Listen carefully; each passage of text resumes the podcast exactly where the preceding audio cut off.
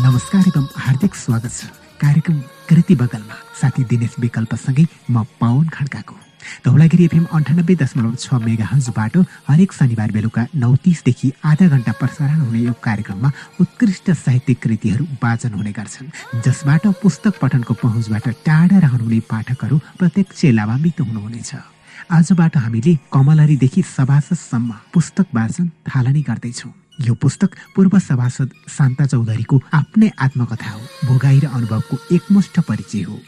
Shangri-La पुस्तक प्राली बागबजार काठमाडौँले प्रकाशनमा ल्याएको। यस पुस्तकको सम्पादन भने रघुनाथ लामिछानेले र आवरण टाइम्स क्रिएसनले गरेको छ। झमक कुमारी घिमिरेको जीवन काँडाकी फुल पुस्तकको प्रभावले लेखकलाई लेख्ने प्रेरणा मिलेको छ। जमिनदारको घरमा दासी जीवन जिउने छ सात वर्षकी कमलरीका कारुणिक घटनाहरूले हर पाठकको मन छुन्छ अनि कठोर प्रयास र सङ्घर्षले सभासम्म हुन सकेको सत्यता पुस्तकमा प्रस्ट्याइएको छ।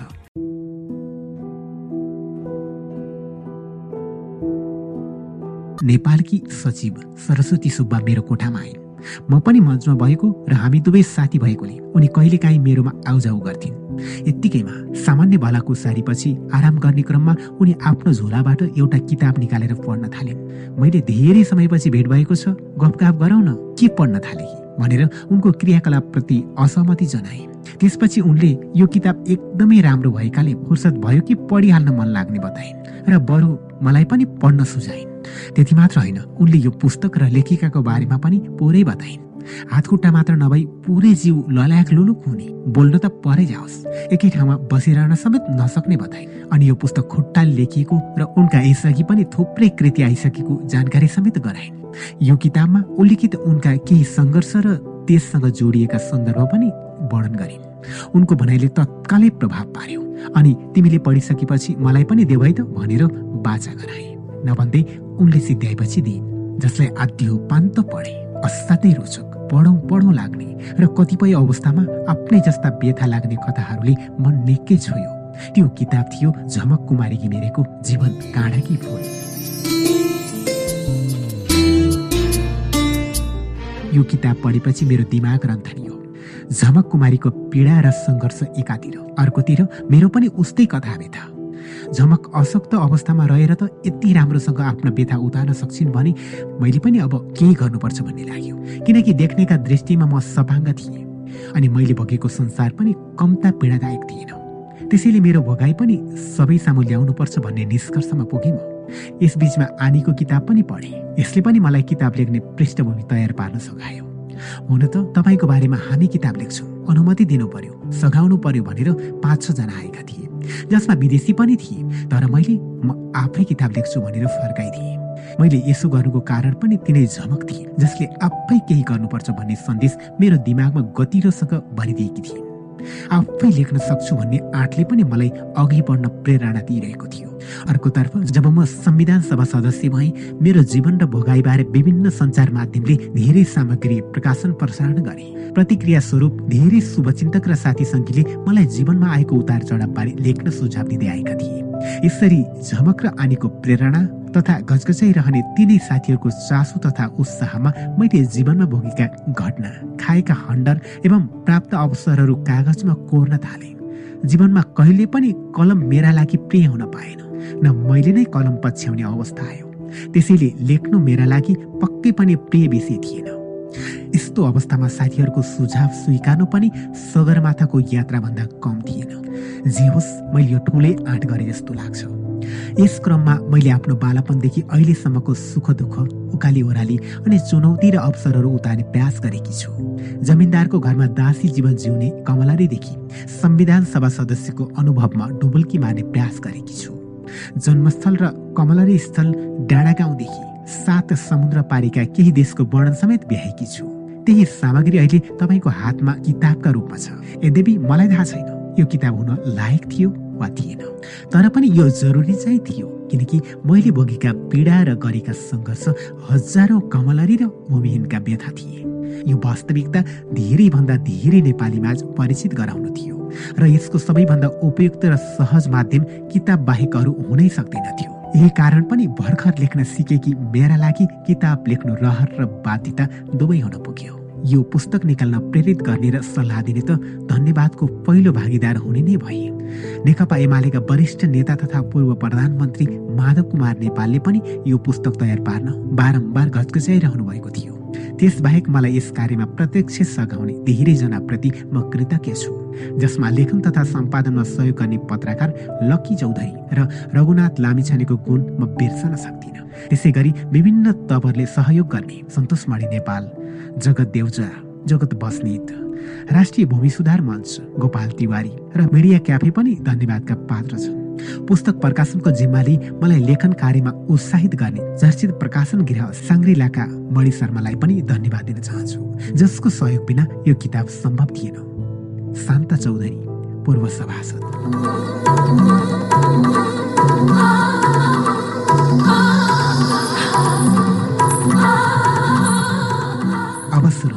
पूर्व सभासद। शान्ता चौधरीको कमलरीदेखि सभासद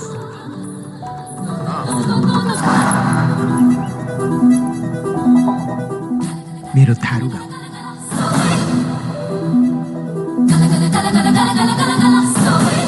दाङ मध्यपश्चिमाञ्चल विकास क्षेत्रको राप्ती अञ्चलको सुगम एवं विकसित जिल्ला हो।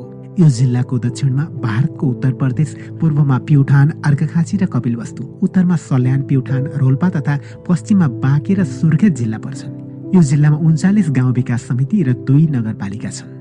यही उन्चालिस गाउँ विकास समिति मध्ये एउटा हो लक्ष्मीपुर। दाङको सदरमुकाम घोराही नगरपालिकाबाट करिब पाँच किलोमिटर पूर्वमा पर्ने यो गाविसमै पर्छ डाँडा गाउँ जहाँ म जन्मे जहाँ मैले कमलरी जीवन व्यतीत गरेँ जहाँ मैले थुप्रै हन्डर बिहोरी। म मात्र होइन मेरो सिङ्गो परिवार प्रताडित भयो।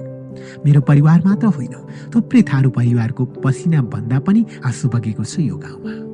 वनको काखमै अवस्थित यो गाउँ निकै सुन्दर र हरियालीपूर्ण छ। उहिलेको सरकारी वन अहिले सामुदायिक वनमा रूपान्तरण भएको छ।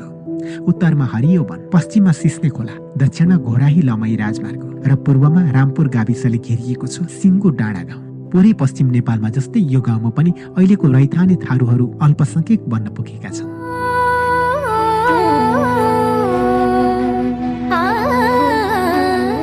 त्यति बेला डाँडा गाउँ सानो थियो। तिसदेखि पैँतिस घर मात्र थिए थारूका। गैर थारूका घर पनि थिए। गाउँमा थारू र गैर थारू मिलेरै बसेका थिए। द्वन्द थिएन। थारूहरू कमैया भएकाले होला अराएको काम गर्नुलाई नै आफ्नो कर्तव्य सम्झन्थे। सामूहिक रूपमा काम गर्ने चलन थियो। यो गाउँमा नम्बरी जग्गा गैर थारूको मात्रै थियो। उनीहरू जमिनदारको नामले चिनिन्थे। जमिनदारकै जग्गामा कमैयाको झोपडी हुन्थे। त्यही भएर होला कमैयाको भाग्य र भविष्य जमिनदारको तजबिजमा भर पर्थ्यो। जमिनदारले चाहेसम्म बस्न दिन्थ्यो। बस्न नदिए ठाउँ खोज्दै जानुपर्ने थियो। हाम्रो परिवार पनि सोही गाउँको एउटा सदस्य भएको नाताले त्यही नियति बेहोर्न बाध्य थियो। वर्षेनी हामीले काम गर्नुपर्ने जमिनदारको घर परिवर्तन हुने गर्थ्यो। यसरी काम गर्नुपर्ने मालिक परिवर्तन हुनु भनेको आफ्नो बसोबास पनि परिवर्तन हुनु हो। गाउँको पश्चिमतिर नजिकै सिस्ने खोला थियो जहाँ कमैया कमलरी जमघट हुन्थे। सुख त के नै थियो र आपसमा दुःखका कुरा साटासाट गर्थ्यौँ। त्यो बाहेक जङ्गलमा पनि घाँस दाउरा पात टिप्न गएका बेला दुःख बाँडचुँड गरेर चित्त बुझाउने प्रयास गर्थ्यौँ।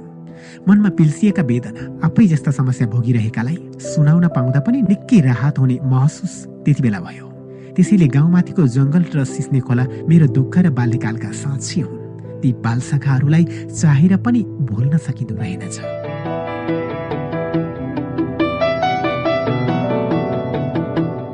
मेरो परिवार। म यही गाउँकी एउटी बालिका घरमा छ दिदी बहिनी थिए भने दाजु एकजना आमा कुञ्ची देवी र बाबा असुलाल चौधरी दुवै अनपढ। त्यसैले उहाँहरू दुवैजना कमैया बस्नुभएको थियो। यस्तो अवस्थामा चरम गरिबीबाट गुज्रनु परेकाले हामी छोराछोरीले पढ्न पाउने अवस्था नै थिएन। त्यसैले बाबा आमाकै बाटोमा लाग्नुको विकल्प हामीसँग थिएन। हामी सबै छोराछोरी जमिनदारकै घरमा काम गर्न बस्यौँ। अन्य प्रगति गर्न होइन। पेट भर्नकै लागि पनि यसरी नबसी सुखै थिएन। म पनि कमलरी बसे जुन त्यति बेला स्वाभाविक मानिन्थ्यो हाम्रो गाउँ समाजमा। मैले थाहा पाउँदा दाङको लक्ष्मीपुर गाविस चार डाँडा गाउँ स्थित एकजना जमिनदारको जग्गामा हाम्रो सानो झोपडी थियो। हामी सबै परिवार त्यही अस्थायी झोपडीमा बस्थ्यौँ। खरको छानो र सिटाले बेरेको भित्तो नै हाम्रो मुन्टो लुकाउने एकमात्र सहारा थियो। त्यही झोपडी पनि कहाँ सिङ्गे हाम्रो थियो र गाह्रो तेर्स्याएर आधा भागमा हामी बस्थ्यौँ भने बाँकीमा मालिकै गाई बस्थ्यौँ जे जस्तो भए पनि त्यही झोपडी हाम्रा लागि स्वर्ग चाहिँ थियो। किनकि त्यही छाप्रो थियो जसले हामी सबै परिवारलाई भेट गराउँथ्यो दुःख साट्ने अवसर जुटाउँथ्यो। दिनभर अरूको घरमा काम गरेर साँझ पख एउटै छतमुनि जम्मा हुन पाउँदा पनि कम्ता खुसी लाग्दैन्थ्यो। बाबा र दाजु कमैया हुनुहुन्थ्यो भने आमा र दिदीहरू कमलरीका रूपमा दास जीवन बिताउनुहुन्थ्यो। घरमा अस्सी वर्षकी हजुरआमा मात्रै बस्नुहुन्थ्यो। झमक्क साँझसँगै झुपडीमा भित्रने हामी भालेको डाकसँगै अर्थात् बिहान चार बजे जमिनदारको घरमा पुगिसक्नु पर्थ्यो। म करिब पाँच वर्षकी थिएँ। आमा काम गर्न जाँदा उहाँकै पछि लागेर जमिनदारको घरमा जान्थे। त्यहाँ घर पुगेपछि आमाले मलाई आँगन पेटीमा बसाल्नुहुन्थ्यो र आफू चाहिँ काम गर्न थाल्नुहुन्थ्यो। आमाले भित्र गरेको काम म बाहिरबाटै चियाउँथे किनभने मलाई फोहोरी छे भनेर भित्र जान दिँदैनथे। आमा कुन बेला निस्कनु होला भन्ने प्रतीक्षामै बित्यो मेरो सिङ्गो दिन। जमिनदारका छोराछोरी चुलोको छेउमा बसेर चिया खाँदै लेखपढ गरेको देख्थे। म भने बाहिर एक्लै खेल्थे। बेला बेला उनीहरूले खाइरहेको तातो चिया ए थरुनी भन्दै मेरो जिउमा फालिदिन्थे। चियाले पोलेपछि म रोन थाल्थे। उनीहरू म रोएपछि झनै जिस्काउँथे। मलाई भने झन्नै रोन मन लाग्थ्यो।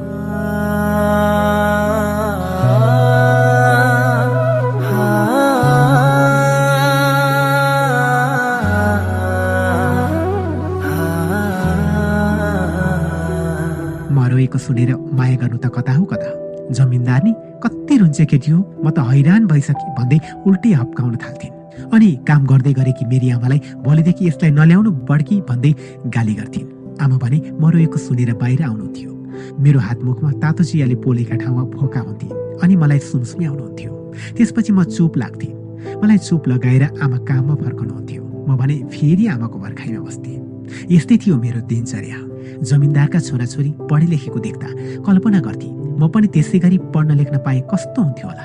तर मेरो सोचाइ सोचाइकै गर्भमा कैद हुन्थ्यो। तर पनि यस्तै यस्तै कल्पनाको पोको मनभरि दिएर बस्थे। साँझ बिहान आमा जमिनदारहरूले खाएको जुठो भाँडा माझ्न खोलामा जानुहुन्थ्यो। म पनि पछि पछि लागेर जान्थेँ। आमालाई सघाउँथे। आमाले लुगा भिजाउँछे भनेर बेला बेला मलाई उठाएर ढिकमा बसाउनुहुन्थ्यो। फेरि म दौडेर आमासँगै जान्थेँ र भाँडा माझ्दै गरेको खरानी खेलाउँथेँ। खरानीमा भेटिएको गोल मुठीमा लुकाउँथे अनि जमिनदारको घरमा पुगेपछि घरका भित्तामा जे मनमा आयो त्यही कुरा कोरिदिन्थे। लाग्थ्यो मेरा लागि कलम कापी र लेख्ने पाटी त्यही भित्तो थियो। कोइलाको टुक्रा मेरो चक्र खरी हुन्थ्यो। यसरी भित्तामा लेखे बाबत धेरै पटक जमिनदारको गाली र पिटाइ पनि खाए कैयौँ पटक काम गर्दै गरेकी मेरी आमालाई सुनाउँदै जमिनदारनीले अब त यो केटीको हातै भाँचिदिन्छु भनेर धम्क्याएकी थिइन्। त्यतिले पनि रिसको पारा नसेलाएपछि उनी बरबराउँदै कहिले घरभित्र त कहिले बाहिर गर्थिन्। यो ताल देखेर काम गर्दा गर्दा थाकेकी मेरी आमा म भएको ठाउँमा आउनुहुन्थ्यो र लट्ठीले मेरो हातमा हिर्काउनुहुन्थ्यो। अब बिगार काम नगरेस् भन्नुहुन्थ्यो। कति पटक त डोरीले हातखुट्टा बाँधेर आँगनमा पल्टाइदिनुहुन्थ्यो र भन्नुहुन्थ्यो त त मरे पनि हुन्थ्यो कति हैरान पारिस् जमिनदारको कति गाली खुवाइस्। भोलिदेखि भित्ता कोरिस् भने तँलाई बाँधेको बाँधै राख्छु। त्यति भनेर आमा फेरि आफ्नो काममा फर्कनुहुन्थ्यो। म भने रोइरहन्थेँ मलाई यसरी भित्ता कोर्नु हुँदैन भनेर के थाहा र? आमाले पनि के गर्नु? उता जमिनदारनीले गाली गर्थे त्यही रिस म माथि पोख्नुहुन्थ्यो।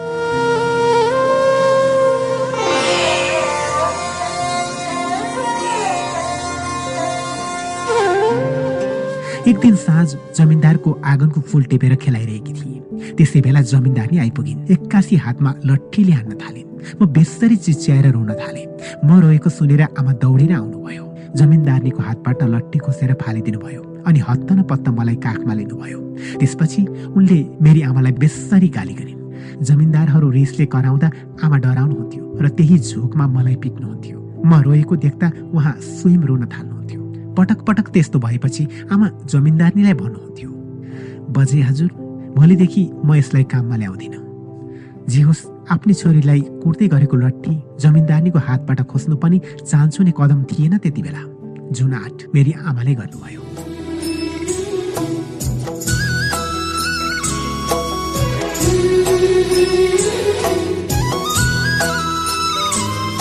आमा काम गरेर भ्याउनुहुन्न थियो। उता जमिनदारहरू भने साना साना कुरामा पनि रिसाई मात्र रहन्थे। जतिखेर पनि यिनीहरूलाई हाम्रो घरको मात लागेको छ हाम्रो घरबाट निस्केर जानु पर्यो भने बल्ल थाहा हुन्छ भनेर घोर्क्याउँथे। मेरी आमा जमिनदारदेखि साह्रै डराउनुहुन्थ्यो। उनीहरूले हप्काएपछि सुक्क सुक्क रुँदै नानी अबदेखि चकचक नगर्नु है चकचक गरे त पनि पिटाइ खान्छेस् मैले पनि गाली खानुपर्छ भनेर सम्झाउनुहुन्थ्यो। आफ्नो घरको आँगनमा पुतली चाहिँ फुर्र फुर्र गर्ने मेरो त्यो अवध बालापन जमिनदारको घरमा गएर बिगार गर्नुहुन्न भन्ने मलाई के थाहा? हामीलाई देख्ने बित्तिकै जमिनदारहरू रिसाउँछन् भन्नेसम्म चाहिँ थाहा थियो। तर किन र केका लागि रिसाउँछन् भन्ने जानकारी भने थिएन। उनीहरू जति रिसाए पनि घरको काम भने गर्नै पर्ने हुन्थ्यो। एकातिर घरको काम सबै गर्न लगाउँथे अर्कोतिर रिसाएको रिसाई गर्ने। जमिनदारहरूको पारा बोझी नसक्नु थियो। जति देखिन सके पनि आफ्नै पेटका लागि काम गर्नुपर्ने हाम्रो पनि बाध्यता थियो। आमा जब मलाई सम्झाउन लाग्नुहुन्थ्यो अनि आफै रोनुहुन्थ्यो। उहाँको रुवाई देखेर मलाई पनि आमाको माया लाग्थ्यो। अनि मैले पनि आमाले भने जस्तै गर्न थालेँ। आमा जमिनदारको घरभित्र काम गर्ने म चाहिँ ढोका बाहिरै बस्ने। जमिनदारका छोराछोरी भित्र बसेर चिया खाजा खाने म भने टुलु टुलु हेरी बस्ने। एउटै घरमा रहेका दुई थरी बच्चा मध्ये एक थरी सुखशैल साथ रहने म भने अभावै अभाव बिच रोएर दिन कटाउनु पर्ने। यस्तै थियो हाम्रो दिनचर्या।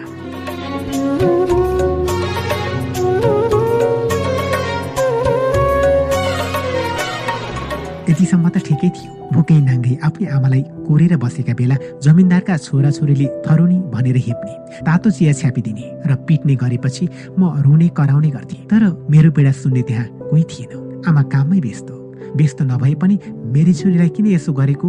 भन्ने आँट र हिम्मत पनि कहाँ थियो र उहाँमा? किनकि उहाँ जमिनदारको घरमा काम गर्ने एकजना दुःखी कमलरी हुनुहुन्थ्यो। त्यस्ताकी छोरी भएकाले उनीहरू मलाई कसरी माया गर्न सक्थेन?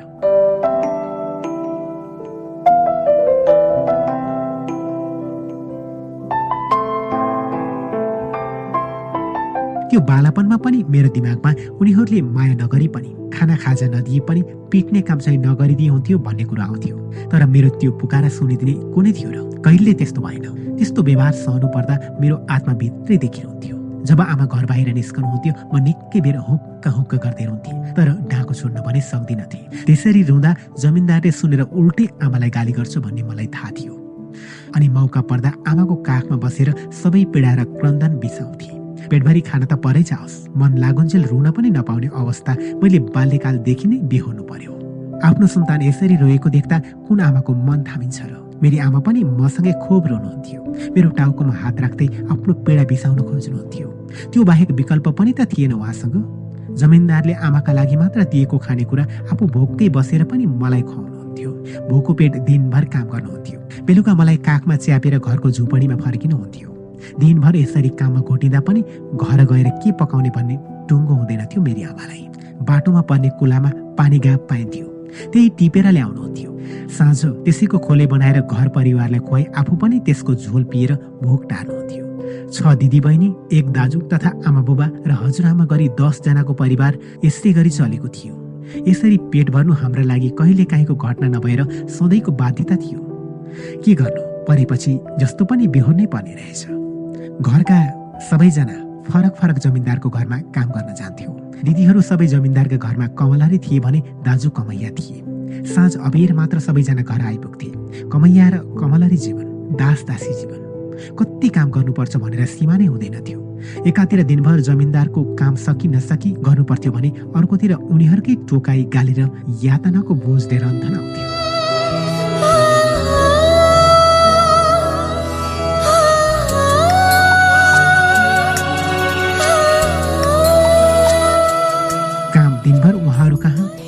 काम गरेर सुत्न भने घर आउनुपर्ने बाध्यता।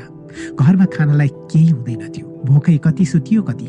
जे जस्तो भए पनि सबै परिवार झुपडीकै एक छाना मुनि सँगै बस्न पाउँदा चाहिँ एकछिन नै किन नहोस् हलुका महसुस हुन्थ्यो। यद्यपि सुत्नु भन्नु त के नै थियो र किनकि घरमा ओढ्ने सिरक र बिछ्याउने डसना केही थिएन। ओढ्ने बिछ्याउने जे भने पनि त्यही एउटा गुन्द्री हुन्थ्यो अनि रात छिप्पिसकेपछि सुत्नु पर्ने र बिहान पनि झिसमिसेमै उठ्नु पर्ने भएकाले सुताइको पनि खासै अर्थ हुँदैन थियो। मतलब हामी सुते जस्तो मात्रै गर्थ्यौँ। बिहान छुट्टिनु पर्दा दिदी दाजुको न्यास्रो लाग्थ्यो। उनीहरूसँग नछुट्टिन पाए हुन्थ्यो सँगै बसिरहन पाए हुन्थ्यो जस्तो लाग्थ्यो। तर के गर्नु? दिनभर उनीहरूबाट एक्लिनु पर्ने बाध्यता थियो। यही कारण पनि साँझ सबैसँग भेट हुँदा रमाइलो लाग्थ्यो। तर त्यो एकछिनको खुसी पानीको फोका जस्तै हुन्थ्यो। किनकि त्यो जमिनदारले हामीबाट खोसेर बाँकी रहेको खुसी थियो। आखिर भाले बासीसँगै त छुटिनु परिहाल्थ्यो। घरमा आएपछि पनि कहाँ बसिहाल्न पाइन्थ्यो र? उनीहरूकै धान र मकै राति अबेरसम्म आफ्नै घरको ढिकीमा कुटिदिनु पर्थ्यो। घर आउँदा पनि भारी जाँदा पनि भारी। त्यस्तो कामले कहिले काहीँ त घरका सदस्यलाई निकै पीडा हुन्थ्यो। रात र दिन एकै गरेर काममा जोतिनु पर्दा समेत हात लाग्यो सुन्ने हुने भएकाले काममा जाँगर पनि हुने थिएन। पीडा सहन नसकेर दिदीहरू धेरै पटक डाको छोडेर रुनु भएको थियो। पीडै पीडाका बीच कहिले त उहाँहरू आमा बुबालाई समेत गाली गर्नुहुन्थ्यो। आफ्नो जीवन देखेर वाक्क दिक्क मान्नुहुन्थ्यो। तर ती निरीह आमा बाबुसँग के नै उपाय थियो र आफ्नो सन्तानलाई शोषण र पीडाको भाषमा जाग्ने रहर कुन आमा बाबुलाई होला र? त्यसको विकल्प पनि त थिएन उहाँहरूसँग। छोराछोरीको पीडा देखेर आमा बाबु पनि राति अबेरसम्म रुनुहुन्थ्यो। रुवाईले पनि पीडा सही नभएपछि राति नै उठेर हुक्का तान्नुहुन्थ्यो र छटपटाउनुहुन्थ्यो। हामी पनि उहाँहरूको त्यो छटपटाहट महसुस गर्थ्यौँ तर केही भन्न सक्दैनथ्यौँ। हुक्काको सर्कोको मात नै एकछिनका लागि भए पनि हलुका महसुस गर्ने उपाय थियो आमा बुबाको। एकातिर भोको पेट अर्कोतिर जमिनदारको कामको बोझ। त्यससँगै छोराछोरीको अनुहारमा मडारिने बादल त छँदै थियो। यस्तो अवस्थामा निद्रा लागोस् पनि कसरी?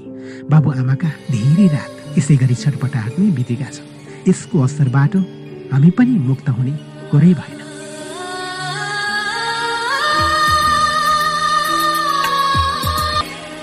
म आठ वर्षकी भएपछि मेरो पनि सुरु भयो दिदी दाजु र आमा बुबा जस्तै सङ्घर्ष र वेदनाको यात्रा। दुई हजार पैँचालिस साल माघ एक गतिको कुरा हो। गाउँमा थारू जातिको महान पर्व माघीको रमझम थियो। धनी गरिब सबैले धुमधामसँग माघी मनाउने गर्छन् थारू घरमा यति बेला। खानेकुरा जे जति जम्मा गर्न सकिन्छ लुगाफाटो के कति किन्न सकिन्छ। त्यही लगाएर मिठो मसिनो खाएर नाचगान गरी राम रमाइलो गरिन्छ यति बेला। चाडबाड भनेपछि त्यसै पनि रमाइलो लाग्ने। त्यसमाथि एउटी बालिका खाना लाउन पाउने आशाले खुसी हुनु स्वाभाविकै थियो। म पनि त्यही खुसियालीमा आफूलाई होमिरहेकी थिएँ। हाम्रो घर र टोल मात्र होइन सिङ्गो गाउँ नै रमाइरहेको थियो। त्यही बेला एउटा कालो कोट लगाएको मान्छे हाम्रो घरतिर आएको देखे। उनी जमिनदार रहेछन्। त्यति बेला मलाई लाग्यो पर्वको दिनमा यी जमिनदार मेरा दिदीहरूलाई कामका लागि लिन आएका होलान्। एकातिर मलाई पनि रिस उठ्यो भने अर्कोतिर डर पनि लाग्यो। सरासर त्यो मान्छे हाम्रो घरभित्र पो छिर्यो। मलाई झन् शङ्का लाग्यो। यो मान्छेले चाड मनाउन नदिने हो कि भन्ने चिन्ता लाग्यो। तर के गर्नु? एकजना कमाइयाकी छोरीले के पो गर्न सक्छ र? मैले आफ्नो मनलाई सान्त्वना दिने काम गरेँ।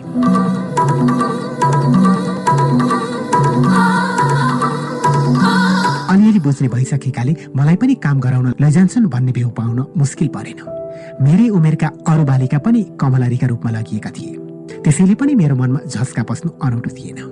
दिदीहरू रमाइलो गरेर घरमै नाचिरहेका थिए।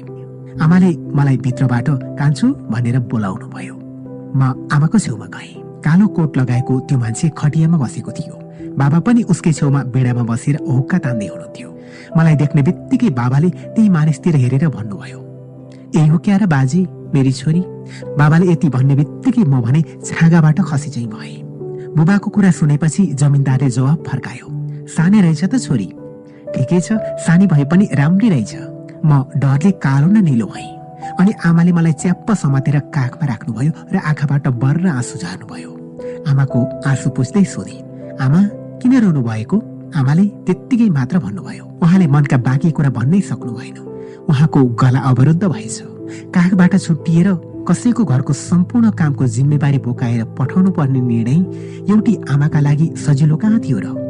त्यसैले गला अवरुद्ध हुनु एक प्रकारको स्वाभाविकै पनि थियो।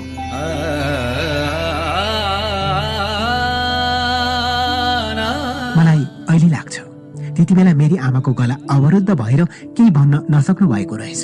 त्यति बेला बाबाले बोलाएपछि गएर उहाँकै छेउमा उभिए। जमिनदार बाबालाई भन्दै थियो अबदेखि मेरो खेत तिमीले जोत्नु। बाबा दुई हात जोडेर भन्दै हुनुहुन्थ्यो हस् मालिक हजुरको जो इच्छा।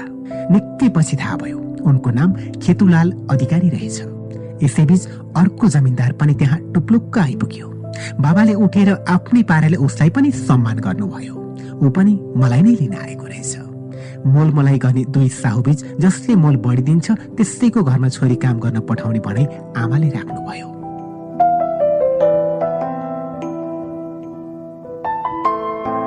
मेरो बाबा चाहिँ सिधा हुनुहुन्थ्यो।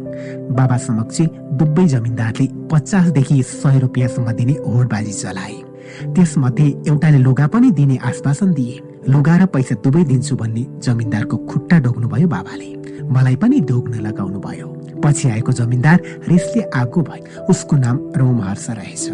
औलाई ठड्याउँदै भने पखलास बड्का मैले जानेको छु तलाई। अनि बरबराउँदै बाटो लाग्यो। म भने सय रुपियाँ बढी दिने र लुगा पनि दिन्छु भन्ने जमिनदार कहाँ काम गर्न जाने निश्चित भयो। जमिनदारले मतिर हेर्दै बोलायो ओए केटी यता त उसले बोलाउने बित्तिकै मेरो आङ सिरिङ्ग भयो। जाउँ कि नजाउँ ठानेर बाबातिर हेर्दै थिएँ। बाबाले जाउँ कान्छु भन्नुभयो। म पनि उसको नजिक गएँ।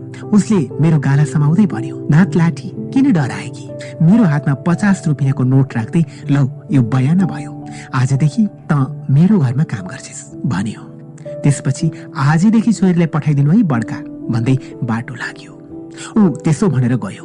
मेरो आँखाबाट आँसुको बेल बग्न थाल्यो। किनकि अरू कहाँ काम गर्न जाँदाको पीडा मैले बाबु आमा र दाजु दिदीबाटै थाहा पाइसकेकी थिएँ। मेरो बिलौना सुनेर आमाले सम्झाउँदै भन्नुभयो तिम्रा दिदीहरू पनि त यसै गरी गएका हुन् पिर नमाना छोरी। के गर्नु छोरी? हाम्रो भाग्य नै यस्तै छ। उहाँ मलाई काखमा राखेर सुमसुम्याउन थाल्नुभयो। आमाले सुक्क सुक्क गर्दै सम्झाएको कुरामा सहमत भएर जमिनदारले दिएको पचास रुपियाँको नोट देखाउँदै आमालाई भने आमा मसँग धेरै पैसा छ। यही पैसाले चामल किनेर पेटभर भात खाउला ल।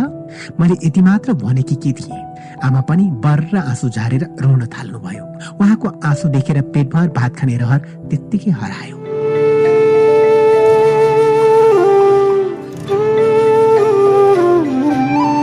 माघीका बेला कमलरी राख्ने र फेर्ने चलन थियो। त्यसैले जसका घरमा सात आठ वर्षका छोरी छन् भन्ने थाहा हुन्थ्यो तिनकै घरमा जमिनदारहरू फुलमा मौरी घुमे झै चक्कर लगाइरहन्थे। माघी आउनु केही समय अगाडिदेखि नै उनीहरू कस कहाँ यस्ता किशोरी बालिका छन्? भनेर निगरानी समेत बढाउँथे। उस्तै परे आफ्नोमा लैजान चिनाजानका वा भनेको मान्ने मानिसको फोहोर समेत बगाउने गर्थे। म टोलाएर बसेकी थिएँ। साँझ परेपछि दिदीहरू कामबाट फर्केर घरमा जम्मा भए। आमाले परिवारका सबै सदस्यलाई सँगै राखेर भोलिबाट कान्छु पनि खेतुलाल अधिकारीको घरमा काम गर्न जाने जानकारी गराउनु भयो त्यसपछि बल्ल म बिउजे। ला म आजदेखि साँच्चुकै कमलरी भएछु। अनि आमालाई सोधे अबदेखि म कमलरी भएकै हो त? आमाले जवाब दिनुभयो लाटी। कमलरी भएरै त पचास रुपियाँ पाएकी होस् नि? आमाको कुरा सुनेपछि मैले भने मलाई बरु पेटभर खाना र पचास रुपियाँ चाहिँदैन तर कमलरी बन्दै बन्दिन। मेरो अडान देखेर आमाले सम्झाउँदै भन्नुभयो। नानी तैँले मानिनस् भने जमिनदारले हामीलाई यहाँबाट उठीभास गराइदिन्छ। त्यसपछि कहाँ गएर बस्नु नि? जिद्दी नगर खान्छु। उहाँले धेरै सम्झाएपछि बाध्य भएर जमिनदार कहाँ काम गर्न जान मलाई कर लाग्यो। रुँदै भए पनि आमाको आग्रह स्वीकारे। अरू जमिनदार पनि हाम्रो घरमा पालै पालो आउने जाने क्रम जारी थियो। दिदीहरूको पनि यस्तै गरी मोलतोल चलिरहेको थियो। कमलरी बनिसकेका भए पनि माघीमा मालिक फेरबदल गर्न पाइने नियम भएकाले नयाँ जमिनदार घरमा आएका थिए। त्यही क्रममा कहाँ काम गर्न जाने भनी नयाँ मोलतोल चल्न सुरु भयो। मानौ कुनै चिज वस्तुको खरिद बिक्रीका लागि मोलमलाइ भइरहेको छ। लिलामी चलिरहेको छ। कसैले पचास रुपियाँको बडा बड गरिरहेको थियो। कसैले सय रुपियाँको। कसैले सहुलियत स्वरूप लुगाफाटा दिने आश्वासन दिइरहेका थिए। कसै कसैले अन्य तवरबाट पनि फकाइरहेका थिए।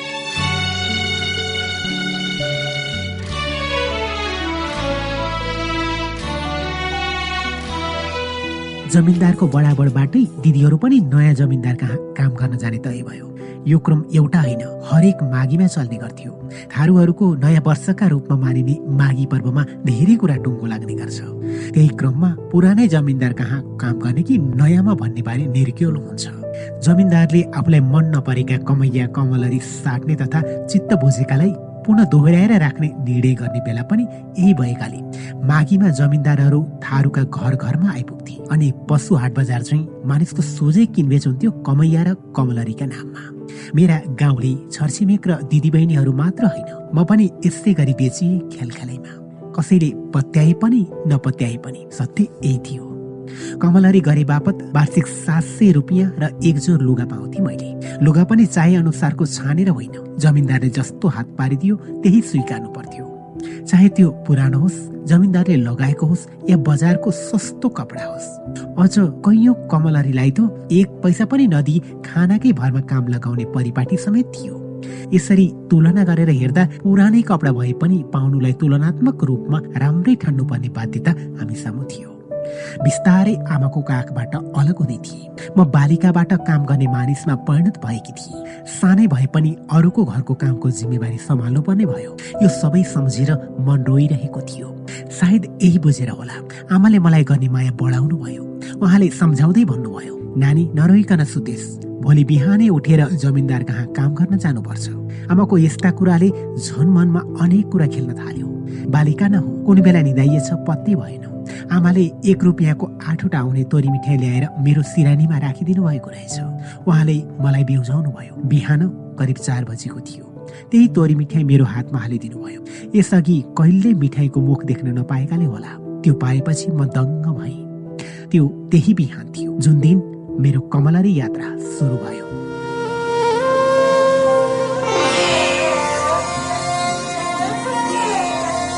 कठोर यात्राको सुरुवात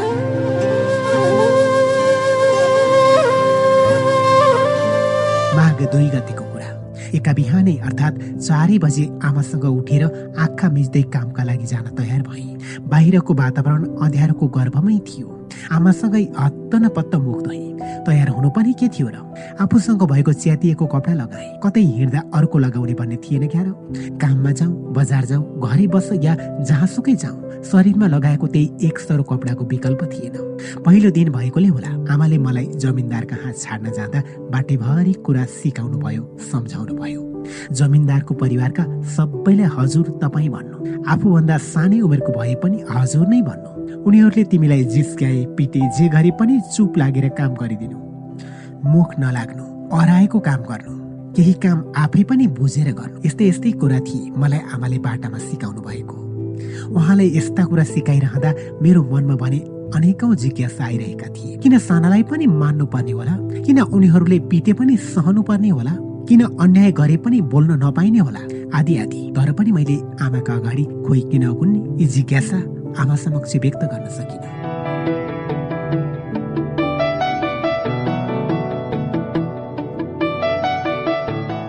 आमा छोरी कुरा गर्दै जाँदा बाटो कटेको पत्तै भएनछ हामी जमिनदारको घरमा पुग्यौँ तर उनीहरू कोही पनि उठेका थिएनन्। आमाले बाजे हजुर भनेर जमिनदारको ढोका ढकढक्याउनु भयो जमिनदार नि एकछिनमा घर बाहिर निस्किन्। मलाई देख्ने बित्तिकै ओठ भनिन् ए केटी त सानै रहेछ। काम गर्न सक्छ त यसले? आमा चुपचाप लागेर उनले भनेको सुन्नु भयो मात्र। उनले मतिर हेरेपछि म काम गर्न सक्छु भन्ने आश्वासन स्वरूप टाउको हल्लाए। माघको कठ्याङ्ग्रिने जाडो खुट्टा र हातका औला चिसोले शिथिल थिए। जाडो भयो आमा भने उहाँले यस्तै हो छोरी सहनु पर्छ भन्नुभयो। मैले यसभन्दा बढी भन्ने कुरा पनि के नै थियो र उहाँसँग। जाडो नलागोस् भनेर छिट्टो छिटो काम गर्नुपर्छ। काम गर्दा हिँड्दा दौडँदा जाडो हराउँछ भनेर आमा सिकाउनुहुन्थ्यो। म पनि त्यही अनुसार काम गर्थेँ। मलाई पुर्याएर जाँदा जाँदै आमाले जमिनदारनीलाई मेरी छोरी सानै छे काम सिकाउनु होला भनेर आग्रह गर्नुभयो।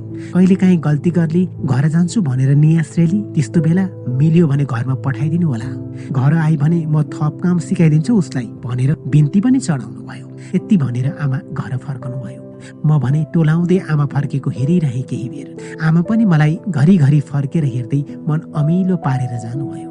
मैले पहिलो पटक आमाको साथ छाडेकी थिएँ। त्यसैले कम्ता असजिलो भइरहेको थिएन। आमासँगको बिछोडले निकै चिन्तित बनायो तर पनि मसँग विकल्प के नै पो थियो र मन भक्कानो परे पनि चुपचाप थुमथाम पारे आफैलाई। मैले सकभर पीडा अरूलाई देखाउनु चाहिन। जमिनदारको बन्धनमा परेको दिन अर्थात् माघ दुई गति। मेरा लागि जेल झै थियो त्यो घर। मेरो शरीर त्यहाँ भए पनि मन चाहिँ घरमै थियो। त्यस दिनको मलाई झलझली याद छ। जमिनदारले काम सिकाएको। पहिलो काम बापत उनले घरको दैलो पोत्न लगाइन्। त्यो सकेपछि भान्साका जुठा भाँडा सफा गर्न लगाइन् र मलसुतर गर्न लगाइन्। अराए अनुसार मैले सबै काम गरेँ। बिहानको काम सकेपछि दिउँसोको काम सुरु भयो। घाँस काटे घर सरसफाइ गरे भान्सा कोठा सरसफाइ गरे चिया र खाना खाएको जुठा भाँडा पखाले। यस्तै यस्तै काम पहिलो दिन मैले गरेकी थिएँ। अर्थात् जमिनदारनीले अराए अनुसारका सबै काम गरे। अराएको काम गर्नु नाइनास्ती नगर्नु भनेर आमाले सिकाएको सम्झिरहे। दिनको काम सक्न नपाउँदै झमक्क साँझ पर्यो। जमिनदारनीले तेरि आमाले एक दुई दिन घर पठाइदिनु भनेकी छे जान्छेस्? भनेर सोधिन्। उनको प्रश्नै सुन्दा पनि मन फोरुङ्ग भयो। खुसीले खुट्टा भुइँमै भएन। पीडा भन्दा खुसीको आँसु छचल्कियो मेरो आँखामा। जमिनदारनीको घरबाट हामी बस्ने झुपडी नजिकै थियो। दसदेखि पन्ध्र मिनट हिँडेपछि पुगिन्थ्यो म एक्लै भए पनि दगुर्दै घरतिर हाने बाटाभरि बाँसगारी थियो। खोला नाला थिए। खोलाको छेउमा पिपलको रुख थियो। त्यहाँ भूत बस्छ भन्ने हल्ला व्यापक थियो। त्यहाँ पुगेपछि त्यही कुरा सम्झेर एक्कासी डराए झस्किए। तर घर जान पाएको खुसीले डरलाई ढाक्यो आँखा चिम्म गरेर गीत गुनगुनाउँदै सकि नसकी दगुरी। एकछिनमै घर पुगेपछि बल्ल सन्तोषको सास फेरि।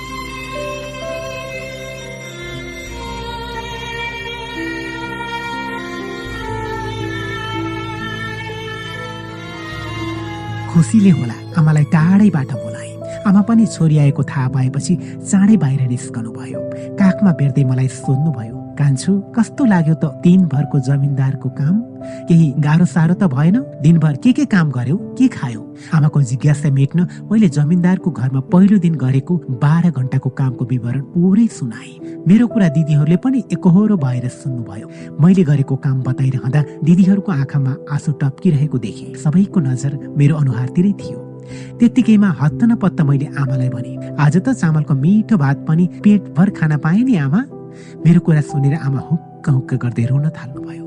धत लाटी भन्दै दिदीहरूले पनि मलाई सुमसुम्याउनु भयो। त्यस दिन आमाले सबै दिदीबहिनीलाई जमिनदारले बयाना स्वरूप दिएको पचास पचास रुपियाँ जम्मा गरेर चामल किनेर भात खुवाउनु भयो अरू बेला मकै चना र गाबको झोल खाई पेट भर्ने गरेका हामी त्यस दिन चामलको भात खान पाएर खुसी भयो।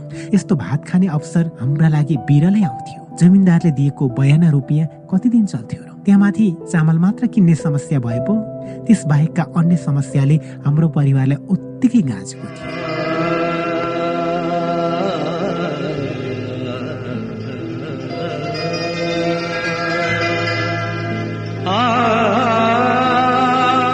आमाले पकाएको भात पेटभरि खायोरी एकै छत पनि सबै सदस्य सुत्यो। दिदीहरू म र मेरी आमाले जमिनदार कहाँ गरेका कामबारे एक आपसमा कुरा साट्यौँ। सानै थिए। त्यसैले धेरै दुःख महसुस हुन पाएको थिएन। दुःखका दिनमा भर्खर भर्खर प्रवेश गरेकी मात्र थिए। यसैले होला सायद दिदी र आमाहरूको कुराले मलाई त्यति छुन सक्दैन थियो कहिले अर्काको घरमा काम नगरेकी म? पहिलो पटक जमिनदारको घरमा दिनभर काम गरेर थकित थिए गलेकी थिए। कुराकानी सुन्दा सुन्दै म भुसुक्क भएँ। अर्को दिन पुनः आमाले बिहान चारै बजे बिउछाउनु भयो छोरी अब जानुपर्छ भनेर सङ्केत गर्नुभयो। म पनि आँखा मिच्दै उठेँ र काममा जान तयार भएँ। झिसमिसे अँध्यारो थियो फेरि पनि बाँसघारी र पिपल बोटकै बाटो काटेर जमिनदारको घरमा पुग्नुपर्ने बाध्यता थियो। शीतका थोपा तप तप रोगको पातमा चुहिएका देखिन्थे। चराका चिरबिर आवाजले उनीहरू पनि उड्ने तर्खरमा रहेको बुझिन्थ्यो। लाग्थ्यो ती चरा पनि म जस्तै दुखी छ। त्यसैले बिरहका गीत गाउँदैछन्। वनमा चराले काफल पाक्यो काफल पाक्यो भनेर कराइरहेको थियो। म भने कहाँ पाक्यो? भन्दै सोध्थे। चरासँग दोहोरी खेल्थे। यस्तै यस्तै चरासँग एका बिहानै दोहोरी खेल्दै मनको डर भगाउने प्रयास गर्थे। दुःख बेर्सन कोसिस गर्थे। जमिनदारको घरमा पुगेर काममा लागेपछि बाटाका यस्ता कुरा मबाट टाढा हुन्थे। दिनभरिका लागि त्यस्ता कुरा सम्झने फुर्सद पनि कहाँ हुन्थ्यो र? म आठ वर्षकी बालिका उठेर जमिनदारको घरमा पुगिसकेकी हुन्थे तर उनीहरू भने कोही पनि उठेका हुँदैनथे। ढोका ढकढक्याउँथे। केही छिनपछि जमिनदार नै उठेर ढोका खोल्थिन्। ढोका खोलेर उनी पुनः सुत्न जान्थिन्। म भने काममा खट्थे उही नियमित काम। घरको दैलो पोत्ने घर आँगन कुचो लगाउने र गाईबस्तुलाई खोले पकाउने। बेलुका खाएको जुठो भाँडा धोइ पखाली गर्ने आदि। मैले यति काम गरिसकेपछि बल्ल जमिनदारका सदस्यको उठ्ने बेला हुन्थ्यो अनि उनीहरू उठ्ने बित्तिकै चिया खाँदै मेरो काम निरीक्षण गर्थे। म भने खाइ नखाई काममा जोतिरहन्थे। उनीहरूको जीवन देखेर मलाई ईर्ष्या लाग्थ्यो। तर नियतिले मलाई त्यस्तो सुविधा कहाँ दिएको थियो र? मेरो भाग्य त काम गर्नु र उनीहरूकै देखेर भए पनि सन्तोष लिनु न थियो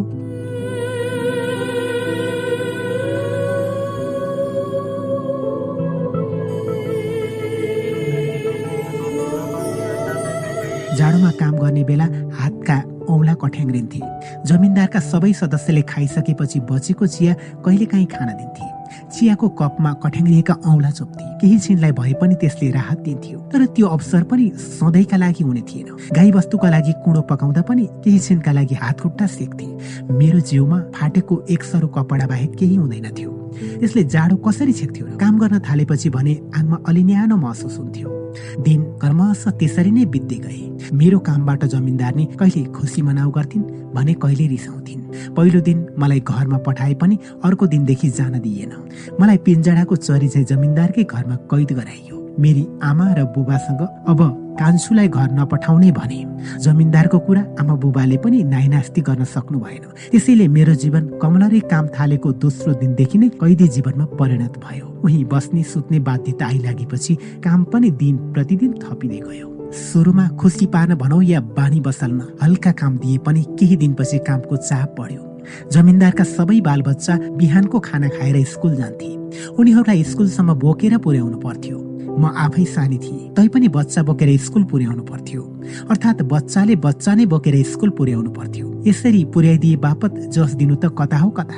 उल्टै स्कुल ढिला हुन लाग्यो भन्दै ती बच्चाले कपाल लुच्ने र थोक्ने गर्थे। उनीहरूका जस्तो सुकै हरकत पनि मैले चुपचाप सहनु पर्थ्यो। जमिनदारका छोराछोरीलाई केही भन्न सक्ने कुरा पनि भएन। तिनी एउटा देवता चाहिँ आदर र सम्मान गर्नु पर्थ्यो। उनीहरूलाई स्कुल पठाएर पुनः जमिनदारकै घरमा फर्कन्थे दिनभर काम गरेर साँझ सकिएपछि पुनः उनीहरूलाई लिन जान्थे। यस्तै थियो मेरो दिनचर्या। जमिनदारका परिवार पेटभर भात खान्थे र मलाई चाहिँ खोदीको भात दिन्थे। आफ्नो घरमा मकैको भात खाने गरेकाले खोदीकै भात भए पनि सन्तोष मानेर खान्थे। दिनभर काम गराउने खाने बेलामा चाहिँ भेदभाव गर्ने जमिनदारको व्यवहार निकै निर्दयी थियो। त्यो पनि उनीहरूले खाइसकेपछि मात्र मैले खान पाउँथे। बचे खाने नबचे भोकै पनि बस्नु पर्थ्यो। आफ्नो इच्छाले केही चिज खान पाइँदैन थियो। जमिनदारीले भनेअनुसार मात्रै गर्नु पर्थ्यो। लाग्थ्यो मेरो भगवान त अब जमिनदार र जमिनदारी नै हुन्। उनीहरूको इच्छा बेगर एक कदम हिँड्न पाइँदैन थियो। एक सिनको केही बाँच्न पाइँदैन थियो। एक टुक्रा केही खान हुँदैन थियो।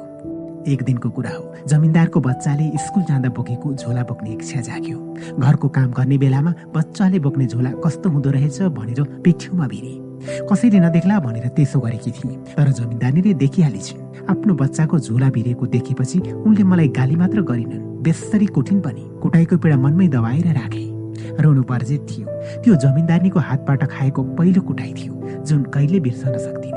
दिनभर काम गरी थकित भएको मेरो कलिलो शरीर। कहिलेकाहीँ म काम गर्दा गर्दै निधाउँथे जे जस्तो दुःख भए पनि सजिलै लिन्थे र आफ्नै भाग्यलाई धिक्कार्थे त्यो झोला एकपटक मैले पिठ्यौमा बोक्दैमा के बिग्रन्थ्यो र तर उनले मलाई के किन अपराध गरे चाहिँ बेसरी भएकोरिन् त्यो दिन आफ्नै जिन्दगीसँग साह्रै नबच्चा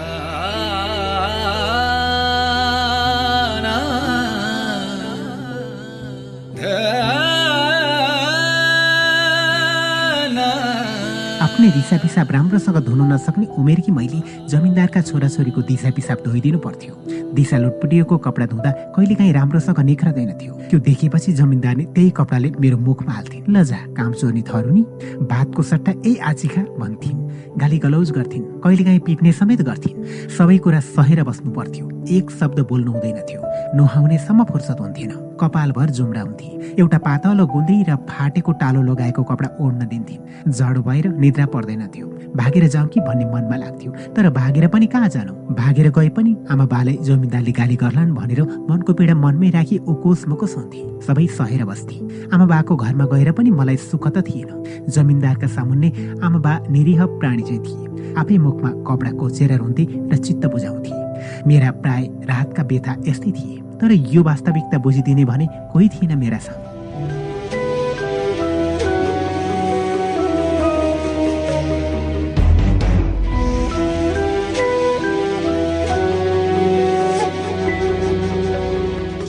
दिनभर घामको सहाराले मन न्यानो भए पनि रात परेपछि जाडाका बेलामा सुत्ने चिन्ता हुन्थ्यो। जाडाले सुत्नै सक्दिनथे सोच्थे जाडो पनि मेरो शत्रु नै भयो। जाडाका बेला कपडा अभावमा रातभरि रुँदै बिताएको स्मरण ताजै छ। रातभर सुत्न नसकेपछि बिहान चाँडै उठ्न पनि कठिन हुन्थ्यो। चाँडै नउठी जमिनदारीले सुतेकै ठाउँमा पानी छ्यापिदिन्थिन्। उसै त जाडो त्यसमाथि जिउमा चिसो पानी खनाइदिएपछि कस्तो होला? जोसुकैले सहजै अनुमान गर्न सक्छ। बिहानै आफूभन्दा गरुङ्गो तौलको झोला बोकेर बच्चालाई स्कुलसम्म पुर्याउँदा उनीहरू हाँसे खलेको देख्दा लाग्थ्यो यसै गरी स्कुल गएर पढ्न पाए कस्तो हुन्थ्यो होला भन्ने लाग्थ्यो। तर मेरो भाग्यमा त्यस्तो कहाँ सम्भव थियो र? मनमा नै आफै सान्त्वना दिन्थे आफ्नै मनलाई। एक दिनको घटना हो। फागुन चैत महिना। दाङको चौघेरामा वर्षेनी फिरफिरे मेला लाग्थ्यो। भोलिपल्ट मेला थियो। गाई भैँसी चराउन गएका हामी सबै कमलरी बीच मेला हेर्न जाने कुरा भयो। साँझ आफ्नो मालिकनीलाई सोध्ने योजना बनायौँ। मैले पनि आफ्नै मालिकनीसँग डराई डराई मेला हेर्न जान्छु है भनेर सोधेँ। उनले सबै काम सकाएर जानु तर साँझ चाँडै फर्कनु भन्ने आदेश दिइन्। मेला हेर्न मलाई पाँच रुपियाँ हातमा थमाइदिन् पनि त्यो पैसा पाएर म निकै फुरुङ्ग भएँ।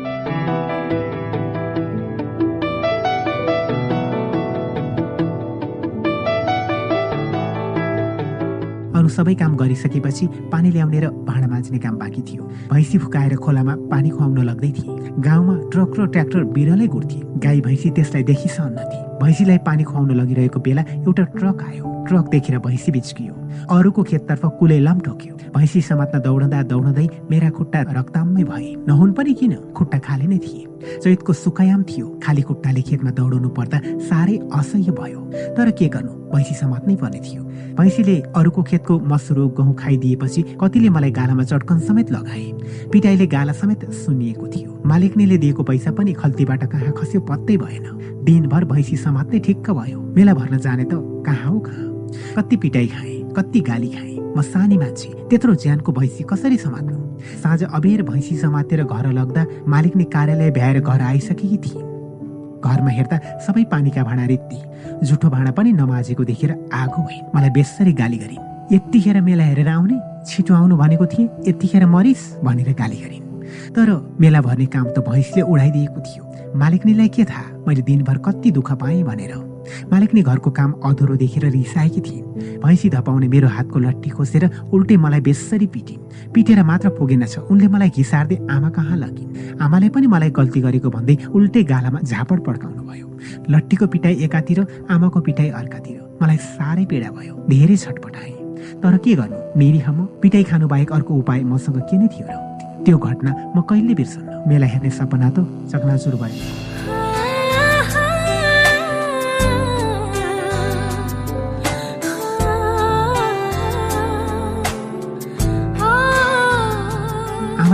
मलाई पिटिसकेपछि जमिनदारीसँग माफी माग्नुभयो मेरी छोरीले गल्ती गरिहाली। अर्कोपल्ट यस्तो गल्ती गर्ने छैन भनी पुनः मलाई जमिनदारनीकै जिम्मा लगाइदिनु भयो। म रोँदै पुनः जमिनदारनीकै पछि पछि लाग्दै उनको घरमा गएँ। भैँसीले खेतको मसुरो र गहुँ खाइदियो भनेर जमिनदारको घरमा क्षतिपूर्ति भराउन गाउँले आएका थिए।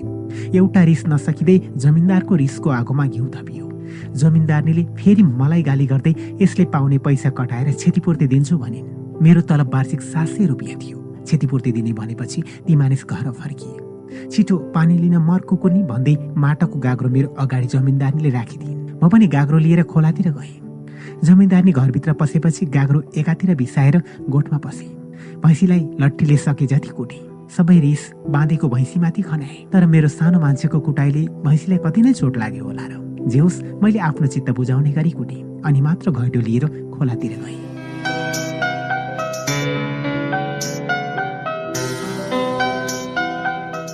आफ्नो गल्ती नहुँदा नहुँदै पनि जमिनदारको कुटाइ त खाएँ खाएँ आमाको पनि खाएँ। मैले यो वास्तविकता आमालाई बताउन पाएको भए उनको कुटाइ त खानुपर्ने थिएन। तर विडम्बना हामीलाई यति सताइएको थियो कि जमिनदारीको अगाडि म आफ्नै आमासँग पनि बोल्न सक्दैनथे धेरै पछि एक्लै भएका बेला यो घटनाको वास्तविकता आमालाई सुनाए। कुरै नबेसी जमिनदारसँग डराएर कुट्न अघि सर्ने आमाले पनि त्यसपछि भने पश्चाताप मान्नुभयो। तर यो पश्चातापको अर्थ नै के थियो र? जे होस् मेरो कलिलो त्यो शरीरले जमिनदारी आमा मसुरो धनी भैँसी सबैको कोटाई एकैचोटि झेल्न भने बाध्य हुनु पर्यो। यस्ता अन्यायका घटना धेरै छन् तर सुनिदिने भने कोही थिएन। मलाई अहिले पनि भर्खरै झैँ लाग्छ। आफूभन्दा ठुलो घैँटो बोकेर खोलामा पानी लिन गएको। एक दिन पानी भरेर ठिक्क पारेकी थिए। जरुवा खोलाको मुहानमा कोही पनि मान्छे थिएनन् मुहान अगाडि ठुलो ढिक थियो। म आफै पानी भरेको घैँटो उचालेर टाउकामा राख्न सक्दिनथे अरू मान्छेसँग उठाइ माग्नु पर्थ्यो। बल्ल तल्ल घैँटो ढिकमा राखेर ढिक मुनिबाट टाउकामा न्युर्याउँदै घैँटो टाउकामा राख्दै गर्दा हातबाट फुत्किएर भुइँमा खस्यो। घैँटो फुट्यो। ला अब के गर्ने? अब रित्ते घर जाउँ त मालिकनीले कुट्छिन् भन्ने थाहा थियो। नजाउँ भने पनि कुट्ने नै भइहालिन्। निकै डर लाग्यो। लगाएको कपडा पानीले भिजेको थियो। डरले थरथरी काँपेर रोइरहेकी थिए। साँझ झमक्क परिसकेको थियो। म रहेको देखेर छिमेकी एकजना दिदीले किन रोएको भनेर सोध्नुभयो। मैले घटना वृत्तान्त सुनाएँ। ती दिदी अति दयावान थिइन् मलाई आफ्नो घरको अर्को घैँटो ल्याएर दिइन् र पानी भराएर टाउकामा राखिदिइन्। अब त तिम्रो मालिकनीले पत्ता पाउँदिनन् जाऊ भनेर पठाइन् तर मेरो डर मरेको थिएन। घरमा पुग्ने बित्तिकै कति ढिला गरेकी यो कुकुनीले यतिका बेरसम्म कहाँ मरेकी थिइस् भन्दै जमिनदार नै गर्छिन् घैँटो राखेर म चुपचाप घरको पेटीमा उभिएँ। साँझको खाना खाएर सबैजना सुत्ने बेला भयो। जमिनदारनीकी छोरी भात घिच्न जा भनेर सुत्न गइन्। कपडा भिजेको थियो।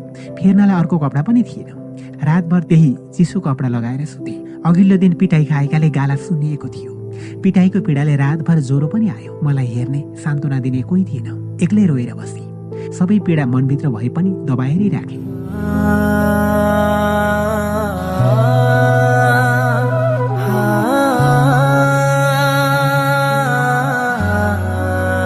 पहिलो कुरा त कमलरी बसे बाबत दिने ज्याला ज्यादै नै थोरै हुने। त्यसमाथि पनि विभिन्न गल्ती देखाएर जमिनदारले त्यसबाट भएको हानि भन्दै सोध भर्न समेत असुल्थे यसो गर्दा हातमा पर्ने पैसा शून्य हुन्थ्यो। म पहिलो पटक कमलरी बस्दा वर्षको जम्मा जम्मै सात सय रुपियाँ दिने भनिएको थियो। त्यो पनि क्षतिपूर्ति तिर्दैमा हैरान भइन्थ्यो। पानी लिन जाँदा कथम कदाचित टाउकोबाट खसेर घैँटो फुट्यो भने पचास रुपियाँ तिर्नु पर्थ्यो त्यसै गरी माझ्न गएका बेला एउटा ग्लास हरायो भने दस रुपियाँ हर्जाना तिराउँथे उनीहरूको घरबाट धान र अन्य अन्न लग्यो भने पनि त्यो बजार भाउभन्दा निकै बढी मोल्थे यसरी विभिन्न हर्जाना जरिवाना र क्षतिपूर्ति तिर्दैमा उनीहरूले दिने भनेको पैसा हात पर्ने सम्भावना अत्यन्तै कम हुन्थ्यो। उनीहरूका कारण भएको क्षति तथा उनीहरूको सुविधाका लागि काम गरिदिँदा भएको कमजोरी पनि गरिब कमलरीबाट असुल्ने काम साह्रै निन्दनीय थियो। तर पनि हामीसँग यसको प्रतिरोध र विरोध गर्ने क्षमता वा हैसियत थिएन। दसैँ तिहार आउन लागेको थियो। जमिनदारका बच्चाहरू औँला भाँच्दै दिन गनेर बस्थे। मिठो मसिनो खाना पाइने भयो नयाँ कपडा लगाउन पाइने भयो भनेर खुसी हुन्थे। उनीहरू जति खुसी हुन्थे मलाई भने त्यति नै पिर पर्थ्यो। दसैँ तिहार आयो भने चिल्लो भाँडा धेरै धुनुपर्ने। नयाँ कपडा लाउन नपाउने नियम थियो मेरो। के दसैँ के तिहार? मेरा लागि त सब दिन एउटै थियो। चाडबाड आएको थाहै हुँदैन थियो। मलाई र मेरो परिवारलाई दसैँ तिहार कमलाले जीवनमा कहिले आएन पनि। कामको बोझ मात्र हुन्थ्यो। त्यसैले मनमा नै भन्ने गर्थे यस्ता चाडबाड त नआए पनि हुन्थ्यो। दसैँ तिहार आएपछि जमिनदारका छोराछोरीको हातमा मुठीभरि पैसा हुन्थ्यो। उनीहरू नयाँ कपडा लगाएर खेल्थे। सबै केटाकेटी खुसी हुन्थे। तर मेरा लागि के औँसी के पूर्णिमा केही पनि आउँदैन थियो सब दिन मरिमरि काम मात्रै गर्नुपर्ने। कति पटक त जमिनदारका छोराछोरीको खुसी देखेरै पनि खुसी हुने प्रयास गर्थे। तर मेरो मन चाहिँ वेदना र दुःखले भरिएको हुन्थ्यो। दुःख दबाउन जति प्रयास गरे पनि त्यो दबिँदैन थियो पीडा र दुःख देखेर कहिलेकाहीँ सोच्ने गर्थे। कहीँ थारू र गैर थारूलाई जन्म दिने भगवान पनि फरक फरक छन् कि क्या हो? कसैको घरमा सोचे अनुसार पुग्ने कसैको घरमा साँझ बिहान खानाकै जोहो गर्न पनि दाउदौ। यस्तो सोचाइ मेरो मनमा अनायासै आइरहन्थ्यो। म सानी केटी त भइहालेँ। मनमा के के आउँथ्यो के के? तर मेरो मनमा उठ्ने जिज्ञासाको जवाब दिने कोही थिएन। मेरो मनको चिन्ता दूर गर्ने कोही थिएन। आफै सोच्थे आफै बिर्सन्थे। यस्तै थियो मेरो नियति।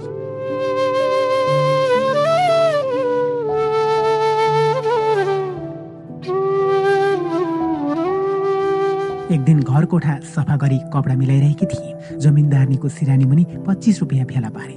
मलाई त्यो पच्चिस रुपियाँ हो भन्ने थाहै भएन। एक रुपियाँ होला भन्ने ठानेर नजिकैको दोकानमा गएर चक्लेट खाइदिए। पसलेले चक्लेटसँगै चौबिस रुपियाँ पनि फिर्ता दियो। म छक्क परेँ। झुकेर बढी पैसा फिर्ता दियो भनेर खुसी हुँदै त्यो पैसा आफैसँग राखेँ। साँझ जमिनदारी घर आएपछि सिरानी तलको पच्चिस रुपियाँ कहाँ गयो भनेर सोध्नु थालिन् म डरले थोर्र भएँ। जमिनदारी कराउन थालिन् उनी आमालाई सोध्न गइन्। आमाले थाहा नभएको बताएपछि पसलेलाई पनि सोध्न पुगिन्। केही किनेर खाएकी छे कि भनेर उनले पसलेलाई सोधिछिन्। पसलेले कान्छो चक्लेट खान आएको र एक रुपियाँको चक्लेट दिएर बाँकी चौबिस रुपियाँ फिर्ता दिएको भने भनिदिएछ। त्यो थाहा पाएपछि आमाले मलाई सिस्नो पानी लगाएर खुब पिट्नुभयो। मेरो जिउभर निलडाम भयो। पिर्दा पिर्दै आमालाई दया लागेछ कि क्या हो? मलाई चोरी गर्नुहुन्न भनेर सम्झाउन थाल्नुभयो। बदमासी गर्नुहुन्न भन्नुभयो। बरु भोक्कै बस्नु तर चोरी नगर्नु भनेर सम्झाउनु भयो त्यो कुरा मलाई आज जस्तो लाग्छ। अहिले सोध्छु मेरो बुद्धि पनि कस्तो थियो? हुन त म त्यति बेला आठ नौ वर्षकी मात्र त थिएँ। सानो उमेरमा गरेको गल्तीलाई त क्षमा दिनुपर्ने हो। तर मलाई कसले क्षमा दिने? त्यस्तो वातावरण नै थिएन। कारण म अर्काको घरमा काम गर्ने दासी नै थिएँ।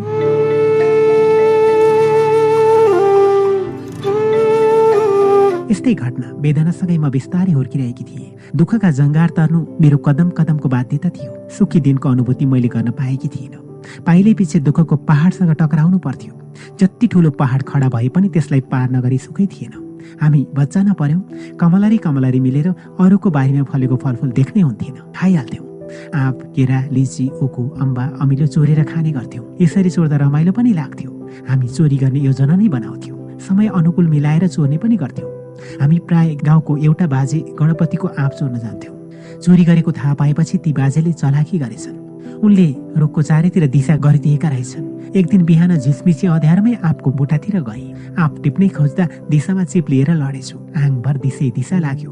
आँप टिप्नु त कहाँ हो कहाँ? दिशामा लडेपछि म त्यहाँबाट कुलेलाम ठोके। के गरौँ के गरौँ? भयो। अनि नजिकैको कुलोमा लुगा पखाले। कसैले चाल नपाउलान् भनेर पानी लिन जाँदा होस् या लिएर आउँदा? कपडा प्राय भिजेकै हुन्थ्यो। त्यही भएर दिशा लागेको कपडा भिज्दा पनि कसैले मतलब गरेनन्। फलफुल चोर्न झिसमिसमै जानु पर्थ्यो उज्यालो भएपछि देखिहाल्थे। अनि चोर्न सम्भव थिएन। अझ हावाहुरी लागेका बेला त निद्रा पनि राम्रोसँग लाग्दैन थियो। हुरीले फलफुल थुप्रै झारेको होला र त्यो टिप्न जानुपर्छ भनेर सोच्दा सोच्दै निद्रा राम्रोसँग नलाग्ने। उज्यालो भयो भने घरवालाले नै टिपिहाल्ने। झिसमिसेमै पनि अलि ढिलो भए अरू कमलारीले टिपेर लगिहाल्थे। यस्तो अनावश्यक तनाव पनि निकै झेलियो।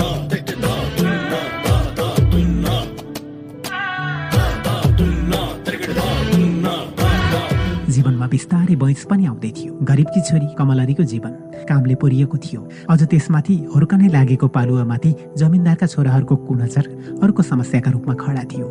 कमलरीको जवान वयसमा जमिनदारका जवान छोराका कुनजर परिरहन्थे। उनीहरूका लागि कमलरीको इज्जतमाथि खेलवाड गर्नु सामान्य जै थियो। तर म सानैदेखि कडा स्वभावकी थिएँ। सित्तिमिति मलाई जिस्क्याउने हिम्मत कसैले गर्दैनथे।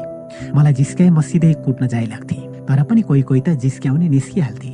एक दिनको कुरा हो। कम्मरमा घैँटो र टाउकामा घाँसको डालो राखेर म फर्काँदै थिएँ। जमिनदारको छोरा बाटो छेक्न आयो। के गरौँ के नगरौँ भयो। अँध्यारो हुनै लागेको थियो। घैँटो र डालो राखेर उसलाई पिटे। जे पाएँ त्यसैले हिर्काएँ। जमिनदारको छोरा कराएर भाग्यो। जमिनदारका छोरा मात्रै कहाँ हुन्थे र? बुढा जमिनदार मसँग पनि जिस्कने गर्थे। मेरो इज्जतमाथि खेलवाड गर्ने प्रयास गर्थे। जवानीले पनि म माथि अर्को चिन्ता थपिदिएको थियो। म अलि छुच्ची स्वभावकी थिएँ। मुख मुखै लाग्थे। हात छाड्थे। त्यसैले मदेखि उनीहरू अलिक बढी डराउँथे। कतिपय कमलरीको त जीवन बर्बाद पनि भएको थियो। जबरजस्ती करणीले गर्भधारण गरी बच्चा पनि जन्माउँथे जमिनदारलाई गाउँमा कसैले केही भन्न नसक्ने दोष जति कमलरीकै भागमा पर्ने गर्थ्यो। जो होचो उसको मुखमा घोचोको परिस्थिति थियो गाउँमा। यसरी जमिनदारको कुकर्मबाट गर्भ रहन पुगेपछि वा बच्चा जन्मेपछि गाउँकै कुनै सोझो थारू केटो खोजेर भिडाउने गर्थे। यस्तो कामको विरोध गर्ने हिम्मत चाहिँ कसैमा पनि थिएन।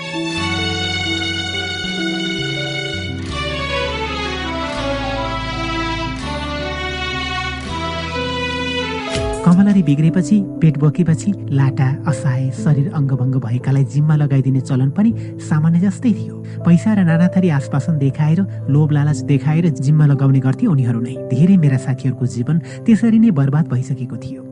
कमलरी जीवन उसी त दासी जीवन। घरको कामको थुप्रो त छँदैछ।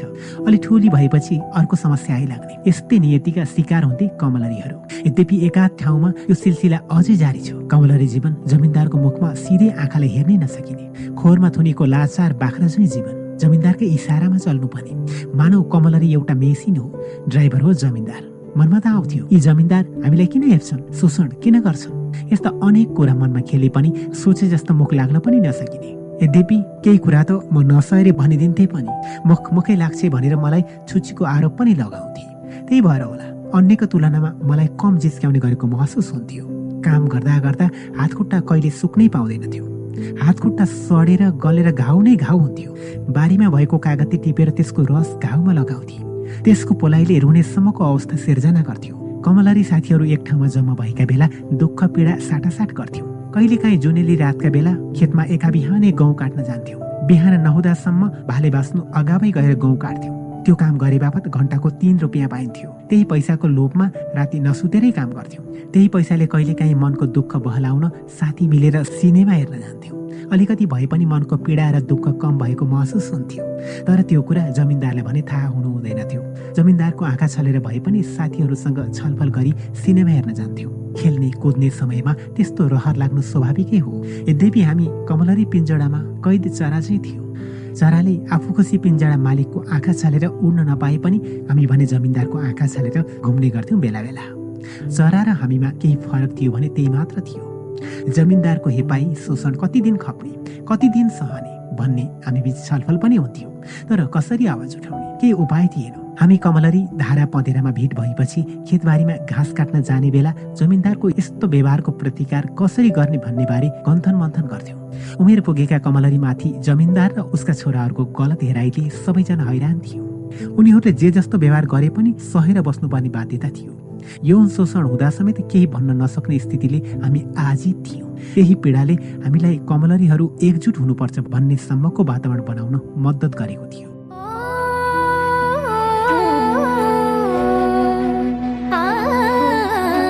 म जानेसम्म बुझेसम्म एकताको कुरा गर्थे।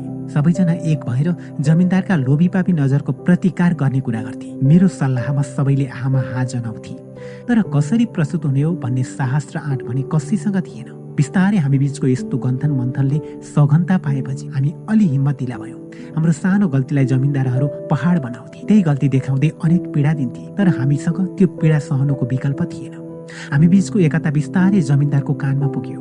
शान्ताले अरू कमलरीलाई सिकाउँछ भनेर मसँग अन्यलाई हिँड्न डोल्नबाट वञ्चित गर्ने प्रयास गरे। मसँग घाँस काट्न पँधेरा धारामा जानबाट पनि रोक्न थाले। यद्यपि म जसै तसै समय मिलाएर उनीहरूलाई कुरा सिकाउँथे र एकजुट भएर अगाडि बढ्न आग्रह गर्थे। शान्ताले अन्य कमलरीलाई पनि बिगार्न लागि भनेर मेरा आमा बालाई जमिनदारले कुरा लगाएपछि आमा बाले मलाई गाली गर्नुभयो। कोहीसँग नहिँड्नु भन्नुभयो। मेरै कारणले आमा बाले जमिनदारको गाली खानुहुन्थ्यो। जमिनदारसँग मुख नलाग्नु भनेर आमा मलाई सम्झाउनुहुन्थ्यो। मैले नमानेपछि धेरैचोटि पिट्ने पनि गर्नुहुन्थ्यो।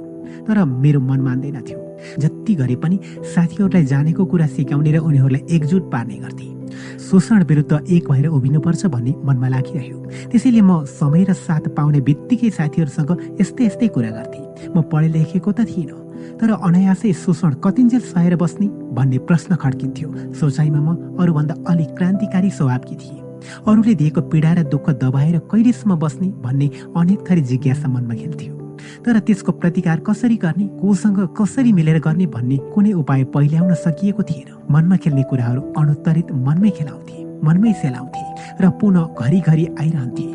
म स्वभावैले अन्य कमलरी भन्दा छुच्ची थिएँ जमिनदारले कामसँगै मुख छाड्छे भन्ने आरोप लगाउँथे। त्यही कुराले आमा मलाई निकै पिट्नुहुन्थ्यो। कमलरीलाई बिगार्न लागि अनेक कुरा गरी उनीहरूको काम समेत प्रभावित पारी भन्ने आरोप म माथि आउँथ्यो। के गर्ने? त्यसले पनि केही लागेन जमिनदारको घरमा कमलरी नबसी घरको चुलो चौका नै नचल्ने अवस्था थियो। कमलरी बस्नै पर्ने बाध्यता थियो।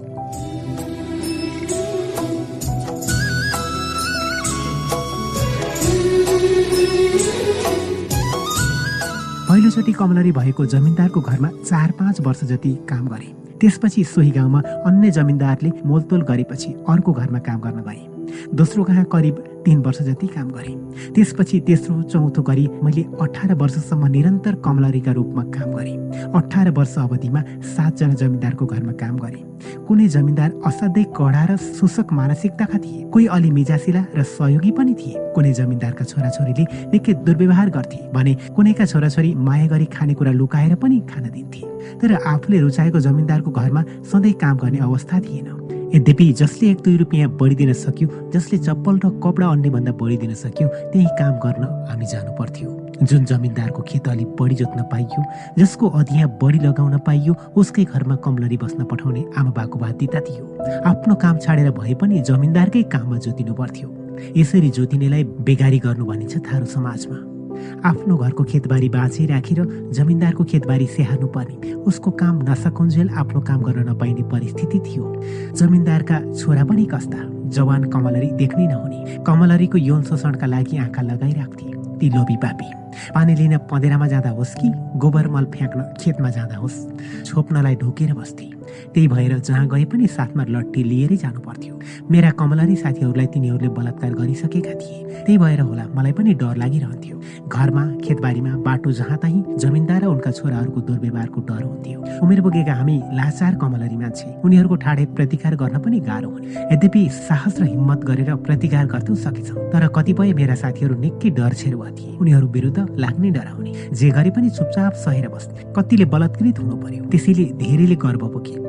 तर म भने अरू साथीभन्दा अलि भिन्न खालकी थिएँ। जमिनदारका छोराको गलत व्यवहारको प्रतिकार तत्कालै गरिहाल्थे। त्यसैले उनीहरूले मलाई छुच्ची र हरामी नामै राखेका थिए। त्यही कारण मलाई अन्य कमलरीभन्दा ज्याला पनि कम दिन्थे जुन मेरो अघि स्वभावको परिणाम थियो। तर पनि कम ज्याला पाएकोमा मेरो गुनासो भने कहिल्यै रहेन। आफ्नो अस्मिता जोगाइराख्न सकेकोमा मैले सधैँ गर्व गरिरहेँ। गरिरहेँ।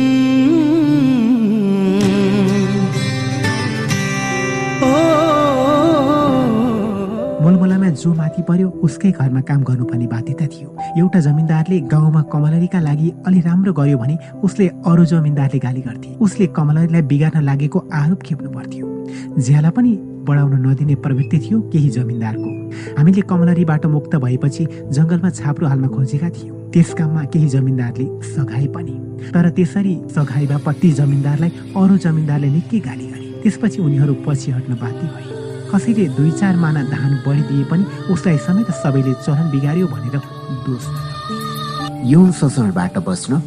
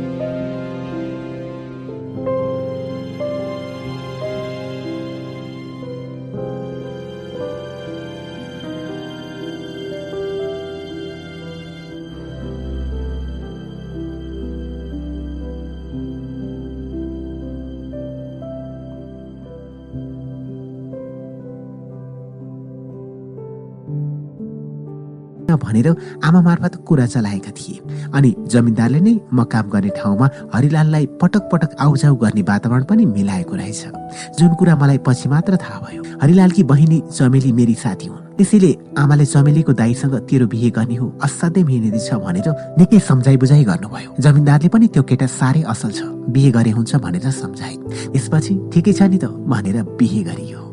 बिहे अघि पनि हरिलालसँग चिनाजान भएको मात्र होइन कैयौँ पटक काममा सँगै गएका थियौँ। दुःख सुखका कुरा पनि भएकै हुन् तर एक आपसमा बिहे गर्ने बारे भने मैले सोचेकी पनि थिइनँ। न उनीसँग बिताएका क्षणमा बिहे यौन आदि बारे कुनै तरङ्ग नै सिर्जिए तर जिन्दगी सोचे अनुसार मात्र कहाँ चल्दो रहेछ र। आज बिहेको कुरा पक्का भयो। भोलिपल्टै डिउहारमा लगेर सिन्दुर हालेपछि बिहे सकियो। सुँगुरको मासु ल्याएर सानोतिनो भोज खुवाइयो। यसपछि सुखका थुप्रै परिकल्पना मनमा भित्रिएकातिर भने अर्कोतिर अर्को यौन शोषणमा पर्नु नपर्ने कुराले पनि म ढुक्क भए।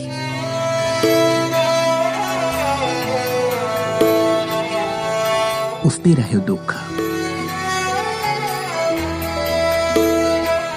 विवाहपछि धेरैले सुख कल्पना गरेका हुन्छन्। नयाँ घर नयाँ व्यवहार थप माया थप जिम्मेवारीसँगै नयाँ जीवनले दिने सबै दुलहीको अपेक्षा हुन्छ।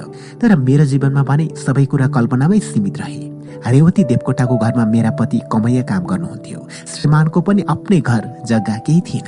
जमिनदारको जग्गामा फुसले छाएको सानो झोपडी थियो। त्यही झोपडीमा हामी बस्थ्यौँ। उहाँका चार भाइ र पाँच बहिनी समेत हुनुहुन्थ्यो। सानो झोपडीमा त्यति धेरैजना अट्ने कुरै भएन। कोही बाहिर कोही भित्र गरी मिलेर सुत्थ्यौँ।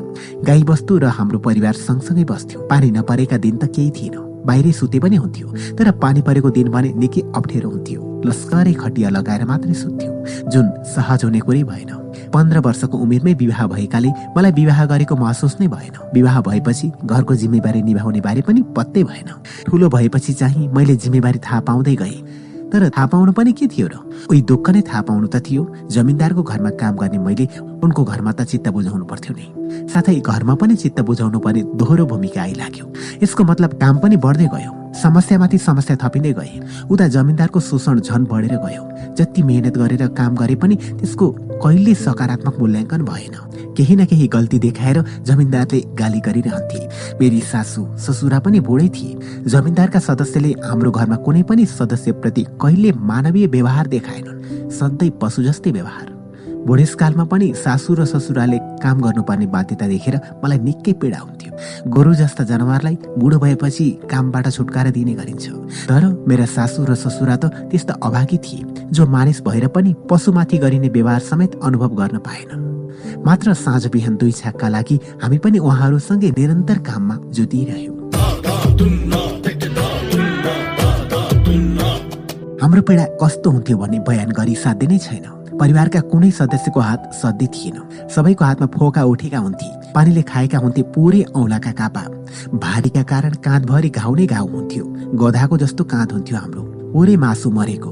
तैपनि कामबाट छुटकारा हुँदैन थियो दुःख बिमार पीडा जस्तो सुकै परिस्थितिमा पनि काम नगरी मुखमा माड लाग्दैन थियो शरीरमा जति घाउ र फोका आओस् हामीले बजारको औषधिको मुख देख्न पाएनौँ। जुनसुकै घाउमा पनि लगाइने तेल र बेसारको लेपन नै हामीले जानेको एउटै औषधि थियो। कपडा जलाएर त्यसको खरानी लगाउँदा बिसेको हुन्छ भन्थे। कहिलेकाहीँ त्यसरी पनि लगाइयो।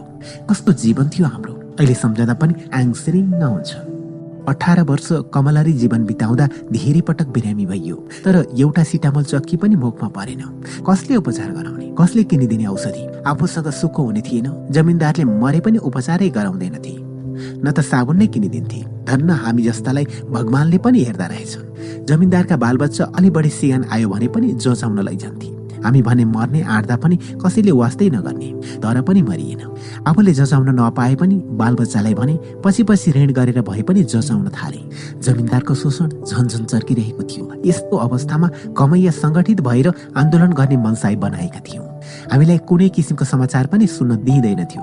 सायद जमिनदारलाई समाचार सुन्दा बहकिन्छन् आन्दोलित हुन्छन् भन्ने डर थियो। हामीलाई जमिनदारले बाहिरका मानिससँग भेट्न र कुरा गर्न पनि दिँदैनथे। यत्तिकैमा बाहिरका कमैया सङ्गठित हुँदैछन् भन्नेसम्म खबर अरू कमैयाको मुखबाट सुन्न पाइयो। तर त्यसमा प्रत्यक्ष भाग लिनेसम्म अवस्था भने थिएन।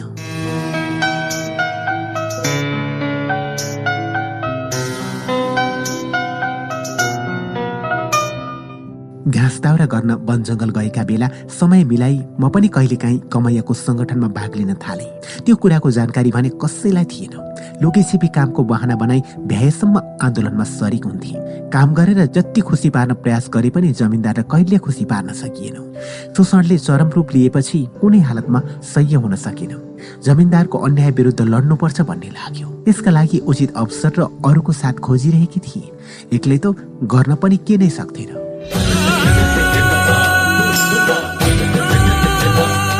मेरो मनमा क्रमशः ऊर्जा आइरहेको थियो। जति सक्छु आफ्ना लागि नसके आफ्नो सन्तानको लागि भए पनि केही गर्नुपर्छ भन्ने अठुट लिए त्यही कुरा सोच्दा सोच्दै दुई हजार सन्ताउन्न साल साउन दुई गते सरकारले कमैया मुक्त गर्ने घोषणा गर्यो। हाम्रो दाङ जिल्लामा कमैयाको आन्दोलनले चरम रूप नलिए पनि बाहिरका जिल्ला जस्तै कैलाली कञ्चनपुर लगायतका जिल्लामा आन्दोलन सर्केपछि सरकारले बाध्य भएर मुक्तिको घोषणा गरेको थियो। सरकारले मुक्त घोषणा गरे पनि दाङ जिल्लामा अधिकांश कमैया भने मुक्त भएका थिएनन् हाम्रो लक्षिमपुर गाउँमा त सबै थारू कमैया थिए। मुक्त कमैयालाई सरकारले पाँच कट्ठा जग्गा घर बनाउन पैँतिस क्युबिक फिट काठ र नगद दस हजार रुपियाँ सहयोग गर्ने घोषणा गरेको थियो। तर हाम्रो गाउँमा कुनै पनि कमैयाले यस्तो सहयोग पाएनन्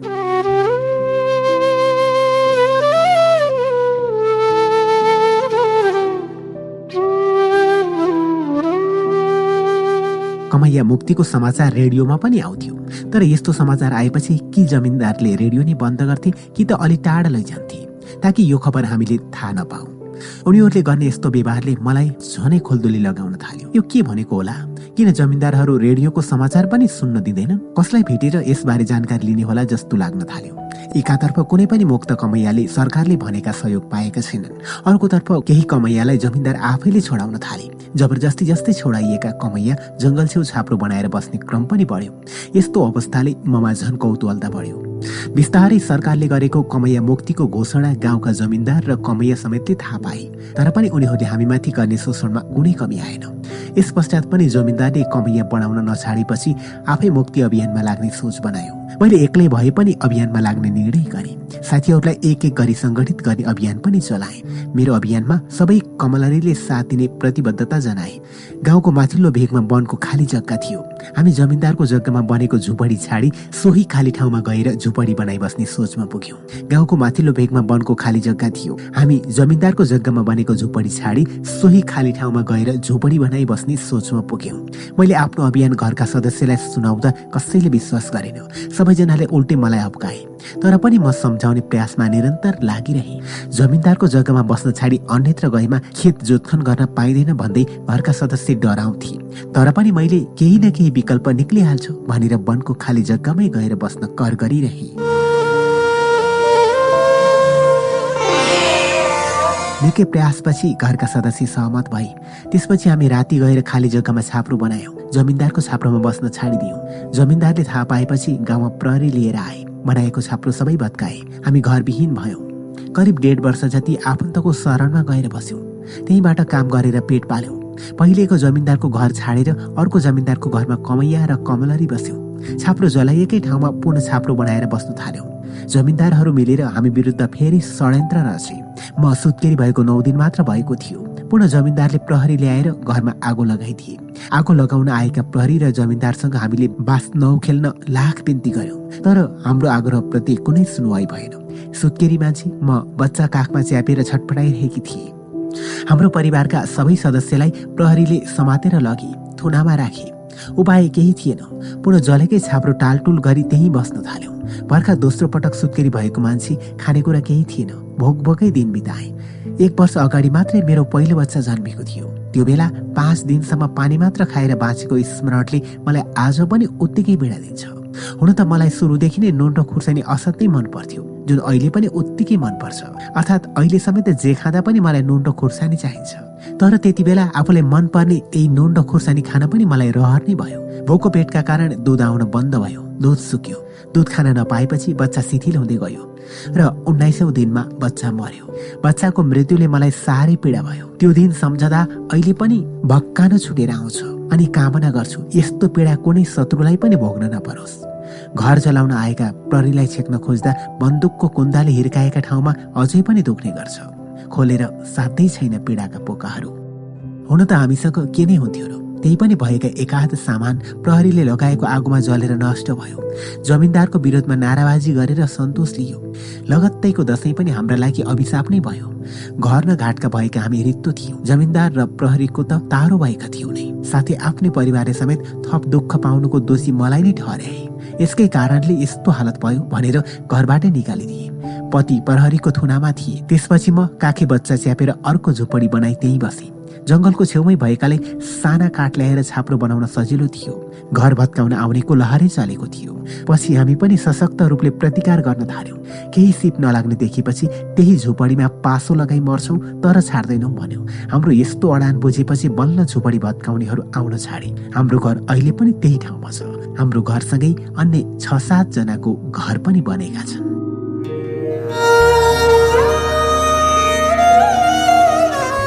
गर्भवती भएपछिको पीडा।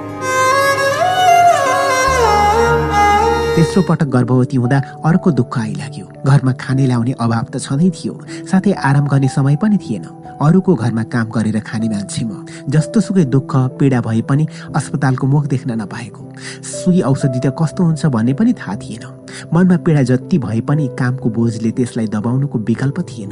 जमिनदारका छोरी बुहारी केही भयो कि अस्पताल जान्थे उपचार गराउँथे। औँलाको एउटा कुनामा ठेस लागे पनि अस्पतालका औषधि प्रयोग गर्थे। तर मेरा लागि त्यो सबै आकाशको फल थियो। उनीहरूकै पारा हेरेर चित्त बुझाउनुको विकल्प मसँग थिएन। गर्भवती हुँदा समेत कामको चाप कहिले कम भएन। सकि नसकी हलुका गहरौँ सबै काम गर्नु पर्यो। पीडा सुनिदिने भावना बुझिदिने कोही थिएन। जमिनदारसम्म त्यस्तो पीडा राख्नुको पनि कुनै अर्थ थिएन। राखियाले पनि उनीहरूले सुनवाई गर्ने वातावरण थिएन। असल काम गर्दा त कमजोरी देखिएर गाली गर्ने पिट्ने जमिनदारहरू मेरो पीडा कसरी बुझ्थे र त्यसैले पनि मनको पीडा थिचेर राख्नुको विकल्प थिएन। पेटमा नौ महिनाको बच्चा लिएर पनि मैले काँधमा भारी उठाउनु पर्थ्यो। त्यसो गर्दा निकै पीडा हुन्थ्यो। मानवीयताका आधारमा जमिनदारले यस्तो बेलामा काम लगाउनुहुन्न भन्ने बुझ्नुपर्ने हो। तर उनीहरूले कहिले पनि यस्तो बुझ्ने प्रयास समेत गरेनन्। यस अर्थमा जमिनदार हामी जस्ता काम गर्न राखिएका प्रति कति निष्ठुर हुन्थे भन्ने बुझ्न सकिन्छ। आखिर हामी काम गर्ने मेसिन न थियौँ उनीहरूको नजरमा। मान्छे ठानेको भए कम्तीमा पनि यस्तो बेला केही सुविधा उपलब्ध गराउँथे। ल पुरुषले त बुझेनन् रे। महिलाले बुझ्नु पर्दैन महिलाको पीडा। आखिर गर्भवती भएको बेला उनीहरूलाई हुने पीडा पनि उही त हो। तर जमिनदारको घरमा महिला पनि अचम्मै थिए यस मामलामा। सायद गरिबलाई भगवानले पनि साथ दिँदा रहेछन् क्यार। बच्चा पेटमा लिएर ठुला ठुला काम गर्दा पनि मेरो गर्भमा खासै समस्या भएन। बच्चालाई राम्ररी जन्म दिन सके। कमलरी भएकै अवधिमा मैले तीनवटा बच्चा जन्माएँ। यद्यपि एउटा बच्चाले खान नपाएकै कारण मृत्युवरण गर्नु पर्यो। पहिलो बच्चा जन्मदा माघको कठ्याङ्ग्रिने जाडो थियो। ओढ्ने ओछ्याउने कपडा थिएन। भुइँमा पराल ओछ्याएर त्यसमाथि बोरा ओछ्याएर सुत्थे। बच्चा राहतभर हुन्थ्यो। जाडोले होला बच्चालाई पटक पटक निमोनिया हुन्थ्यो। बिहानदेखि साँझसम्म कामले फुर्सद हुँदैन थियो बच्चाको हेरचाह गर्ने समय त कहाँ हुनु र? सुत्केरी भएको एक हप्तादेखि नै कामको चटारो लाग्थ्यो। बच्चा तिन महिना पनि पुगेको थिएन। उसलाई खेतमा लिएर गएकी थिए। बर्सातको समय ओढ्ने छत्रीमाथि सुताएकी थिए। अकस्मात एउटा सर्प छत्रीमा आयो। मलाई लाग्यो सर्पले बच्चालाई टोक्यो। म आत्तिए। धन्न भाग्यवश सर्पले टोकेको रहेनछ। त्यति बेला मलाई लाग्यो जमिनदारको भन्दा त सर्पको मन पो महान हुँदो रहेछ। धेरै छन् यस्ता घटना। बच्चालाई बोराको झुलुङ्गो बनाएर सुताइदिन्थे। जति रोए पनि काखमा लिन पाइन्नथ्यो। रुन्थ्यो रुन्थ्यो घाँटी सुकेपछि चुप लाग्थ्यो। कहिलेकाहीँ लाग्थ्यो म त यसरी ठुलो बाल अधिकार हनन गरिरहेकी छु तर पनि म के नै गर्न सक्थिनँ। बच्चाको पीडा देखेर आफैमा पीडा त हुन्थ्यो तर उसको पीडामा साथी बन्न सक्ने अवस्था थिएन मसँग। बच्चाको पीडा सम्हालौँ भने जमिनदारले कामचोरको आरोप लगाउँथे। बच्चाको बहाना बनाएर काम छलेको आरोप लगाउँथे। चिसोले गर्दा बच्चालाई खोकी लागिरहन्थ्यो। खोक्दा दुध ओकल्थ्यो। त्यसरी ओकलेको दुध कानमा पर्थ्यो र उसको कान पाकिरहन्थ्यो। तर पनि उसको उपचार गराउन सकिएन। त्यति बेला निमोनियाको उपचार गर्न नसकेकै कारण अहिले पनि बच्चा मुटुको रोगी छ। कान पनि राम्रोसँग सुन्दैन। बच्चा भोकले रोइरहँदा छटपटाउँदा पनि उसलाई काखमा बोक्न पाइँदैन थियो। साँझ परेपछि मात्र बच्चा काखमा लिन पाउँथे। घर बाहिरको काममा जाँदा बच्चालाई पिठ्यौमा बोकेर जान्थे। टाउकोमा घाँस दाउराको भारी हुन्थ्यो। पिठ्यौमा बच्चा। अर्को हातले अर्को बच्चा डोर्याउँथे। मेरो दिनचर्या यस्तै थियो। मेरा बच्चाले सानै उमेरदेखि बाबुआमाको माया पाउन सकेनन् अलि ठुलो भएपछि पनि बच्चालाई विद्यालय पठाउन सकिएन। सबका बच्चा खुसी हुँदै विद्यालय जान्थे। मेरा बच्चा भने धुलोमै खेलेर दिन काट्थे। आठ वर्षको भएपछि बल्ल जेठो छोरालाई सरकारी विद्यालयमा नाम लेखाइदिएकी थिए। नाम लेखाइदिए पनि कपडा किताब र कलम थिएन। झोला किन्ने पैसा त झन् कहाँबाट होस्? स्कुल पढ्ने खर्च जुटाउनका लागि छोराले घाँस काटेर बेच्थ्यो। एक भारी घाँसको कसैले एक रुपियाँ त कसैले दुई तिन रुपियाँसम्म दिन्थे। त्यही पैसाले सिसा कलम कापी आदि किन्थ्यो। खानेकुराकै दुःख भइरहेको बेला बच्चा विद्यालय जान थालेपछि मलाई भने अर्को दुःख थपिएको महसुस हुन्थ्यो।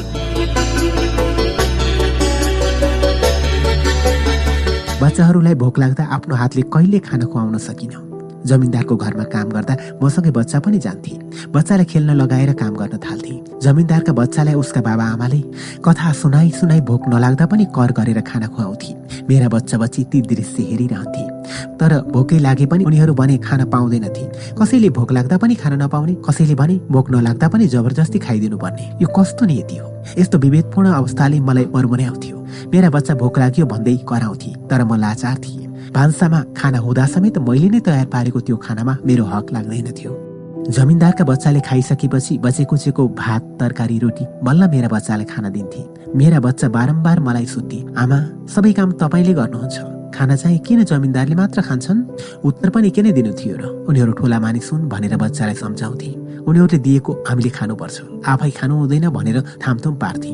तर बच्चाहरू केही बुझ्न थालेकाले हो कि?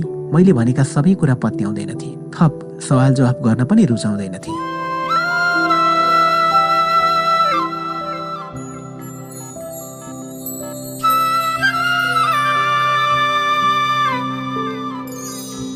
दुई खालका बच्चा हुर्काने वातावरण नै फरक थियो। जमिनदारका बच्चाहरू छुने बित्तिकै रुन्थे अनि उनीहरूका आमा बाबाले गाली गर्ने गर्थे। मेरा बच्चा भने जति पिटाइ खाए पनि रुन नसक्ने। म मनमा नै भगवान्सँग मेरो बच्चाको जस्तो जीवन कसैको नहोस् भनेर प्रार्थना गर्थे। बगैँचामा आँप टिप्न होस् कि गाईका लागि घाँस काट्न होस् मेरै बच्चा रुखमा उक्लन्थे। पाकेको आँप लिची नास्पति लगायतका फल मेरै बच्चाले टिप्नु पर्थ्यो। तर जोखिम मलेर रोग चढी यसरी टिपेको फल भने मेरै बच्चा खान पाउँदैनथे जमिनदारका बालबच्चालाई दिनु पर्थ्यो। उनीहरूले नखाएको र किराले खाएर बाँकी रहेको फल मात्र मेरा बच्चाले खान पाउँथे। अचम्म त यो के थियो भने जमिनदारका बच्चा सामान्य खानेकुराले पनि बिरामी पर्थे भने मेरा बच्चा चाहिँ जुठो पुरो र किरा लागेको खाँदा पनि बिमार पर्दैनथे त्यो देख्दा भने आफूहरूको कोही नभए पनि भगवान चाहिँ साथमा छन् है भने जस्तो लाग्थ्यो। खान बस्न नमिल्ने पढ्नलाई कलम कापी नहुने लाग्थ्यो। संसारका सबैभन्दा गरिब हामी नै रहेछौँ। पीडाहरू एकअर्कासँग राति परिवारबीच सार्थ्यौँ तर अरू कसैलाई सुनाउँदैनथ्यौँ। मनका पीडा आपसमै बाँड्थ्यौँ। अरू बेला त केही थिएन। चाडपर्वको बेलामा भने बच्चाहरूको रहर सुनेर त्यो पुरा गर्ने इच्छा लाग्थ्यो। तर के गर्ने? कसरी पुरा गर्ने? कुनै उपाय नै थिएन हामीसँग। त्यति बेला भने साह्रै नरमाइलो लाग्थ्यो। जीवनदेखि नै विरक्त लाग्थ्यो।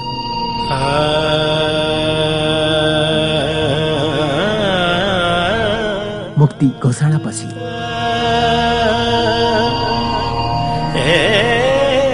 सरकारको मुक्ति घोषणाले हाम्रो परिवारलाई छुन सकेको थिएन। मुक्तिपछि पनि म र मेरा पति दुवै अरूको घरमा कमैया र कमलरीका रूपमा काम गर्ने गर्थ्यौँ। दुवै बच्चालाई साथमै दिएर काम गर्न जान्थेँ म। एउटा बच्चालाई पिठ्यौमा बाँधेर र अर्कोलाई हातमा डोर्याएर।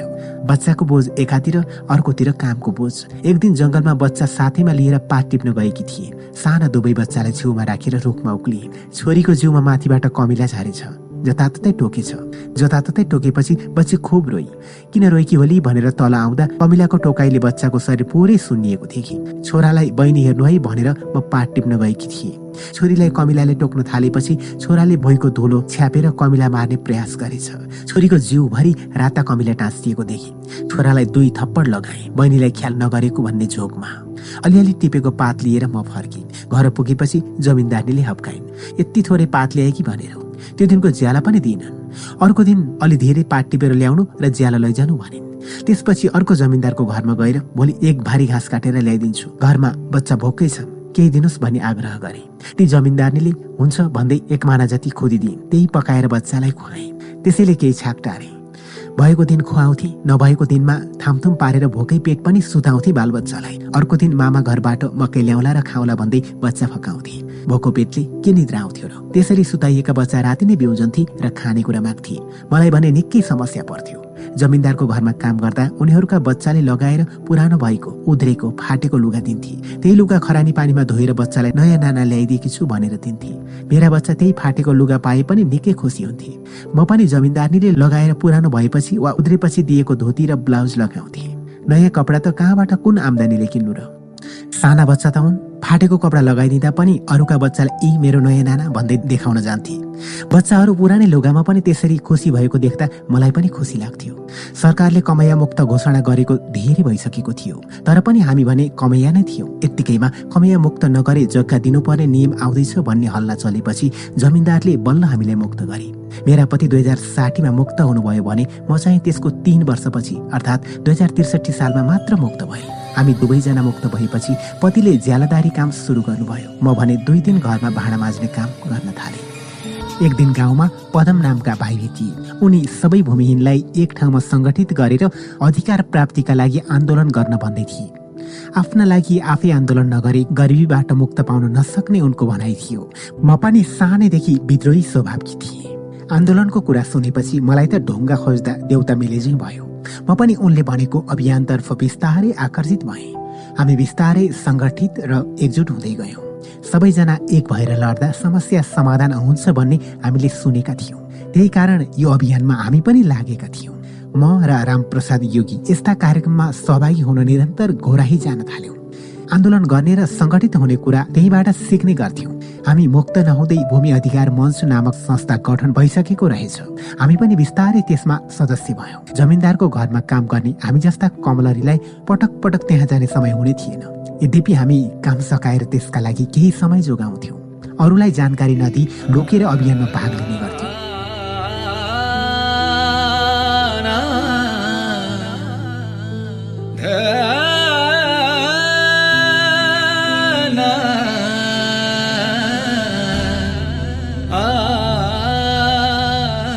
भूमि अधिकार मञ्चको अभियानमा गहिरोसँग भिजिसकेकी थिएँ तर यो कुरा मेरा पतिलाई पनि थाहा थिएन। मैले गाली खाने डरले जानकारी गराएकी थिइनँ भन्न मन लाग्थ्यो तर कसरी भन्ने? डर लाग्थ्यो। उल्टै कुन दिन थाहा पाएर गाली गर्ने हुन् कि भन्ने चिन्ता लागिरहन्थ्यो। कति दिन डराउने? एक दिन हिम्मत गरेर बताएँ। घोराई जानुपर्नेछ भूमि अधिकार मञ्चको कार्यक्रममा भने। तर उहाँले जानु पर्दैन भनेर हकार्नु भयो मैले भने आफ्नै मनलाई थाम्न सकिनँ। उहाँको अवरोधका बावजुद म सुटुक्क घोराई छिरेँ। म घोराई गएको जमिनदारीले थाहा पाइछन्। सोद्धा मैले छोरा बिमार भएपछि लिएर गएको भनिदिएँ अर्को दिन पनि मञ्चको कार्यक्रममा जानुपर्ने थियो। रातभर बच्चा रोएको छ उसलाई उपचारका लागि घोराई लग्छु भनेर ढाँटे। तर जमिनदारीले बच्चा रुँदैमा अस्पताल लानु पर्दैन भनेर रोक्न खोजिन्। मनमा जसरी पनि फुत्कनै पर्छ भन्ने थियो। घाँस काटेर आए। त्यसपछि बच्चा अलि बढी नै बिमार भयो भनेर जमिनदारीलाई सुनाए। त्यसपछि बल्ल उनले लौ लौ जा चाँडै आउनु भन्ने आदेश दिए। हत्तपत्त छोरा च्यापेर घोराइतिर लागे। जतिखेर रित्ते खुट्टा थिए त्यसबाहेक सामान्य ब्लाउज र जमिनदारीले फालेको पेटीकोट लगाएकी थिए। कार्यक्रममा धेरै मानिस देखे। सबै मानिस म जस्तै पीडित थिए। सबैले नारा लगाइरहेका थिए। भूमिहीन एक हौ। हाम्रो माग पुरा गर। यस्तै यस्तै नारा लगाइरहेका थिए। हामी पनि त्यही नारा लगाउने भिडमा मिसियौँ। यसअघि म मात्र दुखी होला भनेर सोच्थे तर त्यहाँ त सयौँ मानिसलाई म जस्तै पीडित देखे। गरिबहरूको एकता देखेर मलाई थप बल मिल्यो। केही गर्नुपर्छ भन्ने आँट बढ्दै गयो। हाम्रो पीडा सुनिदिने कोही छैन भन्ने लाग्थ्यो। तर त्यहाँको माहौल देखेर हामीलाई सहयोग गर्ने पनि कोही रहेछ है यो दुनियाँमा भन्ने लाग्यो। कार्यक्रम सकिँदा साँझको सात बजिसकेको थियो। घर पुग्दा अर्को बच्चा रोइरहेको थियो। पति रिसले चोर भएर मेरो बाटो कोरिरहेको देखेँ। घर पुग्ने बित्तिकै मैले उहाँलाई कार्यक्रमबारे सविस्तार बताएँ। तर पनि मलाई गाली गर्न छाड्नु भएन। हामी जस्ता गरिब र पीडित त धेरै रहेछौँ भनेर सुनाए। हामी सबै एक भयौँ भने आन्दोलन गर्न समस्या पर्दैन भन्ने तर्क पनि राखे। यति सुनेपछि उहाँले उल्टै धेरै भाषण नदी भएको अब सुप्लाक भन्दै हकार्नु भयो मैले भने रातभर सोचिरहेँ। जसरी पनि आन्दोलनमा लागिरहने अठुट मेरो थियो। जे पर्ला भन्दै जस्तो समस्या आउँदा पनि आन्दोलनबाट पछि नहट्ने दृढता मनमा नै व्यक्त गरे। मलाई आन्दोलनमा लाग्न भने त्यति सहज थिएन। घरमा पतिको अनुमति जमिनदारको काम समाजको हेर्ने दृष्टिकोण जस्ता धेरै पक्ष थिए जुन मेरा लागि पर्खाल चाहिँ थिए तर पनि मैले हिम्मत हारिन। मनमा दह्रो अठोट लिएर अभियानमा लागिरहे। यति बेलासम्म मैले पर्खालहरू नतोडी अधिकार पाइन्न भन्ने बुझ्न थालिसकेकी थिएँ। आन्दोलनमा लाग्दाको चुनौती अभियानमा लाग्दा निकै चुनौती र अप्ठ्यारो परिस्थितिबाट गुज्रनु पर्यो समय परिस्थिति अनुसार झुटो पनि बोल्नु पर्यो। कामको बहाना बनाएर आन्दोलनमा गए। कहिले घाँस काट्ने बहानामा त कहिले पानी लिन जाने बहाना। पछि जमिनदारले अभियानबारे जानकारी पाएपछि ममाथि निगरानी बढाए कामको चाप बढाइन् त्यसपछि त समय निकाल्नै धौधौ भयो। दुई हजार एकसठी सालमा म भूमि अधिकार मञ्च दाङको अध्यक्ष भइसकेकी थिएँ। बिहान घाँस काट्न जाँदा एक पटकमा दुई भारी काट्थे। एक भारी जमिनदारको घरमा लान्थे अर्को भारी कुनै साथी कहाँ लुकाउँथे। साँझ फेरि घाँस काट्न भनेर निस्कन्थे र आन्दोलनमा पुग्थे। अनि फर्कँदा साथी कहाँ लुकाएको बिहानैको अर्को घाँसको भारी लिएर फर्कन्थे। वनमा दाउरा लिन जाँदा पनि त्यही गर्थे। यसरी समय मिलाउँथे। अहिले यो कुरा सम्झिँदा मलाई आन्दोलनको महत्व कति थियो भन्ने महसुस हुन्छ। अध्यक्ष भएपछि अझ धेरै समय दिनुपर्ने भयो। तर मलाई भने समय निकाल्न निकै चुनौती आइलाग्यो। अरूको घरमा काम गर्ने मान्छे समय मिलाउन निकै समस्या हुने नै भइहाल्यो। कामकै बोझले थोरै समय निकाल्न त धौधौ परेका बेला कहाँबाट धेरै समय निकाल्नु? उता समयमा पुग्न नसक्दा सबैले गाली गर्थे। अध्यक्ष भएर सबैभन्दा पछाडि बैठकमा आउँछु भनेर कराउँथे। तर के गर्नु? मसँग विकल्प पनि त थिएन। आफू खुसी समय निकाल्ने वातावरण नै थिएन। काम सकिवरी मिलाएको वा बचे कुचेको समय नै मेरो आन्दोलनको समय हुन्थ्यो। त्यति गरेर पनि मैले आफूलाई अभियानमा समर्पित गरेकी थिएँ। जमिनदारले मेरो अभियानबारे जानकारी पाएपछि निकै गाली गर्यो। तर यस्ता कुरा मेरा समितिका साथीहरूलाई के थाहा र आन्दोलनकै काम लिएर म एक दिन जिल्ला बाहिर जानुपर्ने भयो। जिल्ला अध्यक्ष र दुईजना अभियानकर्ता सहित एक जिल्लाबाट तिनजना जानुपर्ने भयो। भूमिहीनहरूको अगुवा कार्यकर्ता भेला सुनसरी जिल्लामा तय गरिएको थियो। त्यही कार्यक्रममा म जानै पर्ने थियो। जिल्ला बाहिर जाने इच्छा पनि एकदमै थियो। तर जमिनदारको कामको बोझ र मेरो घरको अनुमति नमिलेकाले यसरी जान सजिलो झै थिएन। म निकै दोधारमा थिएँ। तथापि नगई नहुने थियो।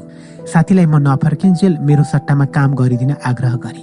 सुरुमा उसले इन्कार गरे पनि मेरो समस्या बुझेपछि ऊ पाँच दिनका लागि जमिनदार कहाँ सट्टामा काम गर्न तयार भए साथीको सहयोगले मेरो बाटो त खोल्यो तर जमिनदारसँग अनुमति लिनुपर्ने अर्को समस्या बाँकी नै थियो। जमिनदारसँग दिदी कहाँ जान्छु है भनेर अनुमति मागे। जरुरी काम छ भनेर दिदीले बोलाउनु भएको छ भने जमिनदार मलाई पठाउन सहमत भए। अब पतिलाई कसरी मनाउने भन्ने अर्को चिन्ता बाँकी नै थियो। डराई डराई सोधे जमिनदार कहाँ काम गर्न साथीलाई सट्टा लगाइसकेकी छु भने तर अरू कुरा मिलिसक्दा पनि उहाँले कार्यक्रममा जान अनुमति दिनु भएन। तर मेरो मनले भने जानै पर्छ भनिरहेको थियो। म जान्छु भनेर पतिसँग अड्डी कसे। लाख प्रयास गर्दा समेत नमानेपछि म उहाँको अनुमति बेगर नै अर्को दिन कार्यक्रमतिर हिँडेँ। बच्चा छाडेर जिल्ला बाहिर जानु मेरा लागि अर्को चुनौती थियो। यसअघि कहिले जिल्ला बाहिरको कार्यक्रममा गएकी थिइनँ। आमाले मलाई बाटो खर्च भनेर पचास रुपियाँ दिनुभएको थियो। पति काममा गएका बेला हिँड्न त हिँडे तर के भन्नुहोला भनेर निकै डर लागिरह्यो। म बस्न थालेपछि आमा कमलरी बस्नु भएन। जमिनदारहरूले नै बुढो भएपछि काम गर्न सक्दैनन् भनेर कमलरी राख्दैनथे। यसरी आमा बाहिरिएपछि मजदुरी गर्न थाल्नुभयो। त्यसैले उहाँसँग अलिअलि पैसा हुन्थ्यो। यही पैसा बेला बेलामा मलाई दिनुहुन्थ्यो। एकदम म कान्छी छोरी नामै कान्छु। अर्कोतर्फ अरू दिदीभन्दा म नजिकै कमलरी बसेकी थिएँ। त्यही कारण पनि आमाको माया र सहयोग अनि सद्भाव मैले बढी नै पाएँ। जुन गुण मैले यो जोनीमा तिरिसक्छु जस्तो लाग्दैन। उहाँले मलाई बाटो खर्च दिनुको कारण पनि यही थियो। म घोराई पुग्दा साथीहरू जम्मा भइसकेका थिए। हामी सँगै गाडी चढेर सुनसरीतिर लाग्यौँ। गाडी चढेको त्यो मेरो पहिलो अनुभव थियो। बच्चासँग बिछोड र पतिको डरले गाडी चढेको अनुभव नै हुन सकेन। म दाङकै भएर पनि लमही बजार समेत देखेकी थिइनँ। यति बेला नै पहिलो पटक यो बजार देख्न पाएँ। बसबाट झुलुक्क देख्न पाए पनि रमाइलो लाग्यो लमही। म चिन्ता हटाउनका लागि पनि बाहिरका सबै दृश्य हेर्न चाहन्थे। हामी एटौडा बजार पुग्यौँ। खाना खाना भनेर गाडी रख्यो मसँग आमाले दिएको त्यही पचास रुपियाँ मात्रै थियो। घर छाडेर हिँडेको मान्छे के पर्ला के भनेर त्यो पैसा मासिहाल्न उचित लागेन। साथीहरूले खाना जाउँ भने मलाई भोक लागेको छैन भनेर टारिदिए। भोक त किन नलाग्नु र? साथीहरू खाना खाना लागे। म चाहिँ गाडीमै बसेर रोएँ। उनीहरू नआउन्जेल यो क्रम जारी रह्यो। धन्न मेरी आमा त्यही पैसा भए पनि दिएकी थिए। गाडी रोकिएको ठाउँ छेउमा सार्वजनिक शौचालय थियो। त्यही गएर पिसाब फेरि। फर्कने बेला ढोकामा बसेको एकजनाले बाटो छेके किन छेके भनेर कुरा बुझ्दा त उनले पैसा मागेका रहेछन्। सोच गर्दा पनि पैसा लाग्छ? म त अचम्ममा परेँ। अनि उल्टी उसलाई गाली गरे। मलाई के थाहा र? दिसा पिसाब गर्दा पनि पैसा लाग्छ भनेर भना भन हुँदै थियो। मेरो साथी आएर पैसा तिरिदिन् अनि हामी गाडीमा बस्यौँ। गाडी त गन्तव्यतिर लागिहाल्यो। किन एकै ठाउँमा रोकिरहन्थ्यो र? तर गाडीको हल्लाइ र घरको चिन्ताले रातभर सुत्न सकिन। धन्न गाडी भाडा साथीले तिरिदिएका थिए। भोकै पेट भोलिपल्ट बिहान सुनसरी पुगियो। भोकले निकै सताएको थियो। यही भोक र चिन्ताले कुनै उत्साह थिएन। साथीहरू मलाई लजाउनु भयो कि भनेर घरिघरि सोध्थे।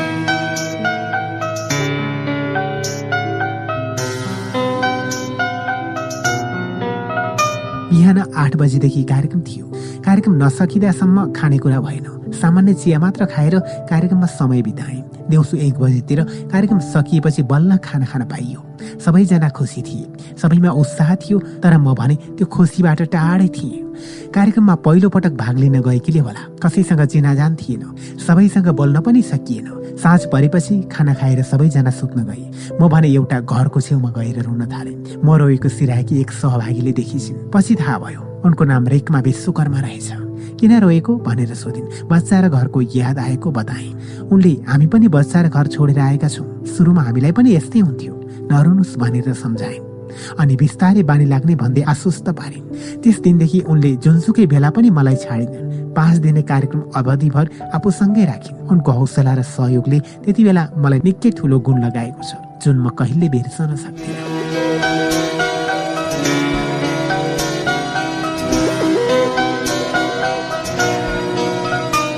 सकिएपछि घर फर्कनु पर्ने समय आयो। घर जान पाइने भयो भनेर एकातिर खुसी लाग्यो। अर्कोतिर पतिले के पो गर्ने हुन् भनेर निकै चिन्ता पनि लाग्यो। गाडी चढेर अर्को दिन बिहान दाङ पुगे। डराई डराई साथीलाई लिएर घर पुगेकी थिए। घर छेर्दा पति थिएनन्। बच्चाहरू माइतीमा थिए। हत्तपत्त माइत गएर बच्चाहरूलाई घर ल्याए। माइती नजिकै थियो। घरमा पकाउने चामल पनि थिएन। आमाले एक माना चामल दिनुभयो। त्यही पकाएर बच्चालाई खुवाए। काममा गएका पति कुन बेला आउने हुन् र के गर्ने हुन् भन्ने डर मनभरि लिएर बसिरहेकी थिए। उहाँ साँझ झिसमिसेमा आइपुग्नु भयो त्यसपछि ठुल्ठुला आँखा तरेर गाली गर्नुभयो। म चुपचाप सुनि मात्र रहेँ। साथीहरूसँग गएकी हुँ के मात्र भनेकी थिए। धमाधम पिट्न थाल्नुभयो। तेरो पोइहरूसँग गएकी थिइस् भन्दै गाली गर्नुभयो।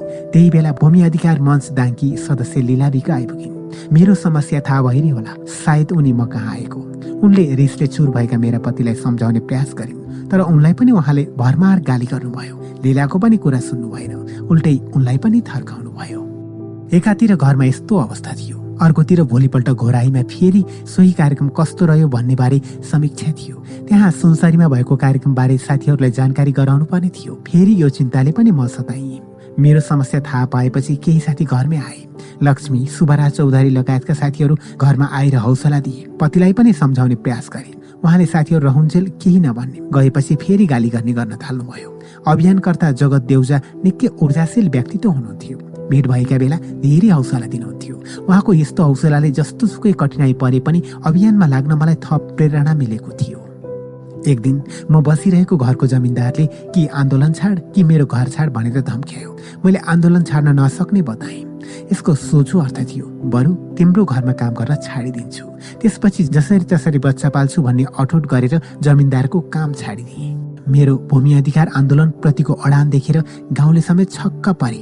कतिपय गाउँले त नचाहिने काममा लागे कि भनेर मलाई थोके समेत।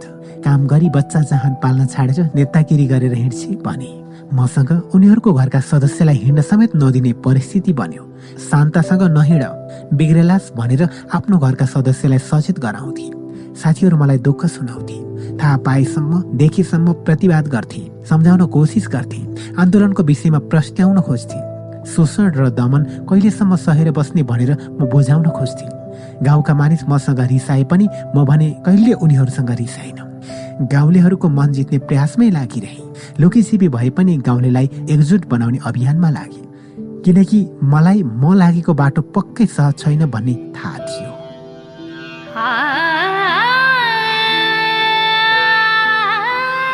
कमलरी मुक्त गाउँ।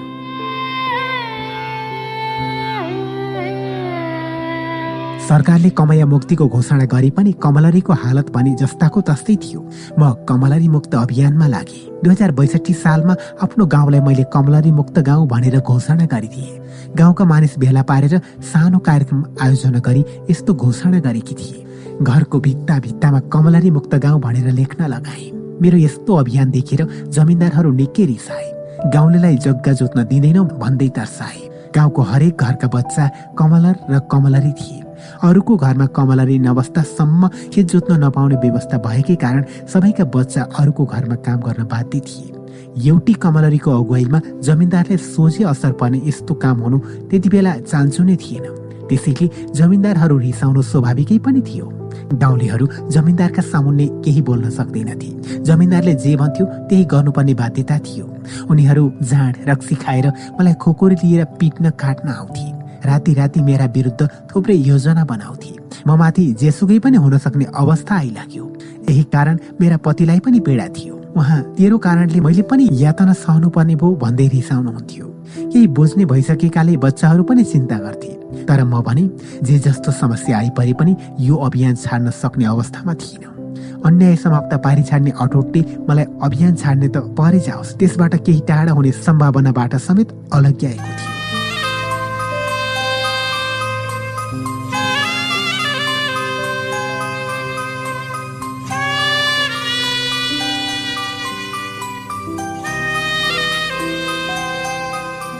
थुप्रै ठक्कर र हन्डर खानु परे पनि मलाई भूमि अधिकार आन्दोलनमा लागेकामा कहिले पश्चाताप भने लागेन। किनभने यो आन्दोलन म जन्मेको हुर्केको र बढेको समाजसँग सम्बन्धित थियो। जुन आन्दोलनको सफलता बिना हाम्रो सहजीवन यापन असम्भव प्राय थियो। यही बुझेकै कारण मैले भूमि अधिकार आन्दोलनलाई जीवनको अभिन्न अङ्गका रूपमा स्वीकार गरिसकेकी थिएँ। खास गरी बच्चा जन्मेपछि ममा आन्दोलन गर्ने पर्ने विद्रोही भावना जन्मेको थियो। बच्चाको अनुहार निकै बेर्निहाल्थे अनि सोच्थे हामी जस्ता भूमिहीनको कोखबाट जन्मेका यस्ता बच्चाले कहिले सुख पाउलान्? कसरी गरी खालान्? यिनै प्रश्न जसले मलाई केही गर्नै पर्छ शान्ता भनेर प्रोत्साहन गरिरहे। अनि अठोट गरे कि मैले नगरे म अघि नसरे छोराछोरीले पनि म जस्तै दुःख पाउने निश्चित छ। त्यसैले भविष्यमा यिनीहरूले दुःख नपाउन् भन्नका लागि मैले केही गर्नै पर्छ। केहीको अर्थ जमिनसँग जोडिएको थियो। किनकि हामी कमैया कमलरी बस्नु परेको पनि गरी खानका लागि आफ्नो जमिन नभएकैले हो। यदि दस नङ्ग्रा खियाउन जमिन पाउने हो भने यो समस्या समाधान हुन्छ र अरूको घरमा काम गर्न नोकर बस्नु पर्दैन भन्ने निष्कर्ष निकालिसकेकी थिए। अर्थात् मैले समस्याको जड पहिलाइसकेकी थिएँ। त्यसैले भावी पुस्ताका लागि वा भनौँ आफ्नै छोराछोरीका लागि पनि यो आन्दोलनमा लाग्ने र सफलता हात पारेरै छोड्ने निष्कर्षमा पुगेकी थिए। ताकि मेरो जस्तो पीडा उनीहरूले भोग्नु नपरोस्।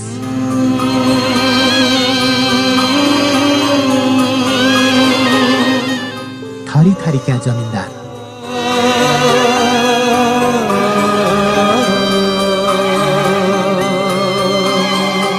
विक्रमसम्म दुई हजार सैतिस सालमा जन्मेकी म आठ वर्षकै उमेरमा कमलरी बस्न बाध्य हुनु पर्यो।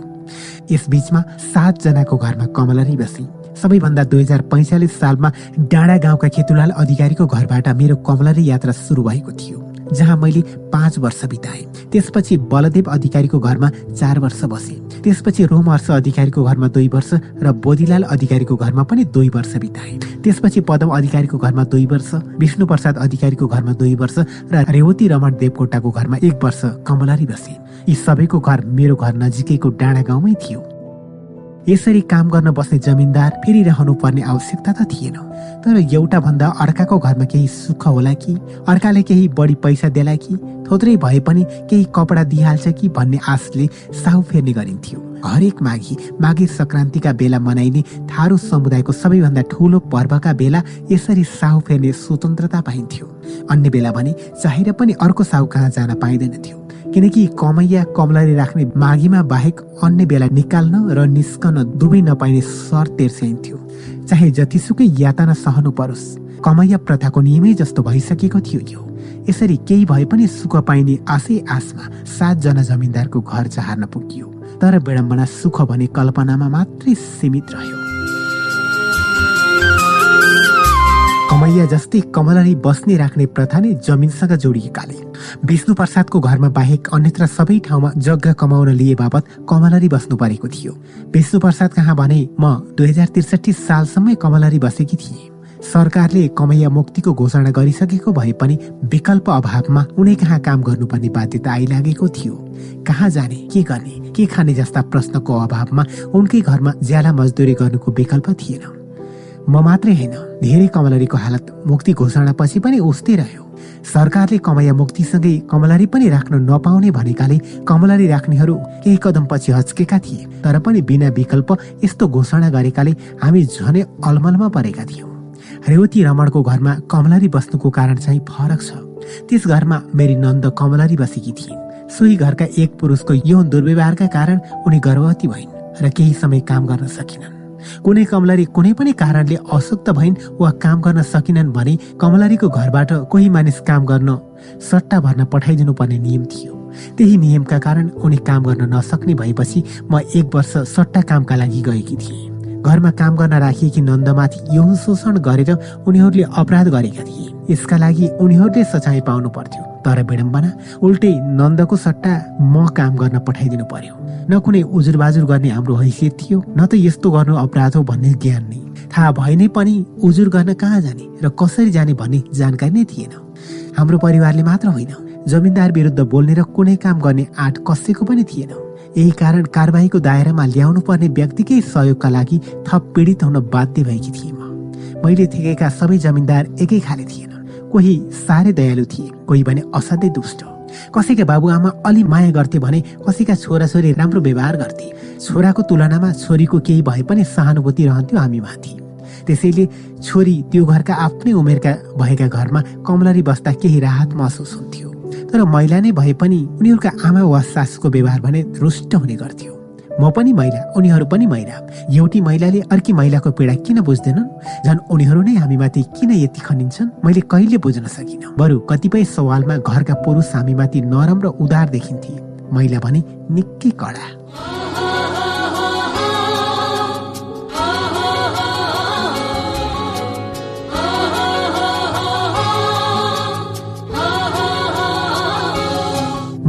कमलरी बसेको मध्ये बलदेव र बोधिलालको व्यवहार तुलनात्मक रूपमा राम्रो थियो।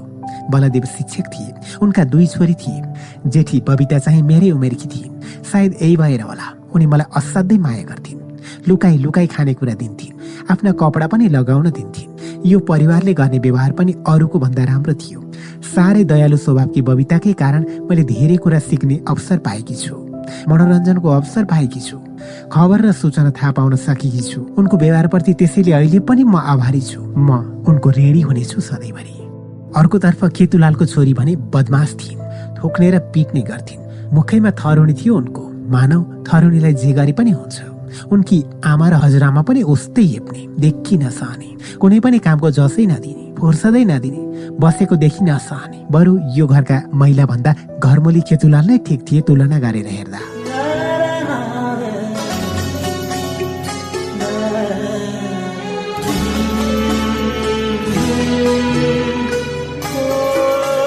हामीमाथि यस्तो व्यवहार हुनुमा थारूलाई काम गर्ने मेसिन मात्र ठानिनु प्रमुख कारण थियो। जब मानिसको मान्यता नै दिइन्न भने त्यसमाथि सहानुभूति राखिएन भन्नुको अर्थ पनि के हुन्छ र? हामीले पैसा दिएर ऋण दिएर ल्याएको जे गरे पनि हुन्छ भन्ने मानसिकताका कारण कमलरीहरू हेपिनुसम्म हेपिन्थे। सताउने ठाउँ बाँकी रहेसम्म सताइन्थे। म पनि त्यसरी सताइने मध्येकी एक थिएँ। तर सबै जमिनदार यस्तै कहाँ हुन्थे धेरै जसोले चाहिने भन्दा बढी नै सताए। धेरै जमिनदारनीहरू पानी परेका बेला छाता ओढेर भए पनि फुलमा पानी हाल्नुपर्छ भन्ने खालका थिए। यिनीहरूलाई बस्न दिनै हुन्न। काममा जोताइरहनु पर्छ भन्ने मानसिकताले उनीहरूको दिमागमा गहिरो घर गरेको थियो। मेरा साहु मध्ये विष्णु प्रसाद र रेवतीको घरमा निकै नराम्रो व्यवहार सहनु पर्यो। खास गरी विष्णु प्रसादकी साहिली बुहारीले असाध्यै नराम्रो व्यवहार गर्थिन्। खालि गाली गरिरहने त त मरिगए पनि हुन्थ्यो भन्ने गर्थिन्। थारू भन्ने बित्तिकै तल्लो व्यवहार गर्नुपर्छ भन्ने उनीहरूलाई लाग्दो रहेछ। थाहा छैन किन उनीहरू म जस्तो एउटी गरिब असहाय विरुद्ध यति कठोर व्यवहार गर्थे?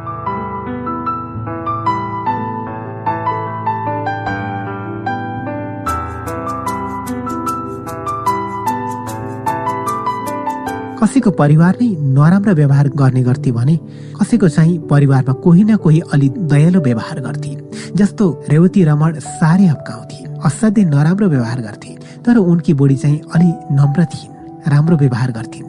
कतिपय सन्दर्भमा घरका एकजना सदस्य मात्र राम्रो भइदिँदा पनि हामीलाई निकै राहत महसुस हुन्थ्यो। मन बुझाउने बाटो प्राप्त हुन्थ्यो। तर सबै घरमा यस्तो अवस्था थिएन। त्यसैले कमलारी बसेको धेरै समय दुःख र वेदनाकै बीच बित्यो। अझ अचम्मको कुरा त यो थियो कि घरका कुनै सदस्यले हामीमाथि अलि सदासहायता देखाए भने अरूले उसलाई ख्याउ ख्याउ पार्थे। यसलाई किन पुलबुल्याउने ह भनेर उल्टै हकार्थे। त्यसैले हामीप्रति अलि नरम हुनेले पनि यस्तो व्यवहार लुकेर मात्र प्रदर्शन गर्नुपर्ने अवस्था थियो। बिहे गर्नु अघिसम्म त यौन दुर्व्यवहारको दृष्टिले हेरे हेरे कतिपय घरमा त बिहे गरिसकेपछि पनि यस्तो दृष्टिले हेर्ने क्रम रोकिएन। रेवती यस्तो मामलामा कमजोर थिए। उनकी श्रीमतीलाई यसबारे बताए पनि यस्तो व्यवहार अन्यत्र पनि भएको छ। श्रीमतीहरूलाई भनेपछि उनीहरू श्रीमानलाई हप्काउन त हप्काउँथे तर किन कुरालाई भनेर फेरि उल्टै हामीले नै गाली र धम्की खानु पर्थ्यो दुर्व्यवहार सहन तयार रहनु पर्ने तर कसैलाई भन्न नपाइने। गजबको प्रचलन थियो कमलरी प्रथाभित्र। धान निफन्न बस्दा होस् वा घाँस ल्याइरहेका बेला मेलापात जाँदा होस् वा भाँडा माझिरहेका बेला यस्ता दुर्व्यवहारका थुप्रै प्रयास भए तर कुनैलाई पनि सफल हुन भने दिइन। जुन मेरा लागि निकै ठुलो सफलता हो कमलरीका लागि छुट्टै कोठा वा सुरक्षित स्थान हुँदैन थियो। प्राय सबै ठाउँमा हामीलाई भर्याङ मुनि सुताइन्थ्यो। कि त सामान राखेको ठाउँ स्टोरमा सुत्न लगाइन्थ्यो। कहीँ कहीँ भने गोठमा पनि सुतियो। यस्ता कुनै पनि ठाउँ सुरक्षित नहुने भएकाले उमेर बढ्दै जाँदा झन्झन डर लाग्दै जान्थ्यो। घरकै मानिसबाट खतरा त छ नै। साथै यस्ता ठाउँमा बाहिरी मान्छे पनि सहजै आउन सक्ने भएकाले त्यसको जोखिम पनि उत्तिकै हुने गर्छ। धन्न मेरा थुप्रै कमलरी साथीलाई यस्तो बेलामा समस्या आइपरे पनि मलाई भने त्यस्तो सामना गर्नु पर्यो।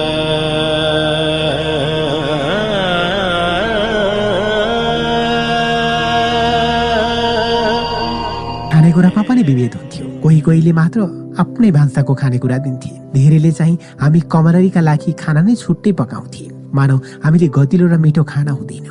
चामल पखालिदिने मसला पिसिदिने तरकारी केलाइदिने पानी ठिक पारिदिने जस्ता सबै काम मैले गरिदिनु पर्थ्यो। यसरी सबै ठिकठाक पारिदिए पनि पकाउन भने उनीहरू आफै अघि सर्थे। किनकि हामी थारू जातका भएकाले उनीहरू छोएको खाँदैनथे। तर अचम्म गाउँमा यसरी हामीले पकाएको नखाए पनि बजारमा भने चल्थ्यो। खेतुलालको घर बजारमा थियो। त्यसैले त्यहाँ भने पकाएको पनि चल्थ्यो। गाउँमा नचल्ने अरूले देख्ने गरी खान नहुने। तर बजारमा चाहिँ कसैले नदेख्ने वा वास्ता नगर्ने भएकाले चल्ने। गजबकै संस्कार थियो जमिनदारहरूको। दुई हजार साठी सालमा बल्ल कमैयाबाट मुक्ति भएपछि श्रीमानले बालुवा गिटी बोक्ने घर बनाउने क्रममा मजदुरी गर्ने काम गर्नुभयो। एकातर्फ ज्याला नै निकै कम दिन्थे। दिनभरको असीदेखि सय रुपियाँ दिन्थे। त्यो पनि काम गरेको धेरै समयपछि। अर्कोतर्फ कतिले त काम गरेको पैसै नदिने। यो तालले खाने पनि पुगेन। बडो मुस्किल भयो जिन्दगी। खानै नपुग्ने भएपछि यसरी काम गर्नुको औचित्यमाथि नै प्रश्न खडा भयो। यो अवस्थाले हामी दुवैलाई निकै चिन्तित पनि बनायो। के गर्ने के गर्ने भन्ने दोधार उत्पन्न भयो।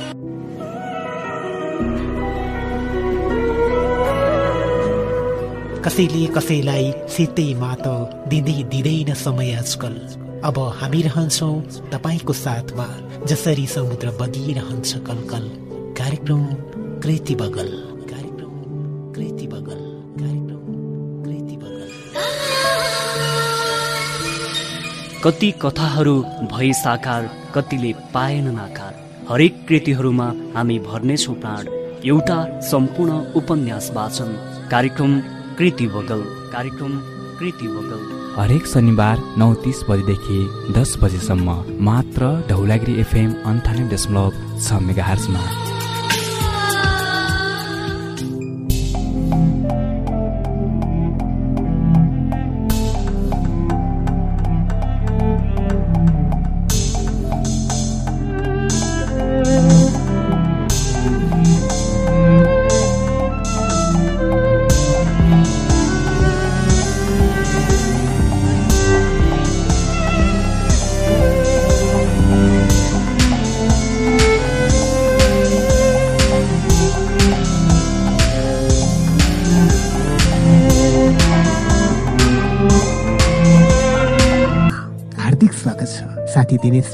विकल्पसँगै म पवन खड्काको।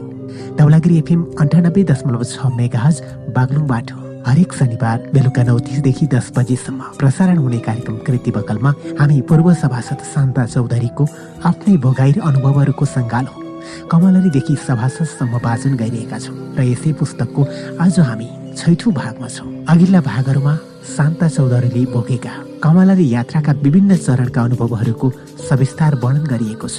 साँच्चै दुःख र दर्दहरूको कारुणिक घटनाक्रमहरूलाई उहाँले जस्ताको तस्तै उतार्ने प्रयास गर्नुभएको छ जसले हरेक पाठकको हरेक श्रोताको मन छुने गरेको छ। उसो त कार्यक्रम कृति बगलको उद्देश्य जो पाठकहरू पुस्तक पठनको पहुँचबाट टाढा हुनुहुन्छ उहाँहरूको मनोभावनालाई बुझ्दै र साहित्यप्रतिको तपाईँको चासो र चिन्तनलाई मध्यनजर गर्दै कार्यक्रम सञ्चालन गरिएको छ। अब यसभन्दा अगाडि के होला त? हुन्छ त सुरु गरौँ। पेज नम्बर छेसठीदेखि अगाडि।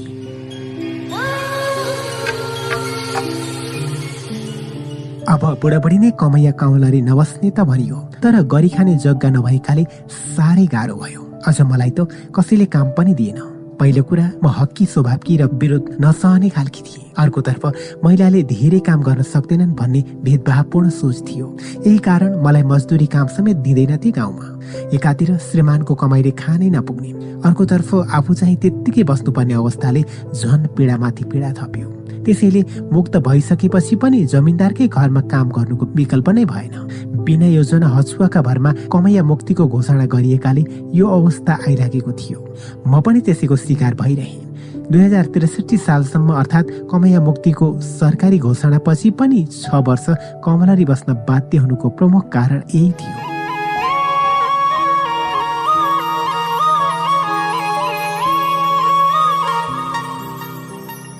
मलाई गीत सुन्न खुब मन पर्थ्यो तर के गर्ने? आफूसँग रेडियो पनि थिएन। साहुको घरमा भए पनि कसले सुन्न दिन्थ्यो र? बलदेवकी छोरी बबिता फिल्मका कहानी खुब सुनाउँथिन्। म त्यही सुनेर पनि निकै मनोरञ्जन महसुस गर्थेँ मलाई गीत मनपर्ने भएकै कारण काम गर्ने ठाउँमा उनी रेडियो ल्याएर राखिदिन्थिन् अनि मसँग गफ गरेर पनि बस्थिन्। घरमा भने मसँग गफ गर्दा मैले काम कम गर्छु भनेर उनलाई गाली गर्थे। उनलाई मसँग गफिएर नबरालिन बाबुआमालाई सुझाउँथे। उनीहरूको घर गाउँको एकान्तमा थियो। त्यसैले अरू साथी नभएर पनि हुन सक्छ। बबिता मलाई निकै पछ्याउँथिन् हाम्रो सम्बन्ध यही कारण एकदमै राम्रो थियो जुन अझैसम्म पनि कायम छ। सभासद भएपछि निकै पटक गाउँ गइयो। यसबिचमा मैले गाडी पनि चलाउन सिकेकी थिएँ। संसदको प्राकृतिक स्रोत साधन समितिको सभापति भएकाले मलाई सरकारी तवरबाट गाडी सुविधा पनि उपलब्ध गराइएको थियो। त्यही गाडी चढ्ने क्रममा मैले ड्राइभर भाइसँग सिकाइ मागेकी थिएँ। म राम्रैसँग गाडी चलाउन सक्छु अहिले। एक दिन गाउँबाट घोराही दाङ सदरमुकाम आउँदै थिए। बाटोमा मेरा पहिलाका जमिनदार पदम अधिकारी गाडी कुरेर बसेका रहेछन्। मैले आफै चलाएर आएको गाडी उनको अगाडि रोकेँ र कहाँ जान लागेको बाजे भनेर सोधेँ। उनले दोहोऱ्याइ तेह्रै हात थाप्लोमा राखेर मेरो अनुहार निहाले। अर्थात् गाडी चलाउने मान्छे उनकै घरमा पहिले कमलरी बसेकी शान्ता नै हो भनेर पत्याउन हम्मे हम्मे पर्यो उनलाई। त्यसपछि उनले ए शान्ता पो रहेछ भनेर अचम्म माने। बस्नुहोस् म पुर्याइदिन्छु भने निकै अप्ठ्यारो मानेर बसे। ओहो गाडी पनि चलाउने भइसकिस् भनेर फेरि अचम्म मान्दै सोधे। नसकिने बोबा। भनेर सुस्केर पनि हाले। एकपटक मजैले गाडीमा पुराना कुरा पनि भए। बाजेले मेरो प्रगति देखेर निकै खुसी लागेको बताए र भने पत्याउँदिनस् होला म तेरो प्रगति देखेर कम्ता खुसी छैन है शान्ता। अनि उनले जतिसुकै ठुलो भए पनि म त तनै भन्छु नारी सहाय पनि भने। मैले पनि बाजेले तपाईँ भन्नु पर्दैन म पनि तपाईँकै छोरी हुँ भन्ने जवाफ दिए। मैले गाडी चलाएको बोलेको जस्ता सबै कुरा राम्रैसँग निहाले उनले। एउटै घरमा लामो समय बसेपछि माया त लागिहाल्छ। सायद बाजे मान्छेले त्यही माया प्रदर्शन म माथि पनि म जस जसको घरमा बसेकी थिएँ। ती घरका छोरीहरू फोन गर्छन् अहिले पनि। अनि अब त तपाईँ भन्नु पर्ला होइन भनेर जिस्काउँछन् पनि। त त निकै व्यस्त भइस्। हामीलाई मतलब पनि गरिदिनुहोस् भन्छन् कतिपयले खाना खाने गरी घरमा आउने निम्तो पनि दिन्छ। दुई हजार उनसत्तरीको तिहारमा जमिनदारका छोराछोरीहरूसँग मिलेर भैली पनि खेलियो। जब उनीहरूसँग भेट हुन्छ निकै बेर गफिन्छौँ हामी। त्यति बेलाका कुरा पनि आपसमा उब्काउँछौँ। अनि त्यसलाई रमाइलोमा ढाल्छौँ। विगतका नराम्रा कुरा कोट्याएर फाइदे पनि के छ र। मैले टेलिभिजन कुनै सभा वा कार्यक्रममा बोलेको देखेर जमिनदारका छोरीहरूलाई अचम्म लाग्दो रहेछ। त्यसैले उनीहरूमध्ये धेरैले भन्ने गर्छन् सांसद त अचेल जो पनि हुन्छ ठुलो कुरा भएन। तर त यति राम्रो बोल्ने कसरी भइस? तँलाई कसले सिकायो यसरी बोल्न? अनि प्रश्नका बाढी तेर्साउँछन् कम्प्युटर कसरी सिकिस्? गाडी कसरी चलाउँछिस्? त्यति मात्र होइन। उनीहरू हामीलाई पनि त जस्तै बनाइदेन भन्छन्। र क्लास लिन आइज पनि भनेर जिस्क्याउँछन्।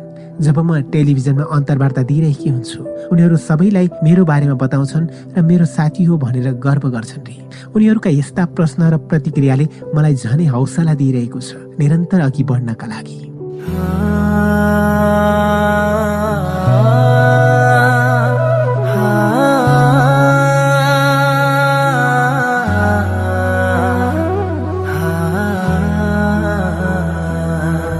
मेरा छोरी बुहारी मात्र होइन जमिनदार पनि आउँछन् म कहाँ? एक दिन खेतुलाल आफै आए उनकी छोरी हराइछन् केही गर्दा पनि पत्तो नलागेको सुनाए। अनि खोजी कार्यका लागि सहयोग गरिदिन पनि अनुरोध गरे। मैले पनि सकेको सहयोग गर्ने वचन दिएँ। गृह सचिव गोविन्द कुसुम थिए। उनलाई आफ्नै गाडीमा हालेर लगे र भेटाइदिए र बेपत्ता छोरी खोज्ने कार्यमा सहयोग पुर्याइदिन अनुरोध पनि गरे। बुहारीहरू पनि आउँछन्। कतै जागिर मिल्दैन? ल न सहयोग गर भन्छन्। म पनि सकेसम्म प्रयास गर्छु। जमिनदारका छोरी बुहारी हामीलाई पनि तजस्ती बनाइदेन भनेर जिस्कन्छन्। हामी पनि सङ्घर्ष गर्न तयार छौँ भनेर सुनाउँछन्। म जस्तो बन्न सहज छैन। सबै थरी त्याग्न सक्नुपर्छ भनिदिन्छु। अनि उनीहरू कमलरी बस्नुपर्छ हो भनेर सोध्छन्। मैले पर्दैन भन्ने गरेकी छु। यसै गरी थुप्रै वार्ता हुने गरेका छन् हामी बीच। एक आपसमा सम्बन्ध राम्रै छ। बिहे र अन्य कार्यक्रममा पनि एकअर्कालाई निम्ता गर्ने सम्झने क्रम कायमै छ। उनीहरूले अहिले मलाई जागिर लगाउन सक्ने व्यक्तिका रूपमा स्वीकार गर्नु नै मेरा लागि निकै ठुलो उपलब्धि हो जस्तो लाग्छ। भनाइको मतलब मेरो अहिले पनि जमिनदार उनीहरूका छोराछोरी र बुहारीहरूसँग राम्रो सम्बन्ध छ। उनीहरू पनि मलाई राम्रो दृष्टिले हेर्छन्। मैले पनि पूर्वाग्रह राखेर बस्नुपर्ने आवश्यकता ठानेकी छैन। किनकि त्यति बेला हाम्रो गाउँठाउँमा गरिब थारूका छोरीलाई कमलरीका रूपमा राख्ने र काम लगाउने चलन नै थियो। सोझो अर्थमा भन्दा त्यो प्रथाका रूपमा थियो। यसमा कुनै एकाध जमिनदारलाई मात्र दोष दिँदा उनीहरूमाथि अन्याय हुन जान्छ। जबसम्म पीडा दिने दुःख दिने कार्य छ त्यसमा भने धेर थोर कमजोरी गल्ती अवश्य छ। हामीले मूल्याङ्कन गर्नुपर्ने पनि त्यही पक्षमा हो जस्तो लाग्छ। यसैले मैले कुनै जमिनदारमाथि पनि बदलाको भावना लिने वा त्यति बेलाको सम्झेर आक्रोश लिएर बस्नुपर्ने ठानेकी छैन। सायद मेरो यही बुझाइका कारण हुन सक्छ। सबैसँग मेरो सम्बन्ध अहिले पनि उत्तिकै गाढा छ।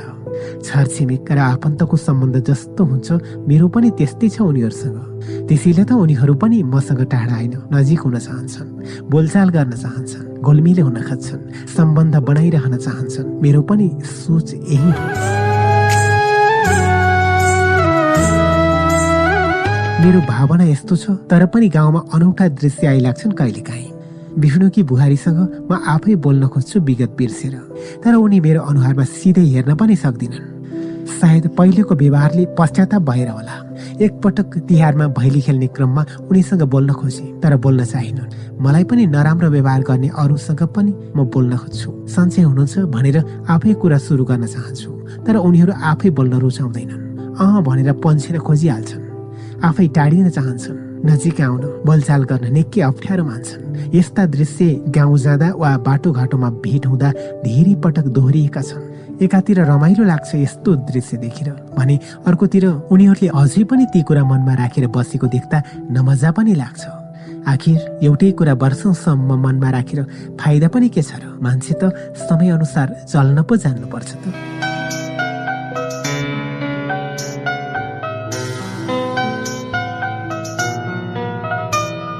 उटुङ्गिया काम उटुङ्गिया काम पनि थुप्रै गरिएको छ कमलरी बस्दा जमिनदारका छोराछोरीले आफूभन्दा सानो भए पनि बाबुआमाको साथ पाएर मलाई पेट्थे दुर्व्यवहार गर्थे। म घरमा त केही गर्दिनथे बाबुआमाकै अगाडि उनीहरूलाई केही गर्न सक्ने कुरा पनि भएन। तर गोठालो जाँदा उनीहरूलाई पनि फगाएर लैजान्थे र अघिको रिस पोख्थे। खोलामा गहिरो ठाउँमा लगेर डुबाइदिन्थे। केही न केही न्यु झिकेर पिट्थे पनि। त्यति मात्र होइन। मैले यसरी पानीमा डुबाएको पिटेको कुरा घरमा बाबुआमालाई भनिस् भने भोलि पनि यस्तै गर्छु भनेर थर्काउँथे। उनीहरू घरमा गएर बाबुआमालाई कुरा लगाउने आँट नै गर्दैनथे।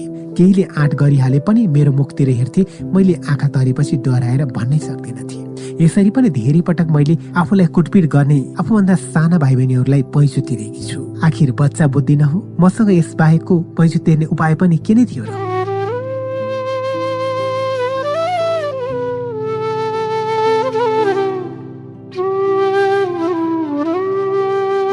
अहिले जमिनदारका छोरीहरू फोन गरेका बेला त्यो कुरा सम्झन्छन् र जिस्कँदै भन्छन् पनि। ओइ शान्ता तैँले पानीमा डुबाएका बेला हामी मरेको भए के गर्थिस् भन् त? जे होस् अचेल पनि फोनमा यस्तै रमाइला कुरा गर्छौँ हामी। तर हामी दुवै पक्षबीच न कुनै रिस राख्छ न त्यति बेलाको पैसा तिर्ने भावना नै। म पनि उनीहरूलाई भनिदिन्छु कि तिमीहरूले किन मैले काम छलेको कुरा बाबुआमालाई लगाइदिएको त? कुरा नलगाइदिएको भए के हुन्थ्यो नि? अनि हामी दुवै थरी मजाले हाँस्छौँ र त्यति बेलाको कुरा सम्झेर निकै रमाइलो पनि महसुस गर्छौँ। जमिनदार घरमा नभएका बेला लिची र आँप टिपेर बारमा लुकाउँथे अनि गोठालो जाँदा खान्थे। अरू काम गर्दा भन्दा गोठालो जान मजा आउँथ्यो किनकि गोठालो जाँदा चोरेर फलफुल खान पाइन्थ्यो। खोलामा माछा मारेर पनि खाइन्थ्यो काँक्रा पनि धेरै चोरेर खाइयो। गोठालामा सबै साथी आफू जस्तै कमलरी हुने भएकाले दुःख सुख साट्न पनि पाइन्थ्यो। पानी खाने निउले नजिकैको कसैको घरमा दुई तिनजना मिलेर जाने गर्थ्यौँ। एउटाले पानी मागेर घरको मान्छेलाई अल्मल्याउने गरिन्थ्यो भने बाँकीले फलफुल चोर्ने काम पनि गरिन्थ्यो। जुन गाईबस्तु भएको ठाउँमा लगेर बाँडीचोडी खाने गर्थ्यौँ। यसरी गोठालो जाँदा अर्को फाइदा पनि थियो। यति बेला केही फुर्सद हुने भएकाले जङ्गलमा पात टिपिन्थ्यो। दुई मुठा पातको एक रुपियाँ आउँथ्यो। यसरी टिपेको पात चराउन लगिएको वस्तुसँगै जमिनदारको घरमा लग्यो भने उनीहरूले नै राखिहाल्थे। त्यसैले म गाईबस्तु फर्काउन अघि नै पात आमालाई दिएर आउँथे। उहाँले बेचिदिनुहुन्थ्यो। यसरी जम्मा भएको आम्दानीबाट मन लागेको खानेकुरा खाइन्थ्यो भने धेरै चाहिँ फिल्म हेरेरै सिद्ध्याइन्थ्यो। फिल्मले पनि सघायो।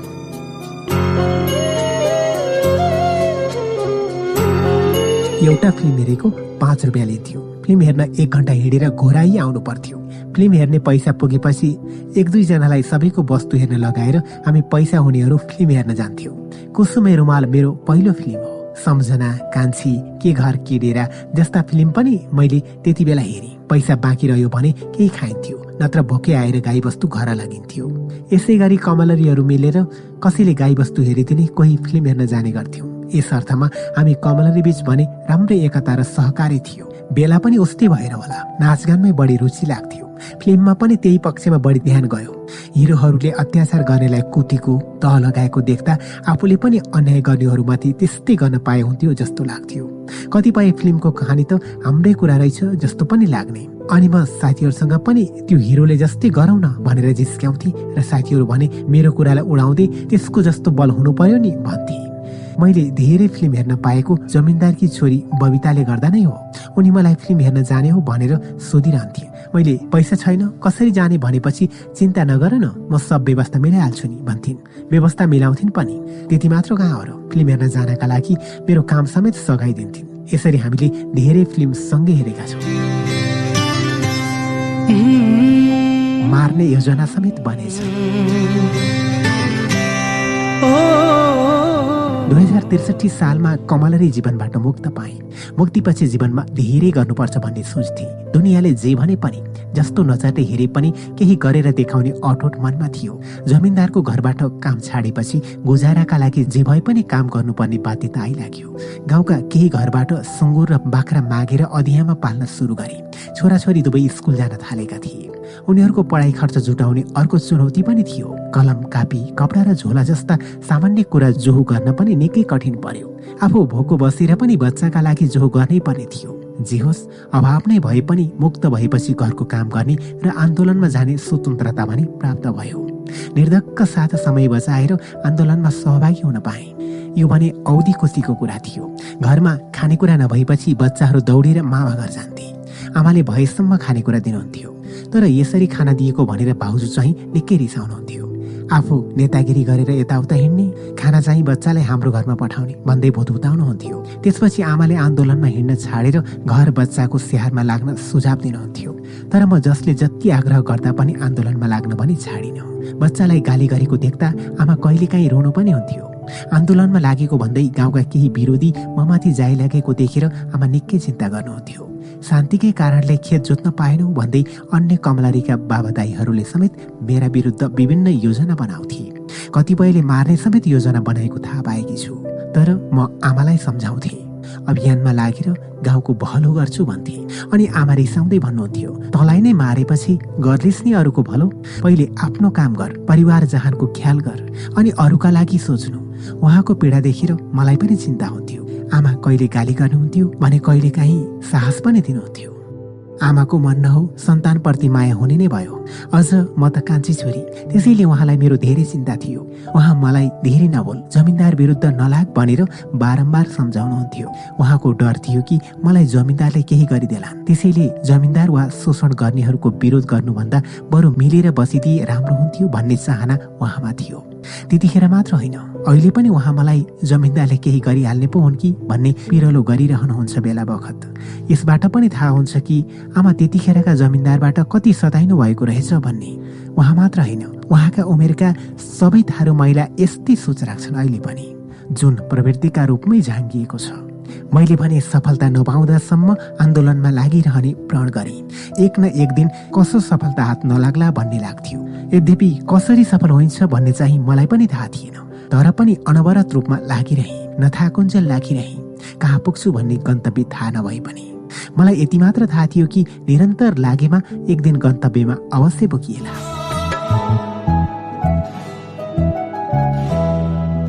मलाई अभियानमा लाग्नबाट रोक्नका लागि गाउँमा पटक पटक कचहरी समेत हुन्थ्यो।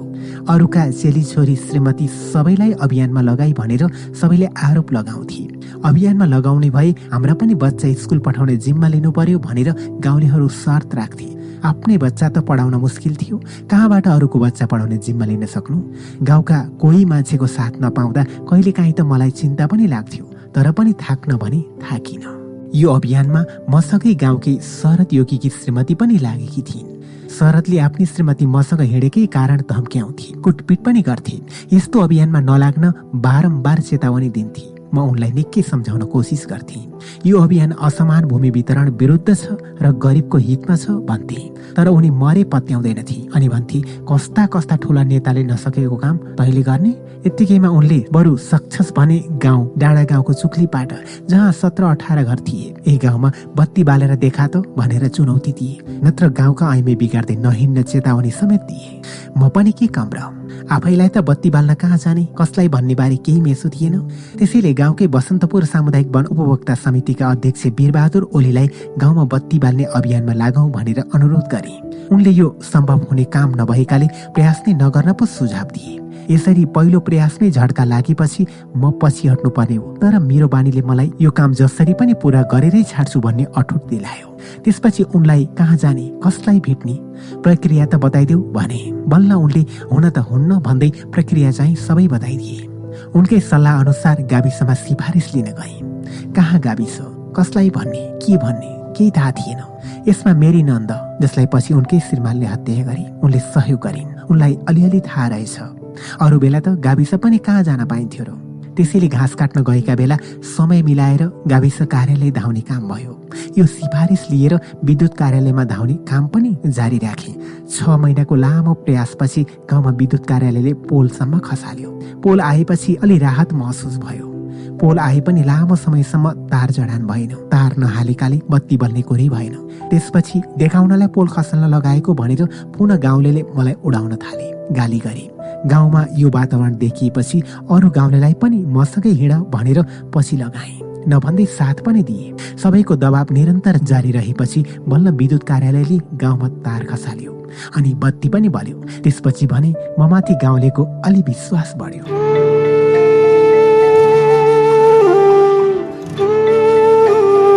गाउँलेको ममाथि विश्वास बढेको यही क्षणलाई भरपूर प्रयोग गर्दै मैले कमलरीका बाबु आमालाई आफ्ना छोरी जमिनदारको घरबाट फिर्ता गरौँ भन्ने प्रस्ताव राखेँ तर कोही तयार भएनन्। उनीहरू सबैको एउटै भनाइ थियो फिर्ता त ल्याउने तर पाल्ने कसरी? आफै पालिन त गाह्रो भएका बेला थप बोझ किन भिर्ने? कम्तीमा ऊ आफू त पालिएकी छे। हुन पनि हो। खाना अभावले आफ्नै छोराछोरी पनि बोझ लाग्ने अवस्था थियो गरिब थारूहरूको। छोरीहरूलाई कमलरी बस्न पठाउनुको एउटा कारण यो पनि थियो। यही बाध्यता बुझेका जमिनदारहरूले कमलरीको सकेसम्म शोषण गर्थे। अनि यो शोषण सही रहनुको एउटा कारण आफ्नै गरिबी पनि थियो जुन कुरा मैले राम्रैसँग बुझेकी मात्र होइन भोगेकी समेत थिए। उनीहरूलाई हौसला दिनका लागि फिर्ता ल्याइएका कमलरी म आफै जिम्मा लिन्छु भने भन्न त भने तर उनीहरूलाई कसरी राख्ने के खुवाउने भन्ने प्रश्नको उत्तर चाहिँ म आफैसँग पनि थिएन। आफैलाई विश्वास नभएको आश्वासन दिए पनि कमलरीका आमा बाबु भने कमलरी फिर्ता गर्न सहमत भए। अर्थात् सबैले म माथि विश्वास गरे। गाउँमा बत्ती बाल्न सफल भएपछि सबैले पत्याउने वातावरण बनेकाले म माथि विश्वास गरेका थिए उनीहरूले। यसरी कमलारी फिर्ता गरेपछि जमिनदारले उनीहरूको परिवारलाई गरी खान दिएका जमिन पनि खोसी। एकातिर घरमा खाने परिवारको बोझ थपियो थारू समुदायमा भने अर्कोतर्फ गरी खाने जमिन पनि खोसिएकाले जीविका नै धरापमा पर्यो। यसरी जमिन खोज्ने जमिनदारहरूले फिर्ता भएका कमलरी र उनीहरूका आफन्तलाई अब शान्तिको डाँडा जोत्न जाओ भनेर डायलग हान्दै पठाए। मेरो आफ्नै पनि केही नभएकाले उनीहरूले हामी बसेको डाँडो देखाउनु स्वाभाविक पनि थियो। यसरी कमलरी छुटाउने अभियान त सुरु गरियो। तर उनीहरूको समस्या कसरी हल गर्ने भन्ने उपाय भने नभएकाले तनावमा परेमा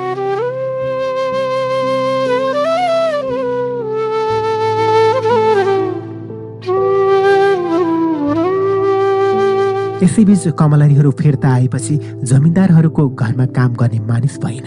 वर्षौंदेखि अरूलाई जोताएर मोजमस्ती गरेकाहरू मसँग पुनः आक्रोशित भए। त्यसपछि उनीहरूले मेरा विरुद्ध विभिन्न खाले षड्यन्त्र रच्न थाले। यस क्रममा कमलरीका बाबुआमालाई उचाले र ममाथि जाई लाग्न लगाए। कैयौँ मानिसलाई जाँड खुवाएर कुटपिट गर्न समेत पठाए। यसरी आफैमाथि आक्रमण हुन थालेपछि म छाप्रोभित्रै चुकुल लगाएर बस बाध्य भएँ कति दिन त जमिनदारको उक्साहटमा लागेर कमलरीकै आफन्त तथा अभिभावकहरू समेत मेरा विरुद्ध मेरो छाप्रो अघि आएर नारा जुलुसै लगाउँथे। यस्तो अवस्था देखेपछि मलाई घरमै आफन्त र परिवारले समेत गाली गर्न थाले। हुँदा हुँदा उनीहरूको पनि आँखाको तारो हुन थाले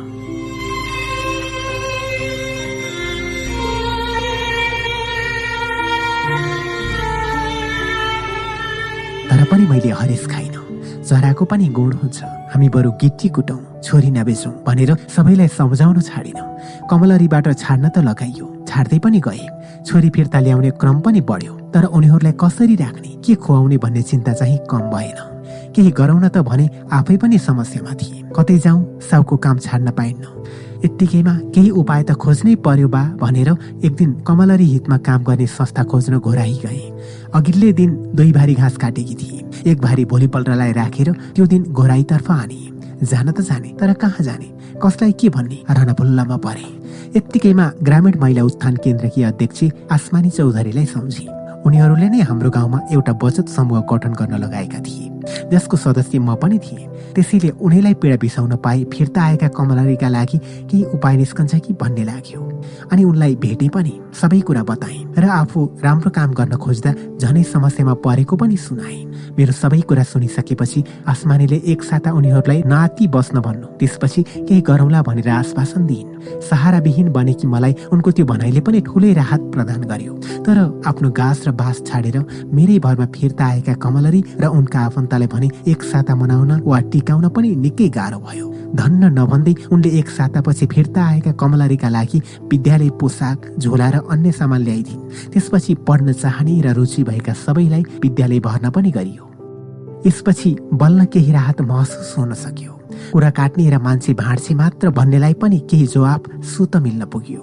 मलाई यस कार्यमा पवित्र नेपालीले निकै सहयोग पुर्याइन्। उनको कहानी पनि कम्ता पीडाजनक थिएन। उनका श्रीमान र दुई बच्चा मरेका थिए। त्यसपछि सासूले मेरो छोरो खाइस भनेर घरबाट निकालिदिएकाले बिचल्लीमा थिइन्। उनले पनि अदालतमा अंश मुद्दा हालेकी थिइन्।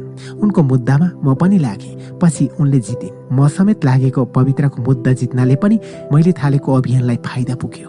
यसले गरेको काम पक्का हुन्छ भन्ने विश्वास गाउँलेमा पलायो। यसरी एकपछि अर्को सफलताले मैले थालेको अभियान क्रमशः सफल हुँदै गएको थियो। बलदेव मजगैयाको सांसद विकास कोषबाट सहयोग जुटाएर गाउँमा इनार पनि खनियो। यसबाट पनि गाउँलेको मन जित्न मलाई सहज भयो। थप मानिसमा म प्रति आशा जगाउन र केही गर्छु भन्ने पार्न सफल भए। ससानै किन नहुन्? यिनै सफलता थिए। जसले मलाई कमलरी र भूमिहीनका लागि केही गर्न तथा उनीहरूका लागि नीति निर्माण गर्ने थलो संविधान सभासम्म पुर्याउन ठूलो भूमिका।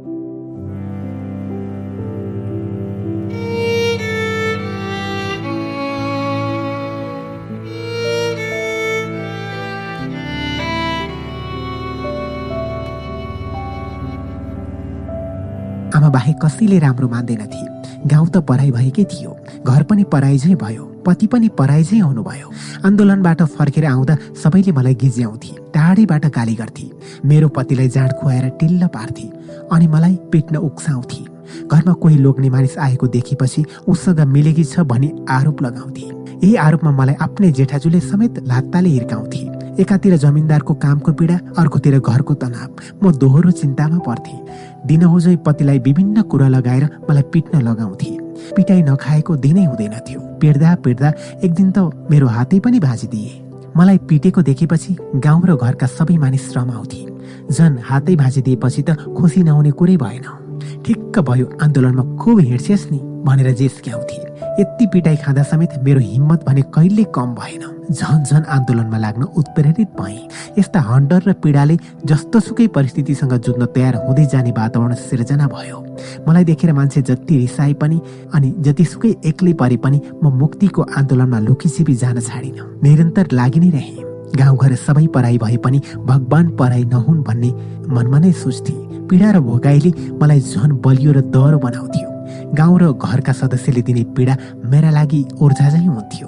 गाउँमा मलाई माया गर्ने र हिम्मत दिने एकजना साथी थिइन्। पवित्र नेपाली।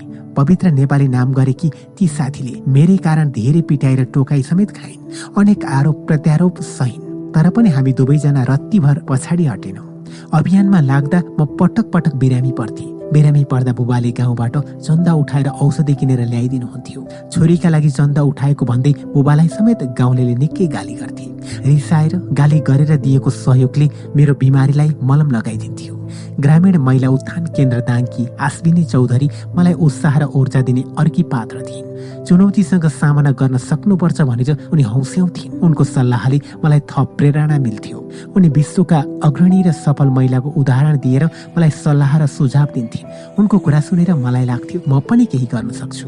मैले हरेस खानु हुन्न थुप्रै आसमानी पवित्र र जगत छन् जसले मलाई निरन्तर अघि बढ्नका लागि मार्ग निर्देशन उपलब्ध गराइरहे।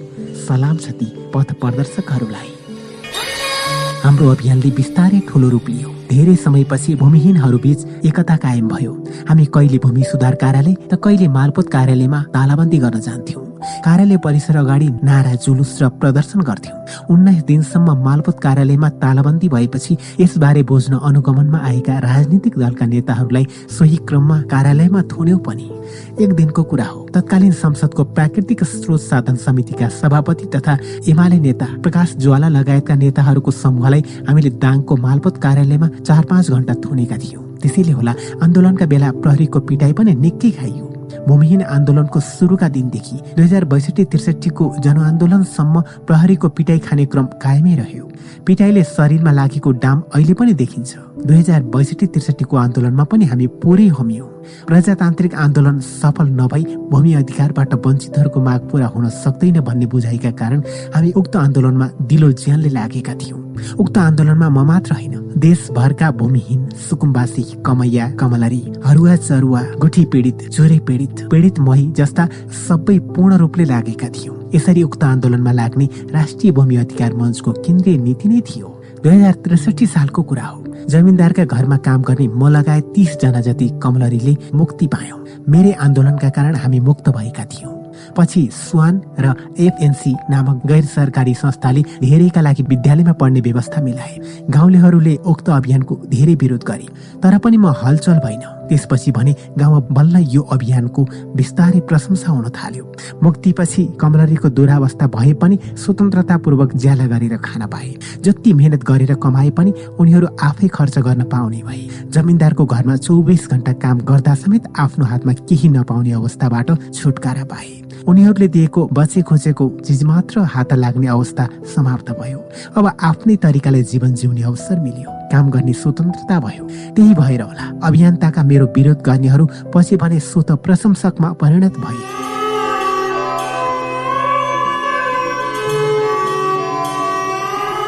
धेरै पीडा र चुनौती सामना गर्दै अगाडि बढिरहे। हिम्मत र साहस दिने कोही नभए पनि म एक्लो यात्री गन्तव्यमा पुग्न आतुर थिएँ। मेरो अभियानमा अरूले नदिए पनि घरका मान्छेले चाहिँ साथ दिनुपर्छ भन्ने लाग्थ्यो। तर त्यो कुरा घरकाले समेत कहिले बुझेनन्। यसैबीच दुई हजार बैसठी त्रिसठीको जनआन्दोलन सुरु भयो। हामीले आन्दोलनबारे खासै बुझेका थिएनौँ। तर यो राजाको विरुद्ध हो भन्ने चाहिँ थाहा थियो। राजा भन्न साथ हाम्रै जमिनदार जस्तै शोषण गर्ने व्यक्ति होला जस्तो लाग्थ्यो। त्यही बुझाइ समेतका कारण हामी मुक्त कमलरीहरू मिलेर त्यो आन्दोलनमा लाग्ने निर्णय गर्यौँ कहिले सामूहिक नारा जुलुसमा सहभागी हुन्थ्यौँ त कहिले म एक्लै भए पनि आन्दोलनमा जान्थेँ। रित्तो खुट्टा लिएर निरन्तर उन्नाइस दिनसम्म आन्दोलनमा होमिए। बच्चाहरूलाई भोक बोकै राखेर भए पनि आन्दोलनमा सहभागिता जनाउँथे। नारा जुलुस लगाउने अधिकांश हामी जस्ता गरिब नै हुन्थे। ठुला ठालो चाहिँ घरको झ्यालबाट चियाएर हेर्थे। यस्तो किन हुन्छ? यो आन्दोलन किन उनीहरूलाई चाहिएको छैन? किन गरिब गुरुवा मात्रै आन्दोलनमा बढी लाग्छन्? यस्ता प्रश्न मेरो दिमागमा आइरहन्थ्यो। तर सोध्ने कसलाई? बताइदिने कसले? केही थाहा थिएन। अधिकारका भोकाहरू नै अधिकारका लागि लडेका थिए। बहुसङ्ख्यक गरिबलाई सडकमा भेट्दा मलाई पनि आन्दोलनमा लाग्न उत्साह जागेको थियो। रात दिन एकै गरेर काम गर्ने हामी। खाने अरू नै छन् भन्ने सम्मको चर्चा सडकमा हुन्थ्यो। त्यसैले हामीलाई थप ऊर्जा दिन्थ्यो। म पनि जमिनदारको खिलाफमा लागेको मान्छे। राजा विरुद्धको आन्दोलन पनि जमिनदार विरुद्धकै आन्दोलन भएको महसुस हुन्थ्यो। जनआन्दोलनमा गाउँका अधिकांशको सक्रिय सहभागिता थियो। भूमिहीन कमैया कमलरी गरिब उपेक्षित सबैको सहभागिता थियो। जनआन्दोलन सफल भएपछि राजा फालिए। त्यसपछि मेरो साहस झनै बढ्यो। राजा जस्तो शक्तिशाली मान्छेलाई त आन्दोलनले फाल्न सक्दो रहेछ भने हामीलाई शोषण गर्ने जमिनदारलाई पनि अवश्य तह लगाउन सकिन्छ भन्ने साहस उब्ज्यो।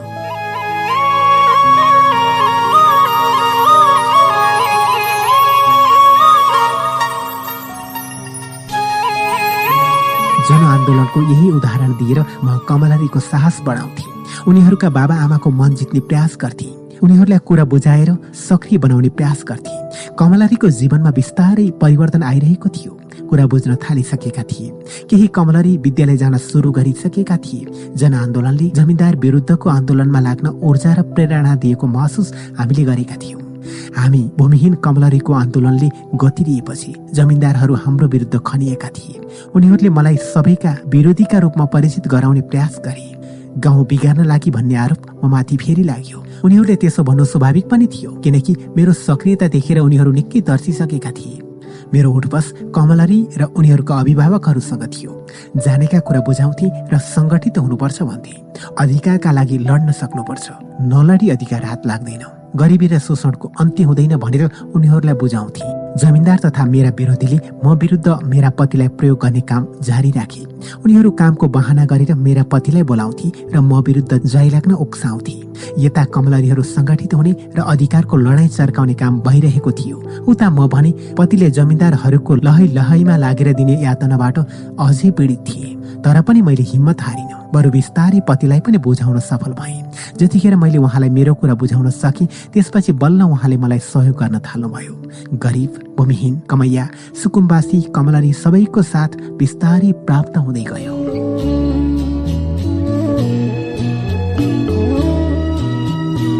सर्वस्व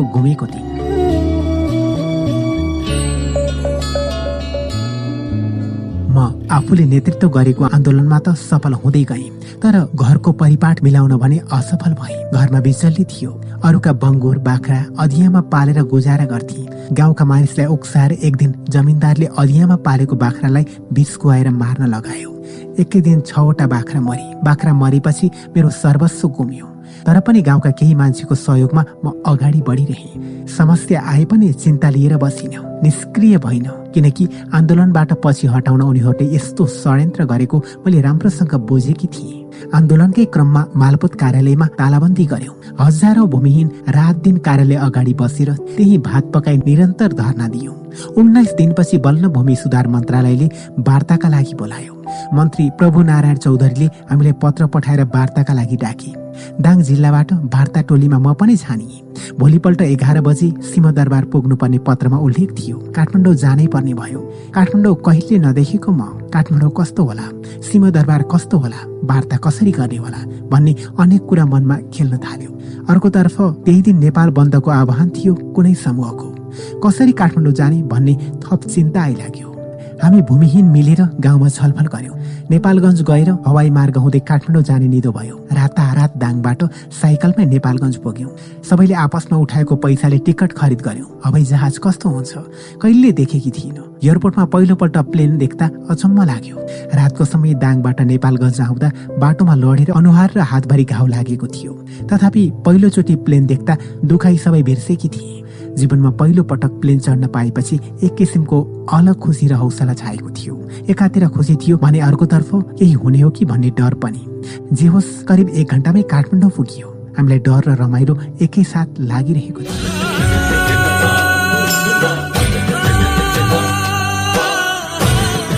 अचम्मको परिचय। दुई हजार एकसठी सालतिरको कुरा हो। लक्ष्मीपुर चार डाँडागाउँ स्थित बसन्तपुर सामुदायिक वनको सदस्य भएकी थिए। म आफै सदस्य हुन नगए पनि मलाई सदस्यमा राखिदिएका थिए। एकजना भए पनि थारूको सहभागिता जनाउने भनेर छलफल भएपछि मलाई समितिमा बस्ने प्रस्ताव आएको थियो। प्रस्ताव अनुसार मैले सहमति जनाएकी थिएँ। त्यति बेला म जमिनदारकै घरमा कमलरी थिएँ। बैठकका बेला समितिको छलफलका लागि समय जुटाउन हम्मे हम्मे पर्थ्यो। जमिनदारकै सहमतिमा सदस्य भएकी थिए। त्यसैले काम सकेर बैठकमा जान रोकतोक थिएन। एक दिन समितिको पहिलो बैठक बस्दा परिचयात्मक कार्यक्रम थियो। उपस्थित सबैजनाले आफ्नो परिचय दिन थाले। मलाई परिचय भन्ने कुरा नै थाहा थिएन। उपस्थित सबैले परिचय दिँदै आएपछि मेरो पालो आयो। मनमा सोचे यो परिचय भन्ने के होला? मेरो अगाडिको एकजनाले आफ्नो परिचय यसरी दिएका थिए। नमस्कार म प्रेम प्रकाश देवकोटा घर डाँडा गाउँ बसन्तपुर। उनको पछाडि मेरो पालो आयो। छेउकाले लौ तेरो पालो आयो भनेपछि म पनि जुरुक्क उठेँ। एकछिन टोलाएँ। मनमा के भन्ने होला जस्तो लाग्यो। अकस्मात मैले पनि भनिदिएँ म प्रेम प्रकाश देवकोटा घर डाँडा गाउँ बसन्तपुर। सबैजना गलल्ल हाँसे। किन हाँसे होलान्? मैले जानिन कि क्या हो? भनेर सोचेँ। तेरो नाम भन्न तेरो नाम भनेर छेउकी अर्काले सिकायो अनि मैले आफ्नो नाम भनेर परिचय दिएँ। यसरी म पहिलोचोटि परिचय दिँदा फसादमा परेकी थिएँ। काठमाडौँ यात्रा।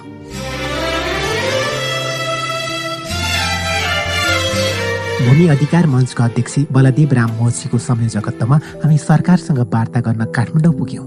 पहिलोचोटि काठमाडौँ झर्दा म गाडीको चाप देखेर अचम्मित भएँ। एयरपोर्टबाट हामी सार्वजनिक यातायात चढेर सोझै सिंहदरबार पुग्यौँ। सिंहदरबारमा सहजै प्रवेश दिइन्न रहेछ।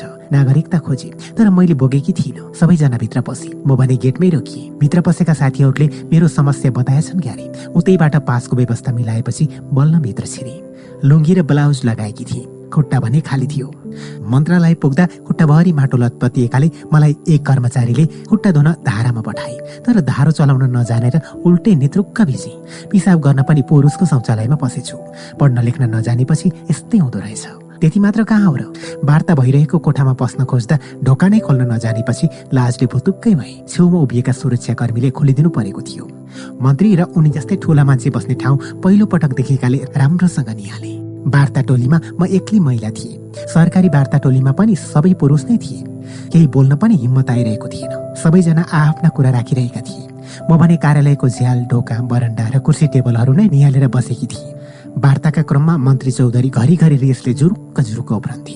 हाम्रो माग सुनेपछि उनी झर्केर छिनछिनमा बाहिर निक्लन्थे। मन्त्रीको नियत मलाई सह्य भएन। म पनि झुरुक्क उठेर हामीलाई वार्ता गर्न बोलाइएको हो कि तपाईँको घोर्की सुनाउन भनेर झर्किए। त्यसपछि मन्त्री अलि लजिलो भए कुरा सुन्ने धैर्य राखे।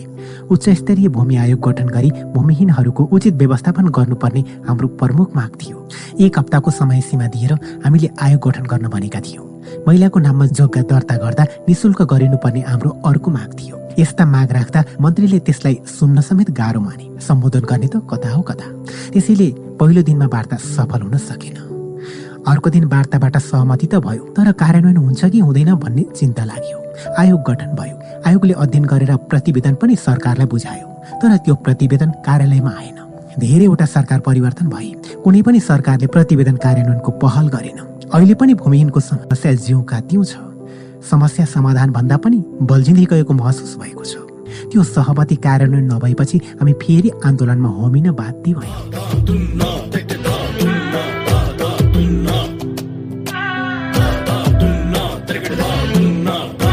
पटक पटक आन्दोलनमा होबिँदा हामीले समस्या र चुनौती निकै सामना गर्नु पर्यो परिवार गाउँ र मञ्चमा आबद्ध सबै सदस्यको चित्त बुझाउनु पर्ने थियो।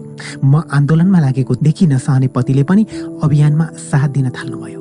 मैले त्यसलाई पनि सफलताका रूपमा हेरेँ। उहाँले मलाई समर्थन गर्न थालेको कुरा गाउँका मान्छेलाई पाचे भएन। उनीहरू पुनः हामीलाई फुटाउने षड्यन्त्रमा लागे।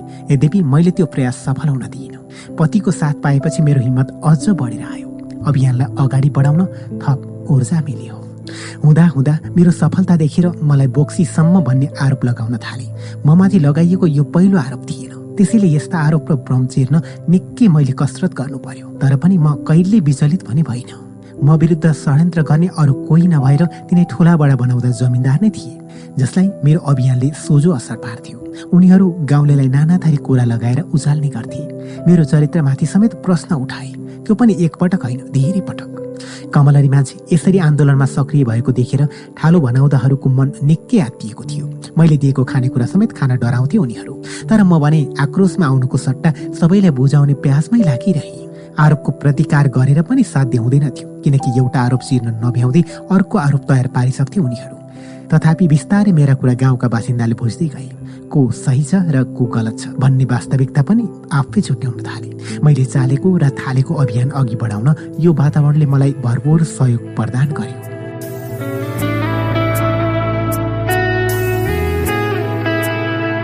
राजनीतिक यात्रा।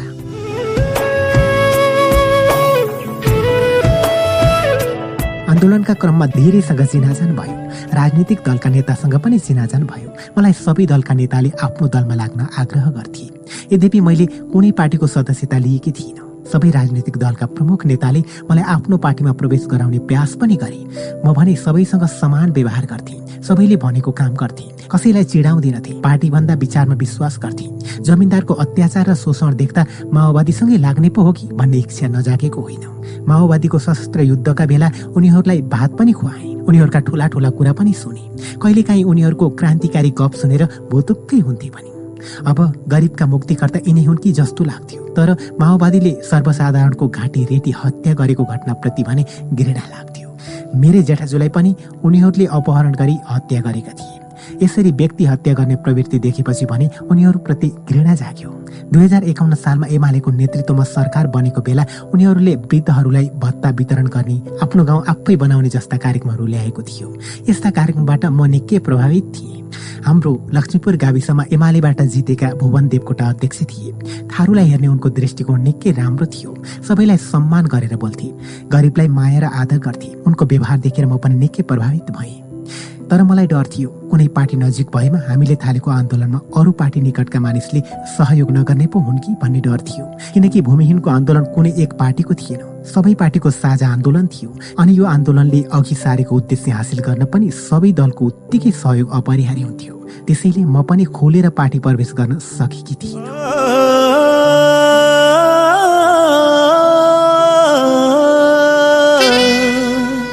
एउटा पार्टीको विचारसँग नजिक भइसकेपछि दुनियाँको नजरमा सधैँ असल हुन सकिँदो रहेनछ। जे भए पनि मनमा नै एमालेलाई मन पराउन थालिसकेकी थिए। भूमिहीन आन्दोलनले उठाएको मुद्दा सम्बोधन गराउनै भए पनि राजनीतिमा लाग्नुको विकल्प थिएन। राजनीतिकै माध्यमबाट सबै समस्या समाधान हुने ठानेर आखिर मैले राजनीतिमा लाग्ने निधो गरेँ। सर्वहारा भूमिहीन उत्पीडित र श्रमजीवीको मुद्दा उठाउने त तमाम दल थिए। काम गर्छन् कि गर्दैनन् भन्ने शङ्का चाहिँ कायमै थियो। अभियानकै क्रममा दलमा समाहित हुने प्रेरणा मलाई मिलेको थियो। श्रमजीवी वर्ग राजनीतिको निर्णायक तहमा नपुग्दासम्म त्यो वर्गको उत्थान नहुने निश्चित थियो। भूमि अधिकारबाट वञ्चितहरूले लामो समयदेखि आन्दोलन चर्काए पनि यो सफल हुन नसक्नुमा दलीय प्रतिनिधित्व नहुनु नै मुख्य कारण थियो। तल्लो स्तरमा लामो आन्दोलन हुँदा समेत कुनै राजनीतिक दल तथा सरकारले नसुनेपछि हामी काठमाडौँ केन्द्रित आन्दोलन गर्न बाध्य भयौँ। काठमाडौँमा आएर सबै राजनीतिक दलका शीर्ष नेता तथा मन्त्रीहरूलाई ज्ञापन पत्र बुझायौँ। सबै राजनीतिक दलका कार्यालय अगाडि धर्न बस्यौँ। राज्यका हरेक संयन्त्र तथा राजनीतिक दलमा समेत भूमिहीनको प्रतिनिधित्व माग गर्यौँ। दुई हजार त्रिसठी सालमा शिरोमणि आचार्यको निधनको तेह्रौँ पुण्यतिथिका दिन एमाले महासचिव माधव कुमार नेपाल दाङ आएका थिए। त्यही अवसरलाई हामी भूमिहीनले सदुपयोग गर्ने सोच्यौँ। उहाँ समक्ष आफ्नो माग राखी ज्ञापन पत्र बुझाउने निर्णय गर्यौँ। ज्ञापन पत्र बुझाउन जाँदा पहिलोपल्ट माधव कुमार नेपाललाई चिन्ने मौका पाएकी थिए। त्यति बेला नेतासँग चिनाजान भयो भनेर औधी खुसी पनि लागेको थियो।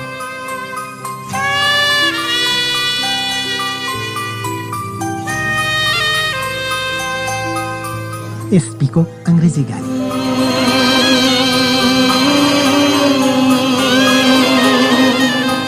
राष्ट्रिय भूमि अधिकार मञ्चको पहिलो सम्मेलन दुई हजार एकसट्ठीमा काठमाडौँमा सम्पन्न भइसकेको थियो। दोस्रो सम्मेलन दाङको घोराईमा दुई हजार चौसठी फागुन अठारदेखि बिससम्म गर्ने तय भयो। पहिलो सम्मेलन हुँदा म मञ्चमा आबद्ध भइसकेकी थिइनँ। त्यो सम्मेलनपछि बल्ल सदस्यता लिएकी थिएँ। दोस्रो सम्मेलनको तयारी गर्ने जिम्मेवारी भने आफैले आइलागेको थियो। हामी गाउँ गाउँमा माना चमल उठाउने अभियानमा थियौँ। धेरैले राम्रो सहयोग गरेका थिए। त्यहाँका राजनीतिक दलले पनि सहयोग गरेका थिए। मञ्चलाई राजनीतिक दलसँग जोडेर हेर्नेहरू पनि थिए। यसका बावजुद पनि सबैको सहयोग मिलेको थियो। कसैले यो मञ्च काङ्ग्रेस निकट भन्थे त कसैले एमाले निकट। सहयोग उठाउने क्रममा हामी जिल्ला प्रहरी कार्यालय पुग्यौँ। थापा थरका एकजना एसपीले राम्रो व्यवहार देखाएनन्। हामीलाई अङ्ग्रेजीमा पो गाली गरे। हामी अनपढ भूमिहीनहरू के बुझ्थ्यौँ र? तर उनको हाउभाउ हेरेर गाली गरेको हो भन्ने बुझिन्थ्यो। उनले अङ्ग्रेजी बोलेको देख्दा हामी सबै हाँस्थ्यौँ। एसपीलाई झन् रिस उठेछ उनले बल्ल नेपालीमा गाली गर्न थाले। तिमीहरूका बाउले यहाँ राखिदिएका छन् सहयोग गर्ने पैसा भनेर हकारे। हामी छक्क पर्यौँ हामी नगदै सहयोग माग्न आएका थिएनौँ। सुरक्षाको सहयोग दिनु पर्यो पो भनेका थियौँ। उनले हाम्रो कुरा नबुझेका हुन् कि उनलाई मानसिक तनाव थियो। थाहा भएन। तर त्यत्तिकै साह्रै नमिठो गाली भने खाइयो त्यो दिन। सम्मेलनका क्रममा दाङका सञ्चारकर्मीको भने ठुलो सहयोग मिलेको थियो हामीलाई। अधिवेशनको तयारी पूरा भएपछि अठार गते उद्घाटनका लागि हामी तयार भयौँ। कार्यक्रममा एमालेका तर्फबाट माधव कुमार नेपाल नेपाली काङ्ग्रेसका मिलेन्द्र रिजाल माओवादीका कृष्ण बहादुर महरा लगायत सात दलका नेताको प्रतिनिधित्व थियो। मानव अधिकार कर्मी गौरी प्रधान र गैर सरकारी संस्था महासङ्घी शर्मिला कार्कीको पनि उपस्थिति थियो। घोराईमा भूमिहीनहरूको ठूलो भेला उर्लिएको थियो। गोराही बजार पुरै ढाकिएको थियो। यति धेरै गरिब रहेछौँ भन्ने सोचेकी पनि थिइनँ मैले। असाध्यै दुःख गरेर हामीले सङ्कटकालमा सङ्गठन बनाएका थियौँ। चुनौती प्रशस्त रहे पनि हामी एक ढिक्का भएका थियौँ। कार्यक्रम सुरु हुनु पूर्व डाङका भूमिहीन थारू छोरीहरूले परम्परागत पोसाकमा अतिथिलाई स्वागत गरेका थिए। कार्यक्रम सुरु हुँदा मैले स्वागत गरेकी थिएँ। कार्यक्रमका प्रमुख अतिथि माधव कुमार नेपाल रहे पनि उपस्थित सातै दलका नेताहरूले हलो जुवा उठाएर कार्यक्रम संयुक्त रूपमा उद्घाटन गरेका थिए।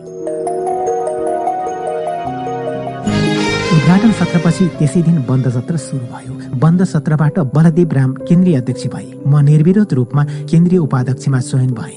कार्यक्रममा मेरा पति पनि उपस्थित हुनुहुन्थ्यो। मलाई अबिर र फुलको माला लगाएर सबैले स्वागत गरेको देखेपछि दङ्ग पर्दै उहाँले अब यस अभियानमा निरन्तर लाग्नुपर्छ भनेर ढाडस दिनुभयो। त्यसपछि बल्ल उहाँको म प्रतिको हेराइ फरक आयो। अनि त कार्यक्रमहरूमा आन्दोलनका अभियानमा उहाँले नै मलाई पठाउन थाल्नुभयो। पतिको सहयोगपछि मलाई अभियानमा लाग्न बल पुग्यो।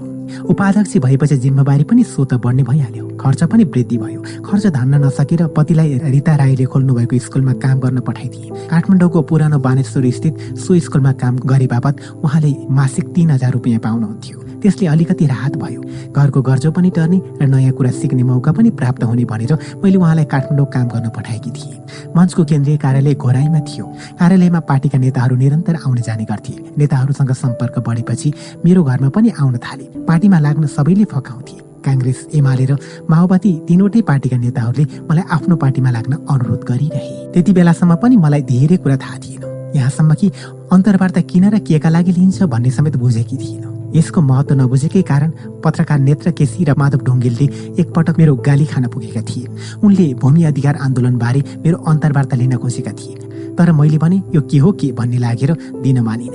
मलाई कता कता उनी जमिनदारको मान्छे भएको र मलाई अप्ठ्यारोमा पार्नका लागि केही सूचना लिन आएको जस्तो लाग्यो। त्यसैले उनीहरूले जतिसुकै प्रयास गर्दा पनि मैले अन्तर्वार्ता दिन मानिनँ। यत्तिकैमा कार्यक्रम तयारीमा संलग्न जगत देउचा र आसमानी चौधरीले अन्तर्वार्ता दिँदा भूमिहीनका आवाज बाहिर आउँछ। दिनु राम्रो हुन्छ भन्ने सल्लाह दिए। त्यसपछि मात्र बल्ल विश्वासमा परेर अन्तर्वार्ता दिए। जुन मेरो पहिलो अन्तर्वार्ता थियो।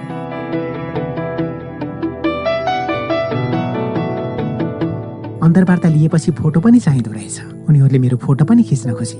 तर मलाई भने अन्तर्वार्ता पनि दिनु फोटो पनि खिच्न दिनुपर्ने भनेर निकै रिस उठ्यो। मैले खिच्न दिँदै दिइनँ। मेरो यो व्यवहार देखेर उनीहरू एकातिर रिसाए जस्तो गर्थे भने अर्कोतिर अन्तर्वार्ता दिने तर फोटो खिच्न चाहिँ नदिने कस्तो मान्छे भनेर हाँसिरहेका देखिन्थे। केही बेरको विवादपछि जगत र आसमानीकै सल्लाहमा फोटो पनि खिच्न दिए। उक्त अन्तर्वार्ता केमा प्रकाशन भयो वा प्रसारण भयो भन्ने बारे चाहिँ मलाई केही पत्तो भएन। सायद दाङ बाहिरका पत्रकार भएकाले पनि होला मलाई असहज लागेको हुन सक्छ किनकि जिल्लाका पत्रकारले हामीलाई धेरै सहयोग पुर्याउने भएकाले उनीहरूसँग चाहिँ कुराकानी गर्न र सूचना दिन पनि सहज लाग्थ्यो।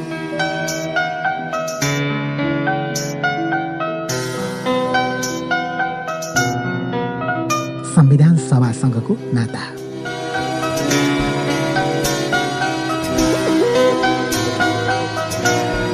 लगत्तै संविधान सभा निर्वाचन आउन लाग्यो।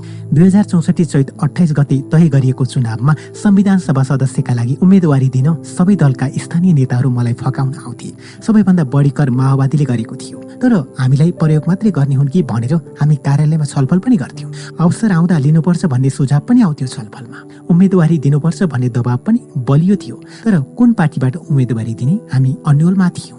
मञ्चको तर्फबाट पनि मलाई संविधान सभा सदस्यमा उम्मेदवारी दिन दबाव थियो। कुन पार्टीमा लाग्ने सोचेर निर्णय गर्नुहोस् भनेर त्यस्तो निर्णय गर्ने अधिकार म माथि नै छाडिदियो मञ्चले। सोही क्रममा माओवादीका विक्रमको नेतृत्वमा नागरिकता र बायोडाटा माग्न एउटा टोली घरमै आयो। मलाई उम्मेद्वार बनाउँछु भने। मैले मसँग नागरिकता छैन भने आजै नागरिकता बनाउनुहोस्। हामी भोलि आउँछौँ भनेर उनीहरू फर्किए। उनीहरू बाहिरिने बित्तिकै काङ्ग्रेसको तर्फबाट अर्को समूह आयो। त्यसपछि एमाले माले लगायतका धेरै दलले मलाई आग्रह गरे। म निर्णय गर्न सकिरहेकी थिइनँ। मञ्चको तर्फबाट पनि चाँडै निर्णय गर्नुपर्छ भनेर दबाव आइरह्यो। धेरै सोच विचार गरेर एउटा पार्टी छान्ने निर्णय गरे। मेरो झुकाव यसअघि नै एमालेप्रति बढी थियो। म कमलरी बसेको घरका जमिनदार नै काङ्ग्रेस काङ्ग्रेसका सदस्य थिए। त्यसैले उनको व्यवहारबाटै काङ्ग्रेसमा लाग्न मन थिएन। माओवादीको मुद्दा मन पर्थ्यो। उसको क्रान्तिकारी नाराले मलाई आकर्षित नगरेको होइन। सहयोग र साथ पनि दिएकी थिए। राति आफ्नो झोपडीमा आएका माओवादीलाई खुवाउने र बाह दिने काम पनि गरेकी थिए। तर उसको मान्छे काट्ने प्रवृत्तिले मलाई उनीहरूसँग लाग्न दिँदै थिएन। उसको उग्रता त झन् सह्य हुने खालकै थिएन। प्रचार प्रसारका क्रममा पार्टीका साथीहरूले निकै सहयोग गरे। त्यही क्रममा अलिअलि बोल्न सक्ने भइसकेकी थिए। भूमि अधिकार मञ्चमा लाग्दा भाषण गर्न पनि जानेकी थिए। चुनावी प्रचार प्रसारमा जाँदा चप्पलको तुना जोडिन्थ्यो। साथीहरूले त्यसलाई रसी हालेर बनाइदिन्थे। पार्टीमा लागेपछि सहयोग हुँदो रहेछ भन्ने महसुस भयो। जस्तो समस्या परे पनि पार्टीका साथीहरूले सहयोग गर्थे। चुनाव आउन एक दुई दिन मात्र बाँकी थियो। मैले आमालाई सोधेँ आमा तपाईँ भोट कसलाई दिनुहुन्छ? उहाँको उत्तर थियो एउटा भोट तेरो पार्टीलाई दिन्छु अर्को भोट माओवादीलाई। चुनाव जित्नलाई तीनवटा प्रमुख पार्टीका नेता र कार्यकर्ता बीच तछाड मछाड थियो। माओवादीले सबै आवारा फुटपाथी युवालाई भोज खुवाएर प्रचार प्रसारका लागि परिचालन गरेको थियो। माओवादीले पैसा शक्ति बल सबै लगायो। निर्वाचन क्षेत्रमा उसले आफ्नो मात्रै प्रतिनिधि बस्न सक्ने वातावरण खडा गरेको थियो। एमालेको तर्फबाट निर्वाचन स्थलमा प्रतिनिधि एजेन्ट नै थिएनन् मेरो गाउँमा सबै माओवादी मात्रै प्रतिनिधि थिए। माओवादीले पैसा बल डर त्रास र धम्कीले चुनाव जितेको आफ्नै आँखाले देखे। महसुस गर्न पाए। चुनाव जित्न यतिसम्मको झुट र अनियमित काम गर्दा रहेछन् भन्ने जानकारी भयो। हुन त राजनीतिमा लागेको मेरो कमै समय भएको थियो तर पनि राजनीतिबारे धेरै सुनेकी थिएँ। यसरी सुनेको कुरा चुनावमा प्रत्यक्ष देख्न नै पाएँ। माओवादीले आफ्नो तर्फबाट कमैयालाई उम्मेद्वार बनाएको थियो। एमाले भूमिहीनलाई उम्मेद्वार बनाएको थियो।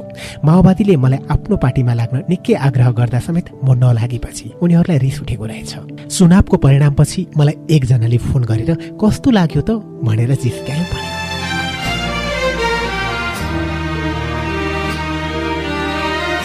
हुन पनि माओवादीले राप्ती अञ्चलको सबै निर्वाचन क्षेत्रबाट चुनाव जितेको थियो। सबै ठाउँमा चुनाव जितेपछि उसलाई घमण्ड हुनु स्वाभाविक थियो। केही समयपछि समानुपातिकको तर्फबाट संविधान सभा सदस्य छान्ने कुरा चल्यो। मैले आफूलाई बनाउनु पर्छ भनेर कुनै माग गरेकी थिइनँ। मलाई बनाउलान् भन्ने पनि लागेको थिएन। त्यति बेला मेरो छोराको हात भाँचिएकोले म उपचारका क्रममा नेपालगञ्जमा थिएँ। केही साथीले मलाई फोन गर्नुभयो अनि माननीय भनेर जिस्क्याउनु भयो माननीय भनेको के हो? बुझेकी थिइनँ। किन यस्तो भनेका होलान् भन्ने मात्र लागिरह्यो। छोराको उपचारपछि घर पुग्दा राति अचानक शङ्कर पोखरेलकी बहिनी मेनकाले फोन गरिन्। उनले तिम्रो नाम समानुपातिकमा छ भन्ने खबर सुनाइन्। म झसङ्ग भएँ। महेश चौधरीको श्रीमतीको नाम पनि शान्ता चौधरी हो। म होइन उनी होलिन् भने।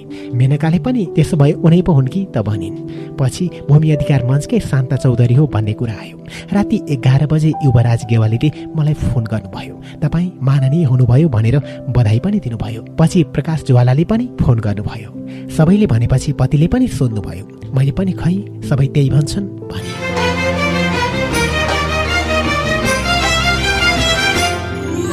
तिन चार दिनसम्म कुन शान्ता भन्ने बारे ममा अस्पष्टता रह्यो। मेरो खास नाम शान्ता भए पनि गाउँमा सबैले शान्ति नै भन्थे। त्यसैले को हो भनेर निर्कुल गर्न गाह्रो भएको थियो। पत्र पत्रिकामा पनि भूमि अधिकार मञ्चकी शान्ता समानुपातिक कोटाबाट सभासद भइन् भनेर समाचार आए। अनि त बधाईको लहर नै चल्यो। म आफै सभासद भएको स्पष्ट खोलेपछि सबैभन्दा पहिले यो खबर आमालाई सुनाए। उहाँले सभासद भनेको के हो भनेर सोध्नुभयो। के भनौँ? मलाई पनि थाहा थिएन। मैले आमालाई जानेको कुरा भने म अब ठुलो मान्छे भएँ। मेरो अगाडि पछाडि प्रहरी हुन्छ। अनि आमाले पैसा पाउँछस् कि पाउँदिनस् भनेर पुनः सोध्नुभयो। पाइन्छ होला भने। केही बेरपछि मलाई पार्टीका साथीले फुलमाला र अबिरले रङ्गाइदिए गाउँमा एउटा कार्यक्रम नै आयोजना गरेर बधाई ज्ञापन गरेका थिए। त्यस्तो खुसी देखेपछि आमाले आँसु थाम्न सक्नु भएन मलाई देख्ने बित्तिकै बरर आँसु चुहाउनु भयो। तर त्यो आँसु सदाको जस्तो दुःख र पीडाको थिएन। जीवनमै कहिले महसुस हुन नसकेको खुसीको आँसु थियो। पति कामको सिलसिलामा काठमाडौँमै हुनुहुन्थ्यो। सभासद भएको पक्का भएपछि फोन गरेर सुनाए। उहाँ पनि अचम्मित हुनुभयो। अब केही दिनमै म पनि काठमाडौँ आउँछु भने। म सभासद भएको थाहा पाएपछि सभासदको पतिलाई के काममा लगाउनु भनेर काम दिने विद्यालयले उहाँलाई घर फर्काइदियो। सभासद भनेको के होला? अब के गर्नु पर्ला? जस्ता जिज्ञासाले रातभर निदाउन सकिन।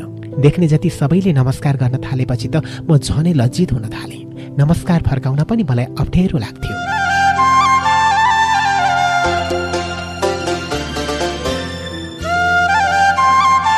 त्यसपछि दिनहु जसो स्वागत कार्यक्रम भयो। स्वागत थाप्दा थाप्दा अबिरले अनुहारको छाला नै फुटेको थियो। फुलको मालाको भारीले ठुलो जिम्मेवारी आएको महसुस हुन्थ्यो। स्वागत पाएर एक मनले खुसी थिए अर्को मनले चिन्तित पनि। यतिका फुलको मालाको भारी अनुसार काम गर्न सक्छु कि सक्दिनँ भनेर चिन्तित हुन्थे किनकि सबैले मलाई जनताको भूमिहीनको मुक्त कमैयाको कमलारीको हितमा संविधान बनाउनुहोस् भनेर शुभकामना दिइरहेका थिए। म पनि आफ्नो तर्फबाट सक्दो प्रयास गर्छु भनेर प्रतिबद्धता जनाउँथे। केही दिनपछि पार्टी कार्यालयबाट काठमाडौँ आउनु भन्ने खबर आयो। काठमाडौँ आउँदा हवाईजहाजको बाटो आउनुहोस् भन्ने सुझाव थियो। तर आफूसँग फुटेको कौडी थिएन। बच्चा बच्ची कहाँ राख्ने र के खुवाउने भन्ने चिन्तामा परे। यद्यपि मलाई काठमाडौँ आउनै पर्ने थियो। छोराको त्यही बेला हात भाँचिएको थियो। छिमेकी कहाँ गएर बच्चालाई राखिदिनु गाई गोरुको लागि घाँस काट्न सघाइदिन्छ भने। बच्चालाई अरूको घरमा राख्ने र काममा लगाउने सोच मेरो थिएन। तर त्यो स्थिति बाध्यात्मक थियो। छोरोको भाँचिएको हातमा अरूले हान्देलान् भन्दै रुन थाल्यो। अरूलाई नहान्न भनेर जानुस् र आउँदा लुगा ल्याइदिनुहोस् है त? भन्दै छोराले अनुमति दियो। नौ वर्षको छोरा र सात वर्षकी छोरी छाड्न गाह्रो भयो। एकजना आफन्तसँग पैसा मागे। उनले एक हजार रुपियाँ दिए। त्यसले प्लेनमा जान सम्भव थिएन। त्यसैले बसबाटै काठमाडौँ गए। जुन मेरो काठमाडौँको दोस्रो यात्रा थियो। सभासद भएर आउँदा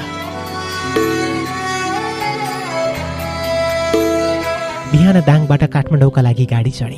काठमाडौँ त आइपुगे तर जाने कहाँ? अन्यलमा परे। राष्ट्रिय भूमि अधिकार मञ्चको केन्द्रीय कार्यालय धापासीमा थियो। अघिल्लो पटक गइसकेकाले सरासर त्यही जाने निदो गरे। मञ्चका साथीहरूलाई बाटो पत्ता लगाउन सक्दिन भनेर फोन गरे। सामाखुसीसम्म आउनुहोस् हामी लिन आउला भन्नुभयो तर मलाई सामाखुसी पनि पत्तो थिएन।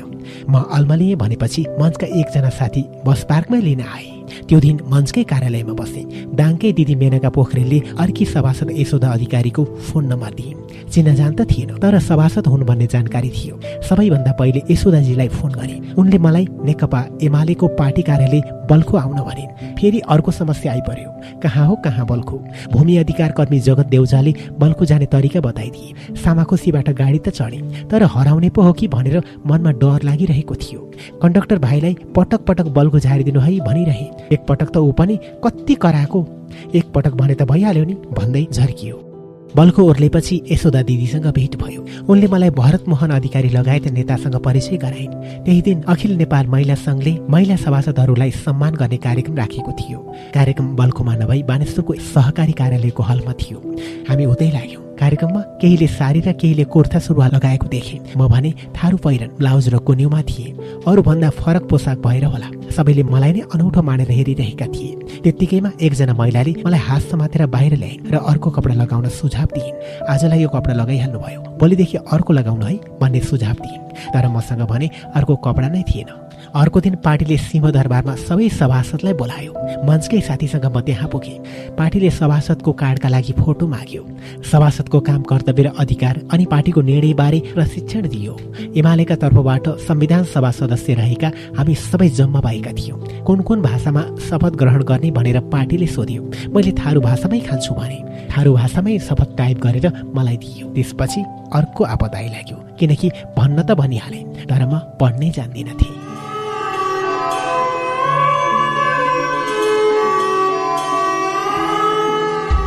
शपथ खान जाँदा खान तलासी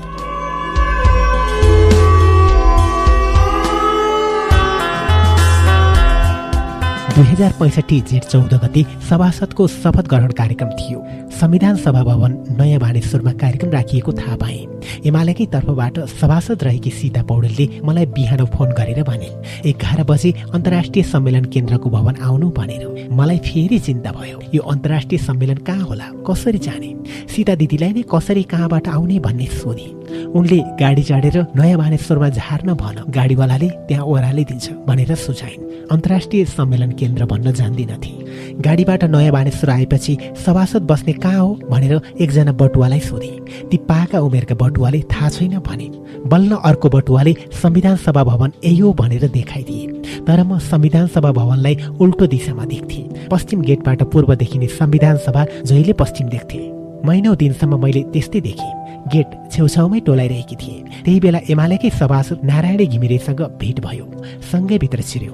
शपथ लिन जाँदा पनि त्यही थारू पहिरनमै गए।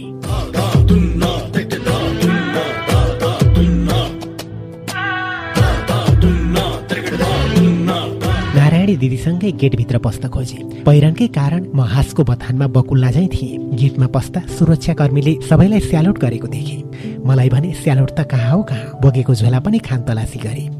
गाउँबाट आएकी मान्छे सायद सुरक्षाकर्मीलाई म सभासद भएको विश्वासै भएन। त्यही भएर खान तलासी गरी सभासद भनेका राम्रा कपडा लगाउने र ठुला मान्छे मात्र हुन्छन् भनेर सोचेका होला सुरक्षाकर्मीले पनि। तर म पनि गाउँले जुत्रो पुरानो थारू पहिरन लगाएकी। उसो त अन्य आदिवासी जनजाति सभासद पनि प्राय आफ्नै पोसाकमा थिए त्यो दिन। भित्र पस्दा सभासदहरू एकअर्कासँग गफ गरेर हाँसिरहेका थिए। मेरो भने चिने जानेको खासै कोही थिएन। एक्लै कुनामा चुपचाप बसे संविधान सभाको भवन निकै बेर निहाले। पहिलोचोटि यस्तो भवन देखेकाले होला। अचम्मै लाग्यो। सबैतिर आँखा दौडाए छ सय एकजनाको रङ्गीचङ्गी पोसाकले संविधान सभा परिसर खचाखच भरियो। लाग्थ्यो ठुलै मेला लागेको छ। त्यो रमणीय वातावरण देखेर मलाई एक हिसाबले खुसी र रमाइलो भइरहेको थियो। तर चिने जानेको कोही नभएकाले एक्लै बस्नु पर्दा भने एकदमै असजिलो महसुस भइरहेको थियो। सबैजना संविधान सभा भवनभित्र पसेको देखेपछि म पनि उनीहरूकै पछि लागेँ। सीता यशोदा नारायणी दिदीहरू मलाई छाडेर अन्य साथीसँग भित्र पसेछन् क्यारे। सबै बसेको देखेर म पनि भित्र गएर अगाडिको एउटा सिटमा बसेँ। सबै मिलेर बस्ने होला जस्तो लागेको थियो। तर म बसेको ठाउँ त अर्कै पार्टीका लागि छुट्याइएको ठाउँ पो भनेछ अनि हत्त नपत्त एकजना एमालेकै सभासदले मेरो हात समातेर एमालेको लाइनको सिटमा लगेर बसाइन्। मलाई अलि लाज र अप्ठ्यारो महसुस भयो। पहिलो दिन भएर होला संविधान सभा अध्यक्ष उपाध्यक्ष चयन भइसकेको थिएन ज्येष्ठ सदस्यको हैसियतले नेपाली काङ्ग्रेसका कुलबहादुर गुरुङले सभासदहरूलाई दुई हजार पैँसठी जेठ चौध गति शपथ खुवाएका थिए अधिकांश सभासदले आफ्नै भाषामा शपथ ग्रहण गरेका थियौँ शपथ खाएपछि बैठक सकियो आ आफ्नो गन्तव्य लाग्यो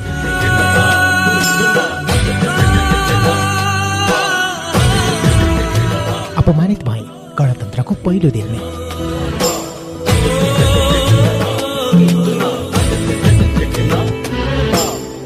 दुई हजार पैँसठी जेठ पन्ध्र गति संविधान सभाको पहिलो बैठक बोलाइएको थियो। शपथ ग्रहणकै दिन भोलिपल्टको बैठकको सूचना जारी गरिएको थियो। सोही अनुसार सबै सभासद अर्को दिन बानेश्वर भवन पुगेका थियो। भित्र पस्दा पहिलो दिन चाहिँ अप्ठ्यारो भयो। टोरा बच्चा जस्तो अनुभव भयो। मेरो पोसाकले पनि होला। मेरो नजिक कोही पर्न चाहन्नथे खाजा खाने बेला पनि कोही नजिक बस्न नआउने। सोही दिन एकजना सभासदले मतिर औँला देखाउँदै आफूसँग रहेकी अर्की सभासदलाई भनेकी थिइन्। यस्ता यस्ता मान्छे पनि सभासद चुनेर आएछन्। उनको कुरा सुनेपछि मलाई अपहेलित भएको महसुस भयो। तिनी कुन पार्टीकी सभासद थिइन् त्यति बेला मैले चिन्न सकिनँ। पछि चिने रातादेवी तिमसिना रहेछ तिनको नाम। त्यसै गरी काङ्ग्रेस सभासद सरस्वती चौधरीले पनि मलाई देखाउँदै एमाले सभासदसँग भनेकी थिइन्। तिम्रो पार्टीका सभासद कस्ता छन् कि यस्तो कपडा लगाएर आउँछन् हाउसमा। कमसेकम राम्रो कपडा लगाउन त सिकाऊ। मैले नसुने चाहिँ गरेँ। म थारू पोसाकमै थिएँ। मसँग लगाउने अर्को कपडा नै थिएन। जसले जे भने पनि त्यही कपडा लगाउनु मेरो बाध्यता थियो। पहिलो बैठक बस्ने भनी हामी भित्र बाहिर गरिरहेका थियौँ। बाहिर संविधान सभा परिसर नयाँ बानेश्वर नारा जुलुसले गुन्जयमान थियो। त्यो नारा जुलुस विरोधको नभई गणतन्त्रको स्वागतका लागि थियो। पटाका पड्किरहेको आवाज गुन्जिरहेको थियो। दीपावली जस्तै रङ्गीचङ्गी वातावरण थियो त्यो दिन। राति बाह्र बजिसकेको थियो तर पनि बैठक सुरु भएको थिएन। बैठक सुरु नहुँदै संविधान सभाको बाहिर गेटमा बम पड्केको आवाज सुनियो। सभासदहरू पनि आतंकित भयो। रातको बाह्र बजी बल्ल बैठक सुरु भयो। बैठकको अध्यक्षता ज्येष्ठ सदस्यको नाताले कुलबहादुर गुरुङले गर्नुभएको थियो। सबै दलको सहमति अनुसार पहिलो बैठक बारे अध्यक्ष गुरुङले गणतन्त्रको प्रस्ताव राखेपछि सबै सभासदले तालीले स्वागत गर्यो। बाहिर जस्तो वातावरण थियो गणतन्त्रको स्वागतले संविधान सभाभित्र पनि वातावरण गुन्जयमान भयो। सायद मुलुकका लागि पहिलो उपलब्धि भएर होला। सभासदहरूको पनि खुसीले खुट्टा भइमा थिएन। मेरा लागि त झन् त्यो वातावरण बेग्लै हुनु स्वाभाविकै थियो। सामान्य गाउँबाट आएकी मलाई त्यस्तो वातावरण देख्दा चमत्कार चाहिँ लाग्थ्यो जुन अस्वाभाविक पनि थिएन।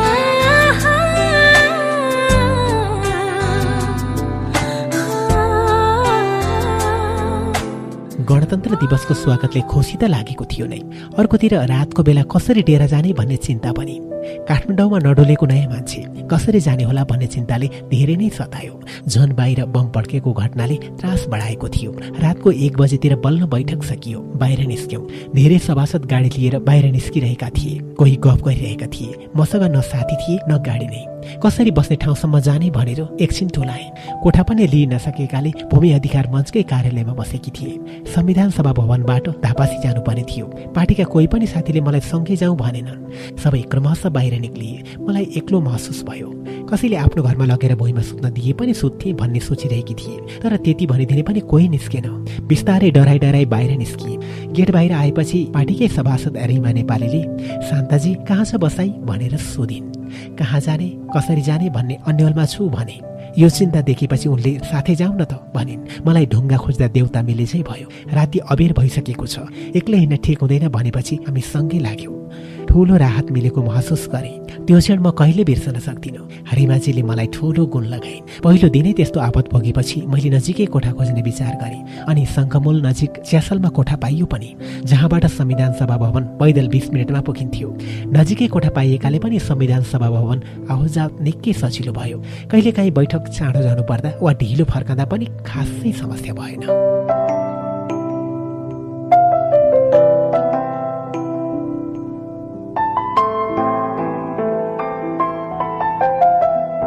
कोठा व्यवस्थापनका लागि भनेर सबै सभासदलाई दिएको पन्ध्र हजार रुपियाँ मेरो पनि हात परेको थियो। मैले यसअघि यति धेरै पैसा कहिले देखेको थिइनँ। त्यसैले एकमुष्ट पन्ध्र हजार पाएपछि छक्कै परे। पैसा झोलामै राख्थे। दिनको दस बाह्र पटकसम्म त्यसलाई सुमसुम्याउँथे। त्यो पैसाले लगत्तै दुई जोर साडी किने पाँच सय दरका एक सयको चप्पल किने भने बच्चाका लागि एक एक जोर कपडा पनि किनिहाले। मैले बच्चाका लागि नयाँ कपडा किनिदिएको यो नै पहिलो पटक थियो। भसीको पैसाले कोठा र भान्साको सामान किने। यति गरिवरी आमाका लागि भनेर दुई हजार रुपियाँ जोगाए पनि। संविधान सभा अध्यक्षमा एमालेका तर्फबाट सुभाष चन्द्र नेवाङ चयन हुनुभयो। गणतन्त्र नेपालको पहिलो राष्ट्रपतिमा काङ्ग्रेसका तर्फबाट डाक्टर रामवरण यादव र पहिलो प्रधानमन्त्रीमा एकीकृत नेकपा माओवादीका तर्फबाट पुष्पकमल दाहाल प्रचण्ड निर्वाचित हुनुभयो। केही दिनपछि पार्टीका तर्फबाट संसदीय दलको कार्यालयमा प्रमुख सचेतक भीमप्रसाद आचार्यलाई सोधेर म दाङ गएँ गाउँ पुगेपछि म माइत गएँ। बाटाभरि गाउँलेहरू बधाई दिइरहेका थिए। म आमालाई भेट्न आतुर थिएँ। मलाई देख्ने बित्तिकै आमाले अङ्गालो हाल्नुभयो। जतिखेर उहाँको आँखाबाट खुसीको आँसु झरिरहेको थियो।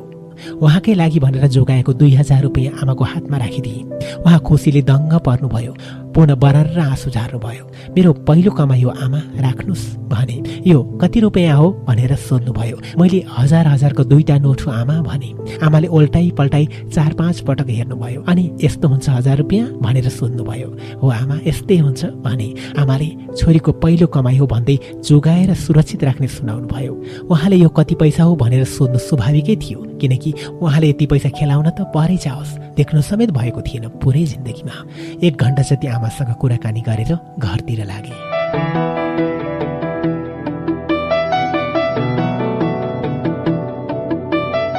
पुग्दा बच्चाहरू छिमेकीको गाई भैँसीका लागि घाँस काट्न गएका रहेछन्। आमा आएको थाहा पाएपछि दौडेर घर आइपुगे। मलाई देखेर बच्चा निकै खुसी भए उनीहरूलाई अङ्गालो मार्दै साथमै रहेको नयाँ कपडा झिकेर देखाए। छिमेकीलाई बच्चाको स्याहार गरिदिए बापत भन्दै धन्यवाद दिए। एक दुई दिन बच्चासँग बसे। दुई दिनपछि फेरि काठमाडौँ फर्कनुपर्छ भनेर बच्चाहरूलाई सुनाए। उनीहरू अब हामी पनि काठमाडौँ जाने भन्न थाले। म पुगेको दुई दिनपछि श्रीमान पनि घर आउनुभयो। अर्को दिन म बच्चा बच्चीको जिम्मा उहाँलाई लगाएर पुनः काठमाडौँ फर्किएँ। त्यसपछि त संविधान सभा बैठकमा नियमित जानुपर्ने भयो। त्यसका अतिरिक्त विभिन्न सङ्घ संस्थाको कार्यक्रममा पनि निम्त आउन थाल्यो। संविधान सभा सदस्य भए पनि मलाई लेख्न पढ्न आउँदैन थियो। जमिनदारको घरमा कमलरी जीवन बिताएकोले स्कुल जाने अवसर पाएकी थिइन। संसद बैठकमा नियमित जान्थे र ध्यानपूर्वक सबै कुरा सुन्थे। मेरा लागि यी सबै विषय नयाँ थिए। गर्ने र सिक्ने अवसर प्रशस्तै थियो मेरा लागि। गाउँ जाने आउने क्रम पनि जारी थियो। प्राय जसो महिना महिनामा गाउँ जान्थे। एक डेढ महिनापछि बिस्तारै सुरुमा लगाएको लुगा ब्लाउज र गुन्यु फेरे साडी लगाउन सुरु गरे। धेरै साथीले कपडाबारे टिका टिप्पणी गरेपछि मैले गाउँबाटै लगाएको पोसाक परिवर्तन गरेकी थिएँ। सभासदहरूसँग पनि बिस्तारै चिनाजान बढ्यो पार्टीभित्रका सभासद बाहेक अन्य पार्टीका सभासद तथा नेताहरूसँग पनि चिनाजान भयो।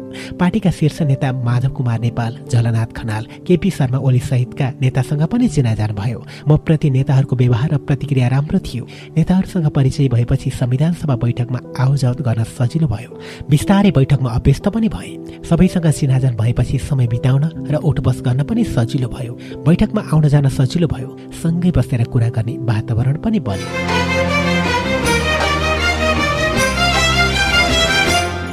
एमाले संसदीय दलका प्रमुख सचेतक भीमप्रसाद आचार्यले सिंहदरबार संसदीय दलको कार्यालयमा बोलाएर मलाई प्राकृतिक स्रोत तथा साधन समितिको सभापति बनाउन लागेको सुनाउनु भयो म डराएँ। मलाई केही आउँदैन। कसरी गर्ने भनेर उहाँलाई नै सोधेँ। उहाँले गाली गरे जस्तो गरेर समस्या नपर्ने बताउनु भयो समस्या परे पनि हामी सहयोग गरौँला भन्नुभयो। भोलिपल्ट समितिको हलमा बैठक बोलाइएको थियो। मलाई सभापति बन्ने प्रस्ताव आयो। मेरो प्रस्तावकमा रत्न गुरुङ र समर्थकमा यशोदा अधिकारी थिए। दुई हजार पैँसठी पुस अठाइस गते बसेको बैठकले मलाई सभापति जस्तो सम्मानित पदमा चयन गर्यो। भोलिपल्ट उन्तिस गते सभापतिको शपथ खाएँ। सभापतिमा चयन भएपछि खुसी त लाग्यो। सँगै चिन्ता पनि। जलानाथ खनाल गगन थापा लक्ष्मण घिमिरे पृथ्वी सुब्बा गुरुङ सहितका ठुल्ठुला नेता समितिको सदस्य हुनुहुन्थ्यो। यति ठुल्ठुला नेताका अगाडि म समितिको बैठक कसरी सुचारू गरौँला भन्ने बारे निकै चिन्ता लाग्यो। समितिमा सन्ताउन्नजना सदस्य थिए। व्यवस्थापिका संसद अन्तर्गतको दसवटा समितिमध्ये प्राकृतिक स्रोत तथा साधन समिति पनि एक थियो।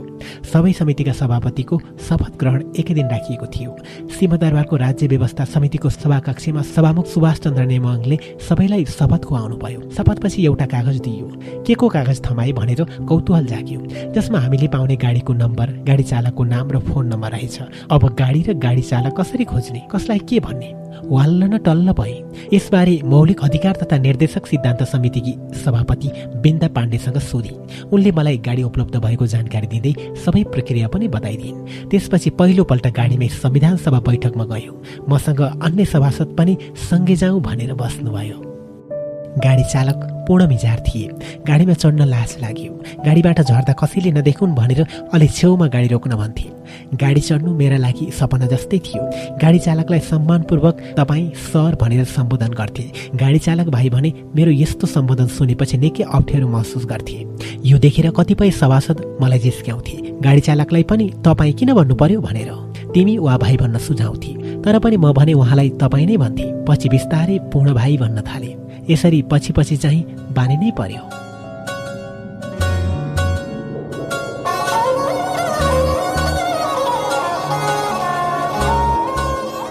औठा छाप सभासदको बिल्ला।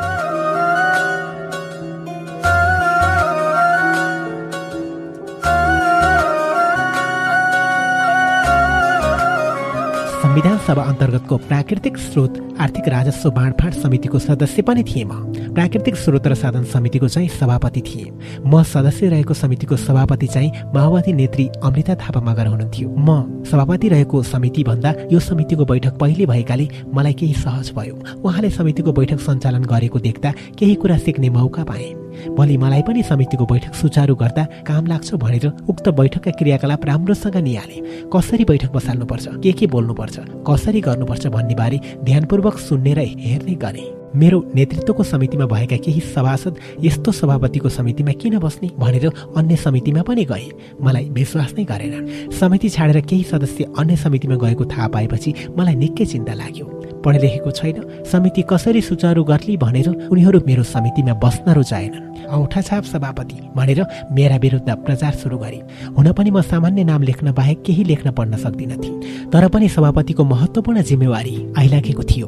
सोच्थे यिनीहरूले मलाई नपत्याउनु स्वाभाविकै होला तर पनि मैले हिम्मत हारिनँ। जसरी तसरी चलाउला भन्ने सोचे संविधान सभा तथा व्यवस्थापिका संसद बैठकमा बोल्ने हिम्मत गरे। सबैले मलाई केही गर्न नसक्ने औठा छाप सभापतिको आरोप लगाएकाले पनि मैले केही गरेर देखाउनु पर्छ भन्ने अठोट गरे। अन्य महिला सभासदले बोलेको सुनेपछि उनीहरूले जति म पनि बोल्न सक्ने रहेछु भन्ने आँट आयो। त्यसपछि मेरो हिम्मत पनि बढ्दै गयो।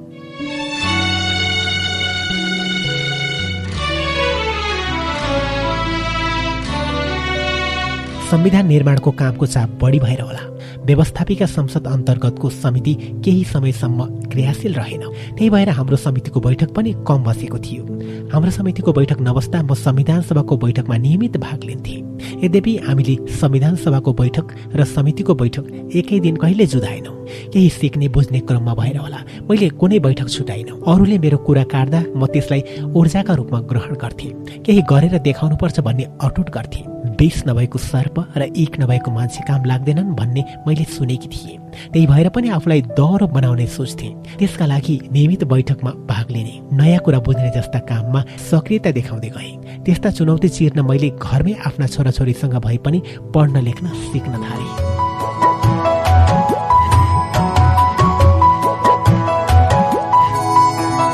प्रहरी देख्दा आमा झसङ्गै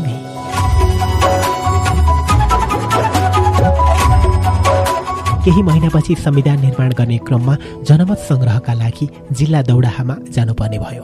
सबै समितिका सभापतिको संयोजकत्वमा फरक फरक टोली गठन भएको थियो। मेरो संयोजकत्वमा पनि एउटा टोली गठन भयो। मेरो टोलीमा निलम्बर आचार्य शिवराज गौतम धीरेन्द्र श्रेष्ठ रुक्मणी चौधरी दामा शर्मा लगायत तेह्रजना सदस्य थियौँ।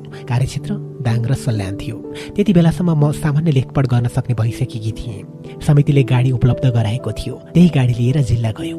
गाडी लिएर जाँदा मनमा चिन्ता लागिरहेको थियो। गाडी देखाउन सभासदहरू आएछन् भनेर सर्वसाधारणले भन्लान् कि भन्ने डर थियो। हामी जिल्ला आउँदा प्रमुख जिल्ला अधिकारीलाई खबर गरेका थियौँ। त्यहाँ पुग्दा सुरक्षा व्यवस्था मिलाइएको थियो। प्रहरीको बाक्लो सुरक्षासँगै हामी गाउँ पुग्यौँ। त्यहाँ पुग्दा गाउँका जमिनदार सर्वसाधारण सबै हामीलाई हेर्न आएका थिए। म घरमा पुग्दा आमा निकै बेर मलाई हेर्नुभयो। सायद प्रहरी बीच देख्दा उहाँलाई आश्चर्य लागेको होला। प्रहरी देख्दा आमा निकै डर मान्नुहुन्थ्यो। सायद हाम्रो झुपडी जलाउन आउँदा प्रहरी समेत आएको देखेर आमाले त्यही सम्झनु भएको होला। त्यति बेला प्रहरीले हामीलाई कुट्ने पिट्ने गरेर कम्ता दुःख दिएको थिएन।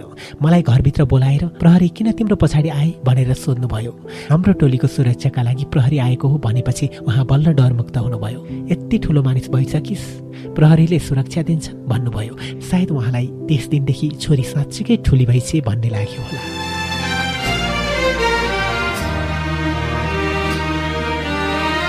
मसँगै दाङ आउनुभएका साथीहरू घोराई स्थित होटेलमा बास बस्नुभयो। म चाहिँ आफ्नै घरमा बसेँ। भोलिपल्टदेखि जनमत सङ्कलनको काम सुरु गर्नु थियो। दाङको चौलाही गाविसबाट जनमत सङ्कलन सुरु गर्यो। तिन तिनजनाको टोली बनायो। सल्यानमा दुई र दाङमा दुई टोली सुझाव सङ्कलनका लागि निर्धारण गरेका थियौँ। त्यस क्रममा कुनै जाति वर्ग लिङ्ग क्षेत्र नछुटोस् भन्ने बारे हामी सचेत थियौँ। यस क्रममा कतै स्वागत पाइयो कतै गाली त कतै ताली पनि पाइयो। सुझाव सङ्कलन फारम लेखेर भर्नुपर्ने खालको थियो। सबैजना लेख्न नसक्ने भएपछि हामीले मौखिक उत्तर दिन पाउने व्यवस्था पनि गरेका थियौँ। लिखित भन्दा बढी मौखिक सुझाव आयो। गाउँमा पढे लेखेका मान्छे कम भएर पनि त्यसो भयो सायद दुई जिल्लाको कुनै गाविस क्षेत्र नछुटाई सुझाव सङ्कलन गर्यौँ तेइस दिन लगाएर। दुई हजार पैँसठी फागुन सोह्र गते हिँडेको हाम्रो टोली दुई हजार पैँसठी चैत नौ गते काठमाडौँ फर्कियो। नमस्कार एवं हार्दिक स्वागत छ। कार्यक्रम कृति बकलको व्यवसायमा प्राविधिक साथी कृष्ण संयोगसँगै म पवन खड्काको। धौलागिरी एफएम अन्ठानब्बे दशमलव छ मेगा हजबाट हरेक शनिबार बेलुका नौ तिसदेखि दस बजीसम्म कार्यक्रम कृति बगल प्रसारण हुने गर्छ। कार्यक्रममा साहित्यिक पुस्तकहरूको पठनको पहुँचबाट टाढा रहनुभएका श्रोता एवं पाठकहरूको तृष्णा मेटाउने चेष्टा गरेका छौँ। यस्तै उत्कृष्ट साहित्यिक पुस्तकहरूको पठनको क्रममा अहिले हामी पूर्व सभासद शान्त चौधरीको कमलरीदेखि सभासदसम्म पुस्तक वाचन गरिरहेका छौँ। यो पुस्तक सभासदको आफ्नै अनुभवहरूको सङ्गालो हो जसमा आफ्नै व्यथा कथाहरू समाविष्ट गरिएका छन्। आफ्नै लगन परिश्रम र मिहिनेतले सभासदसम्म पुग्नुभएका शान्त चौधरीको वास्तविक सङ्घर्षको कथा कहाँबाट सुरु भएको छ त? यहाँहरूले सुनिसक्नु भएको छ कि कमलरी जीवनका कष्टप्रद यात्राहरू अनि सङ्घर्षरत उहाँका दिनहरू बिस्तारै सङ्घर्षसँगै जवानीका चरणहरू वैवाहिक जीवन पारिवारिक अवस्था कर्मिक रूपमा उहाँ सभासदको रूपमा प्रवेश गरेपछि पनि उहाँले झेल्नु परेका विविध बाधा व्यवधानहरू के कस्ता रहे त सुन्दै हुनुहुन्छ। पठनको क्रममा हामी नवौं भागसम्म पुगिसक्दा उहाँले संविधान सभा भवनभित्र प्रवेश गर्दा पनि निकै कठिन चरणहरू पार गर्दै हुनुहुन्छ। अरूहरूले उहाँलाई उहाँको पहिरन उहाँको लय खयप्रति देखाउने धारणाहरू पनि स्पष्ट भइसकेका छन्। अब यसभन्दा अगाडि के होला त? हुन्छ त सुरु गरौँ। पेज नम्बर एक सय उन्नाइसदेखि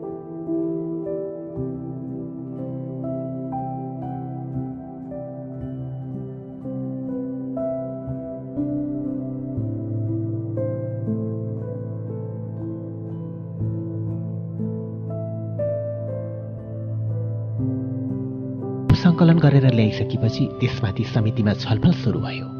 हामीले ती सुझाव एक हप्तासम्म अध्ययन गर्यौँ भरेर ल्याइएको फारम र टिपिएको मौखिक सुझाव पनि गहिरोसँग अध्ययन गर्यौँ सबै सुझाव समितिमा छलफल गर्न भ्याइएन। सुझाव विभिन्न प्रकारका थिए। त्यसमा भएका ठिक सुझाव थप परिमार्जन गर्यौँ र बेठिक सुझाव छाड्यौँ।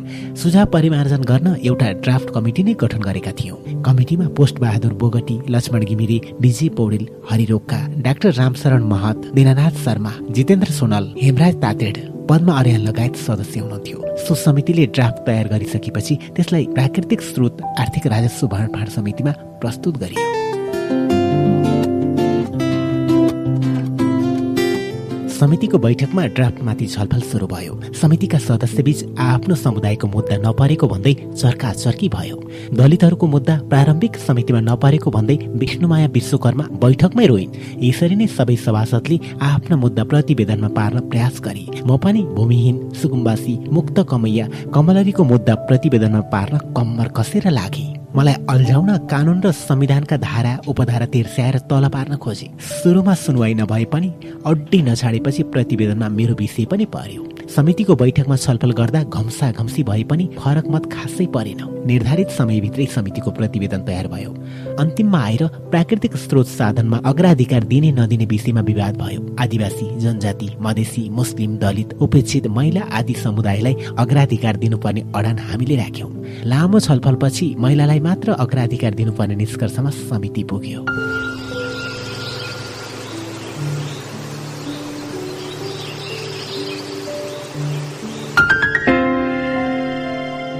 मैले वर्ग अनुसारको महिलालाई अधिकार दिनुपर्ने अडान राखेकी थिएँ।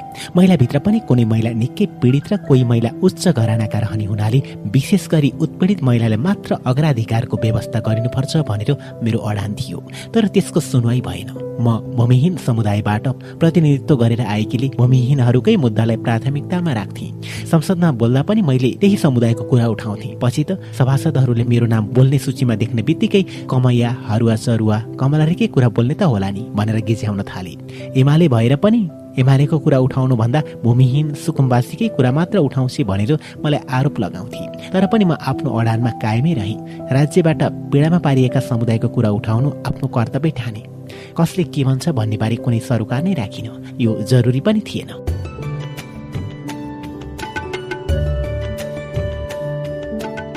पक्कै पनि महिला उत्पीडनमा थिए तर महिलाको मुद्दा उठाउने थुप्रै महिला थिए। संसदमा एमाले काङ्ग्रेस र माओवादीको मुद्दा उठाउने पनि थुप्रै सभासद थिए। त्यही सोचेर मैले त्यो कुरा भन्दा पनि भूमिहीन उत्पीडित र अल्पसङ्ख्यकको मुद्दामै जोड दिने विचार गरेकी थिएँ। थुप्रै बहस र छलफलपछि समितिको प्रारम्भिक प्रतिवेदन तयार भयो। अन्य समितिमा थुप्रै विवाद फरक मत भएको सुनिए पनि हाम्रो समितिमा खासै फरक मत आएन। मुआब्जाको विषयलाई माओवादीले एकलौटी तरिकाले बहुमतका आधारमा पारित गरे पनि त्यसमा काङ्ग्रेस एमाले र मधेसी मोर्चाको फरक मत थियो। दुई हजार छेसठी साल मङ्सिर बाइस गते समितिको प्रतिवेदन पारित भयो। घेराउ र धम्कीको चुङ्गुलमा। संविधान सभा अन्तर्गतका समितिको काम सकिएपछि व्यवस्थापिका संसद अन्तर्गतका समिति सक्रिय भए। प्राकृतिक स्रोत र साधन समिति पनि संसद अन्तर्गतको एउटा समिति थियो।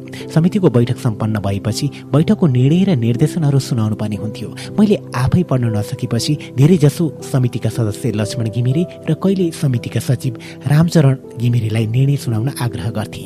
बैठकमा सहभागी प्रेसका साथीहरूले कहिलेकाहीँ निर्णय आफै पढेर सुनाउनुहोस् न दिदी भनेर आग्रह गर्थे। तर मलाई पढ्न सजिलो सजिलो थिएन। सायद पत्रकारलाई मेरो बारेमा जानकारी नभएर होला त्यस्तो आग्रह गर्नुभएको।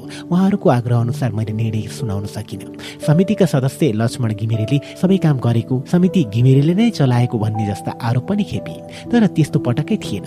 सहयोग सबै सदस्यसँग लिनुपर्ने हुन्थ्यो। सबै सदस्य मेरा लागि समान थिए। लक्ष्मण घिमिरे मेरो नजिकैमा बस्ने हुनाले पनि निर्णय पढ्न उहाँलाई नै लगाउँथे। बैठकमा पनि उहाँ नियमित आउने। सहयोगी भावना पनि थियो उहाँमा।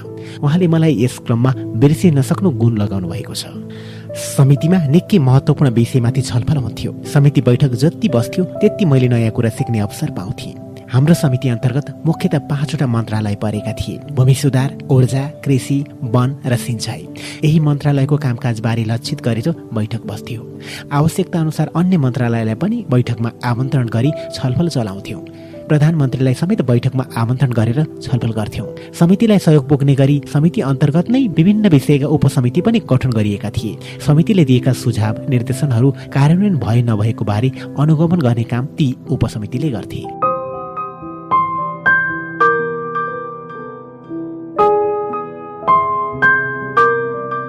समितिले वनको संरक्षण समस्या र समाधान पश्चिम सेती जलविद्युत परियोजना गैँडा संरक्षण तथा पहिरो नल्लो क्षेत्रको ढुङ्गा खानी र नल्लो खोलाको बहाव क्षेत्रको अतिक्रमण काठमाडौँ उपत्यका खानेपानी खानी तथा भूगर्भ क्रसर उद्योग चुरे भावर लगायतका क्षेत्रमा ढुङ्गा गिट्टी बालुवा उत्खनन र निकासी बारे अध्ययन गरी प्रतिवेदन पेश गरेको थियो।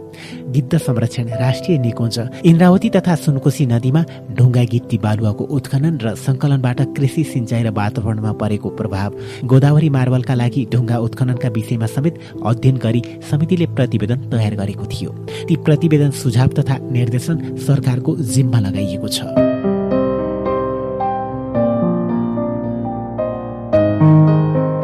प्रतिवेदन तयार गर्ने क्रममा विभिन्न ठाउँमा स्थलगत अध्ययन गरेका थियौँ। स्थलगत अध्ययन गर्न जाँदा कतिपय ठाउँमा घेराउमा पर्यो। डर त्रास धम्की दिने काम पनि स्थानीयले गरे। राजनीतिक र व्यक्तिगत तवरले धम्की आउँथे। स्थलगत अध्ययनमा सिङ्गे समितिका पदाधिकारी गए पनि धम्की र त्रास भने व्यक्तिगत रूपमा मलाई आउँथ्यो। समितिको सभापति भएर होला सायद। कहिलेकाहीँ पार्टीकै कार्यकर्ताले पनि धम्की आउँथे। राजनीतिक तवरबाट पार्टीकै नेताहरूको समेत दबाव आउँथ्यो। तैपनि म कहिले डर धम्की र त्रासबाट विचलित भइन। समितिका सदस्यहरूको आपसी सल्लाह र सुझाव अनुसार नै अगाडि बढिरहे। समितिको जिम्मेवारी निर्वाह गर्ने बेला कुनै लोप लालचमा नपरी मैले राष्ट्रकै पक्षमा अडिक रहेर काम गरेँ। कसैलाई राजनीतिक विचारकै आधारमा आग्रह पूर्वाग्रह र पक्षपात गरिन। सबैसँग सल्लाह लिएर नै निर्णय गर्थे। त्यसैले पनि मलाई काम गर्नमा त्यति कठिन भएन। समितिलाई सहयोग पुगोस् भनेर केही विज्ञ पनि व्यवस्था गरेका थियौँ। वन विशेषज्ञका रूपमा डब्लुडब्लुएफका सन्तोषमणि नेपाल र भूमि विशेषज्ञका रूपमा जगत बस्नेत हुनुहुन्थ्यो। समितिमा काम गर्दा उहाँहरूले महत्वपूर्ण सहयोग पुर्याउनु भयो त्यसै गरी समितिमा सहयोग गर्नुहुने सहसचिव रामशरण घिमिरी शाखा अधिकृत विष्णु गिरी शाखा अधिकृत गोपाल सिगदेल कर्मचारी लक्ष्मी महर्जन जीवन कुमार निरौला गोपाल तामाङ थिए। उनीहरूको सहयोगले मलाई काम गर्नमा निकै सघाउ पुर्यायो। जुन मेरो जीवनमा अवस्मरणीय हुनेछ।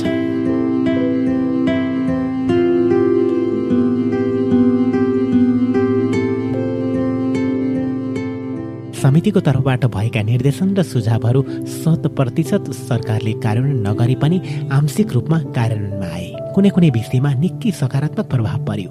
तर कतिपय सुझाव र निर्देशनमा भने सरकारको तर्फबाट कार्यान्वयनको पहलसम्म हुन सकेन। त्यसले हामी समितिका पदाधिकारीहरूको चित्त दुखाएको छ। फेरि पनि कार्यान्वयन गर्ने निकाय सरकार भएकाले हामी केही गर्न सक्ने अवस्थामा भएन। कार्यान्वयनका लागि पटक पटक दबाब दियौँ। प्रधानमन्त्री मन्त्री सचिव तथा सरकारवाला निकायका पदाधिकारीलाई समितिको बैठकमा बोलाएर दोहोऱ्याई तेह्राई छलफल गर्दै कार्यान्वयनका लागि पहल गर्यौँ। सबै बैठकमा सरकारी पदाधिकारीहरूले कार्यान्वयन गर्छौँ भनेर धेरै पटक प्रतिबद्धता दोहोऱ्याए। तर त्यस अनुसार काम भने गरेनन्। तर पनि हाम्रो सीमा थियो। हामी उहाँहरूलाई गर्नैपर्छ भनेर बाध्य गर्न सक्दैनथ्यौँ।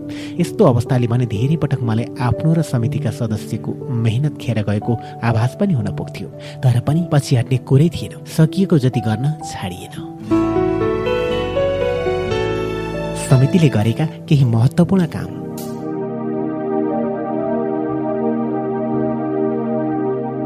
सरकारलाई व्यवस्थापिका संसदप्रति उत्तरदायी र जवाफदेही बनाउन सरकारबाट भए गरेका काम कारवाही अनुगमन गरी निर्देशन वा राय सल्लाह दिन गठित समितिको प्राकृतिक स्रोत र साधन समिति पनि एक थियो।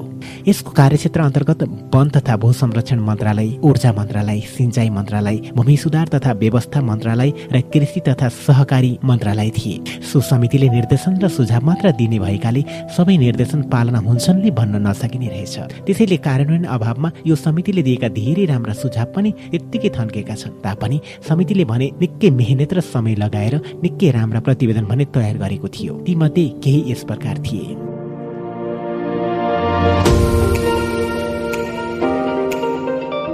यो समितिले ललितपुरको नल्लु क्षेत्रमा सञ्चालित ढुङ्गा खानी र क्रसर उद्योगले वन वातावरण जलाधार र खानेपानीलाई पारेको प्रभाव नक्को खोलाको बहाव क्षेत्रको अतिक्रमणको अवस्था अध्ययन गरी निष्कर्ष र सुझाव तयार पारेको थियो। यो अध्ययनले उक्त क्षेत्रमा ढुङ्गा खानी सञ्चालनका कारण जल उत्पन्न प्रकोप बढेको जल प्रदूषण वृद्धि भएको पानीको स्रोत सुकेको जस्ता अवस्था देखिएको उल्लेख गर्दै उक्त क्षेत्र भौगोलिक एवं प्राकृतिक रूपमा पनि खानी सञ्चालन गर्न योग्य नदेखिएको निष्कर्ष निकालेको थियो। त्यसैले त्यहाँ सञ्चालित ढुङ्गा खानी तत्कालै बन्द गर्ने र ती उद्योग सञ्चालन गर्न वैकल्पिक स्थलको खोजी गर्ने व्यवस्था गर्न पनि अध्ययनले सिफारिस गरेको थियो। त्यसै गरी यो समितिले राष्ट्रिय निकुञ्ज आरक्षी सहकारी र सामुदायिक वन क्षेत्र लगायत सिमसार क्षेत्रमा रहेका जलचरहरूको संरक्षणमा देखिएका समस्या गिद्ध संरक्षण कार्यक्रमको स्थिति र समितिको वन संरक्षण समस्या अध्ययन प्रतिवेदन दुई हजार सडसठीमा दिएका सुझाव एवं निर्देशनहरूको कार्यान्वयनको स्थिति सम्बन्धमा प्रतिवेदन तयार गरेको थियो। त्यसै गरी तराई भूपरिधि क्षेत्र अन्तर्गत पर्ने चितौन र बर्दिया राष्ट्रिय निकुञ्ज रूपन्देही कपिलवस्तु बर्दिया र कैलालीका केही वन अतिक्रमण क्षेत्रको स्थलगत अध्ययन गरी त्यसका आधारमा प्रतिवेदन तयार पारेको थियो।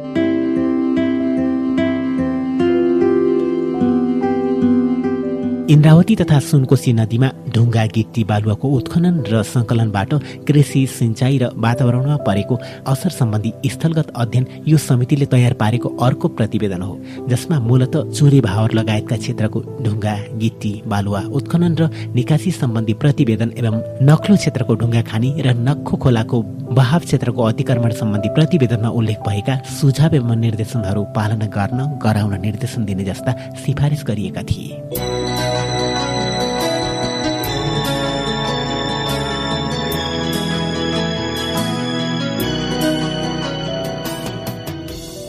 गोदावरी मार्वलका लागि ढुङ्गा उत्खनन सम्बन्धी अध्ययन प्रतिवेदनले बन्द गरेको खाने उत्खनन कार्य तत्काल सुचारू गर्न अनुमति दिन वन तथा भू संरक्षण मन्त्रालयलाई निर्देशन दिने तथा उद्योग सञ्चालन भएपछि उद्योगको प्रभावकारी नियमन र अनुगमन गर्न उद्योग र वन तथा भू संरक्षण मन्त्रालयलाई निर्देशन दिने सिफारिस पनि गरेको थियो। यसै गरी कृषि अनुसन्धान तथा कृषि विकास सम्बन्धी प्रतिवेदनले कृषि अनुसन्धान कृषि तथा पशु सेवा खाद्य प्रविधि पोषण तथा गुण नियन्त्रणका क्षेत्रमा बढ्दो जनसङ्ख्यालाई सेवा पुर्याउने कृषि सम्बद्ध जनशक्ति कमी देखिएकाले दरबन्दी तथा संगठनको पुनर्संरचना गर्न कृषि क्षेत्रका निकायहरूमा प्रयोगशाला उपकरण र अन्य पूर्वाधारको व्यवस्था गर्न रासायनिक मल उत्पादनको व्यवस्था अव्यवस्थित र अनियन्त्रित रूपमा भइरहेको विषादीको प्रयोग नियन्त्रण तथा नियमन गरी खाद्य स्वच्छता कायम गर्ने लगायत विषयमा निर्देशन दिन सिफारिस गरेको थियो।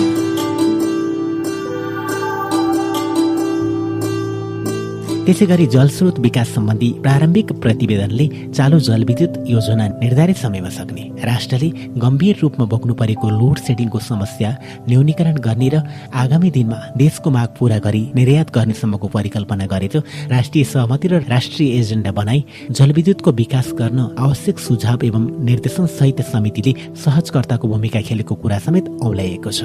समितिले खेतीयोग्य जमिनको खण्डीकरण र गुठी सम्बन्धी अध्ययन प्रतिवेदन पनि तयार गरेको छ। जसमा गोठी जात्रा पर्व आदि सम्बन्धमा सुधारात्मक व्यवस्था अप्नाउने राष्ट्रिय भू उपयोग नीतिको तर्जुमा शीघ्राति शीघ्र गर्न निर्देशन दिने जस्ता सिफारिस छन्। यो अध्ययनले गुठी र जग्गा प्लटिङको विषयमा मात्र नभई काठमाडौँ उपत्यका र चितवनको जग्गा खण्डीकरणको स्थिति समेत निहालेको थियो। यसमा काठमाडौँ उपत्यका र पाल्पा अनि गोर्खाको जात्रा परम्परा गुठी जस्ता विषय पनि समेटिएको छ।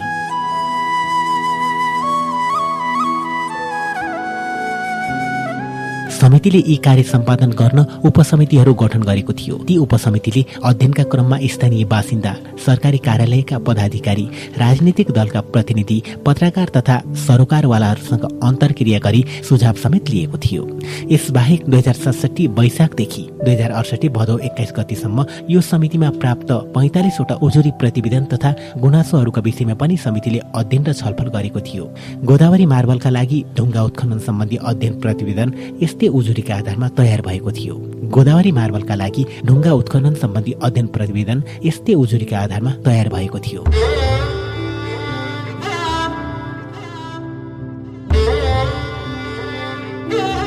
आँसु थाम्न सकिन।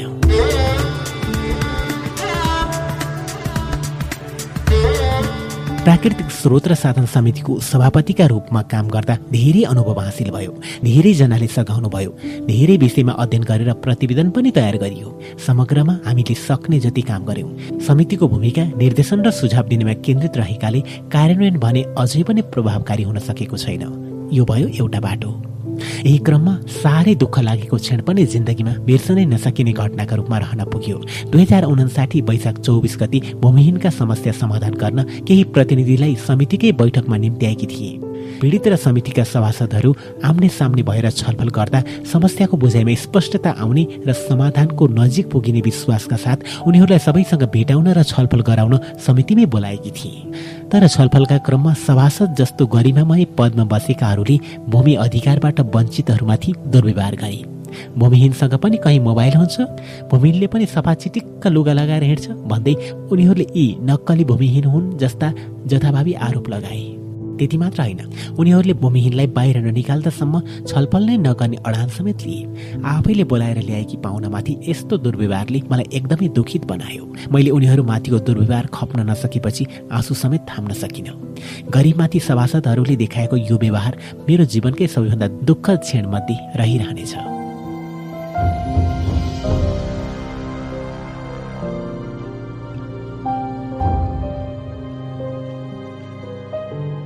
सभासदहरूले नै भूमिहीनलाई साह्रै हेलत्तो गरेको अवस्था बाहेक सभासद बनेको सुरु सुरुका दिनमा पनि निकै नमजा लाग्यो। आफ्नो कपडा र लवाई खुवाइकै कारण कोही नबोल्ने टाढा टाढा हुन खोज्ने प्रवृत्ति देखेर सित्तै सभासद भइएछ जस्तो धेरै पटक लाग्यो। गरिबको हित गर्छु भनेर आउनुपर्ने सभासद जस्तो मान्छेले पनि रूप लवाई बोलाइ आदिका आधारमा यस्तो व्यवहार गर्लान् भनेर मैले कल्पना समेत गरेकी थिइनँ। तर भयो त्यस्तै जसले मलाई निराश त बनायो नै साथै दिगदारी पनि लगायो। गरिबका कोरै सुन्न नचाहने। भूमिहीन कमलरी भनेपछि एलर्जी नै हुने। यस सम्बन्धी बैठक राख्यो कि आउँदै नआउने। मैले संसदमा यसबारे कुरा उठाउँदा पनि गलल्ल हाँस्ने। म उठ्यो कि अब यसले त्यही भूमिहीन कमलरीकै कुरा गर्ने त होला नि भनेर छिड हान्ने जस्ता काम पनि निकैले निकै समय गरिरहे। म भने त्यही वर्गको उत्थान गर्न सकिन्छ कि? भनेर राजनीतिमा लागेको कारण उनीहरूबारे आवाज उठाउन पाउँदा गर्व महसुस गर्थे। तर पनि मैले थुप्रै निराशा र दिगदारीका बावजुद पनि आफ्नो वर्गको हित र अधिकारका लागि आवाज उठाउन भने छाडिनँ। संसदको प्राकृतिक स्रोत साधन समितिको सभापतिको हैसियतले ममा निकै जिम्मेवारी थियो। बरु मन्त्रीले आफ्नो सम्बन्धित मन्त्रालयको विषयमा मात्र हेरिपुग्थ्यो। तर यो समिति अन्तर्गत धेरै मन्त्रालयका काम कारवाही हेर्नुपर्ने जिम्मेवारी थियो। मल नपुगेको होस् कि वन मासिएको विषय होस् वा ढुङ्गा गिटी झिकिएको जस्ता थुप्रै विषय यो समितिले हेर्नु पर्थ्यो। जताततै तनावै तनाव। यस्तो तनाव बीच आफ्नो वर्गको हितका खातिर आवाज उठाउने अवसर कमै आउँथ्यो। त्यही बेला उठाएको आवाज पनि खासै सुनिन्नथ्यो जसले मलाई धेरै पटक सभासद भएकामा पश्चाताप समेत दिलाएको छ। वन र वातावरणलाई हानि पुग्ने गरी ढुङ्गा गिट्टी झिकिएको बारे समितिमा थुप्रै ओजुरी आएका थिए। यसरी आएका ओजुरीका आधारमा निरीक्षण गर्न पनि गइयो। यसरी जाँदा धेरै ठाउँमा धम्की समेत बेहोरेकी छु। तपाईँ ठिक गरिरहनु भएको छैन। सोच्नुहोला भनेर थर्काउँथे। जवाफमा भन्थे कानुन अनुसार गर्नुहोस् भनेका हौ। अरू के भनेका छौँ र? त्यसरी उनीहरूको प्रत्युत्तर हुने गर्थ्यो। तपाईँहरूले चाहिँ कानुन अनुसार गर्नुभएको छ? संविधान किन बनाएको त? मलाई उनीहरूले दुर्व्यवहार गर्न थालिसकेका थिए। एकपटक नक्सालमा मेरो गाडीमा ढुङ्गा समेत हाने सिसा फुट्यो। त्यसपछि सतर्क भएर हिँड्नुपर्ने अवस्था पनि आयो। निरीक्षणका क्रममा धेरै पटक गाली गलौज पनि बेहोरेकी छु। एउटा गजबको घटना पनि थाहा भयो सभासद भएकै बेला। एक दिन अर्थमन्त्री सुरेन्द्र पाण्डेले मलाई बोलाउनु भयो अनि भन्नुभयो ल बधाई छ। कमलरीको शिक्षाका लागि तपाईँले भने जत्तिकै बजेट बाह्र करोड रुपियाँ छुट्याएको छु। अनि उहाँले थप्नुभयो छुट्याउन त छुट्याए तर बजेट छुट्याइसकेपछि यति धेरै रकम किन छुट्याएको? भनेर शिक्षा मन्त्रालयबाट कर्मचारीको एउटा समूह नै विरोध गर्न पो आइपुग्यो। हे भगवान् गरिब गुरुवाका लागि बजेट विनियोजन हुँदा कर्मचारीको टाउको किन दुख्छ? म धेरै बेर गोत्लिएँ तर यसको कारण भने मैले अहिलेसम्म पनि बुझ्न सकेकी छैन। जबकि कमलरीलाई शिक्षा उपलब्ध गराउन चाहिने बजेट मैले व्यक्तिगत रूपमै पेश गरेकी थिएँ।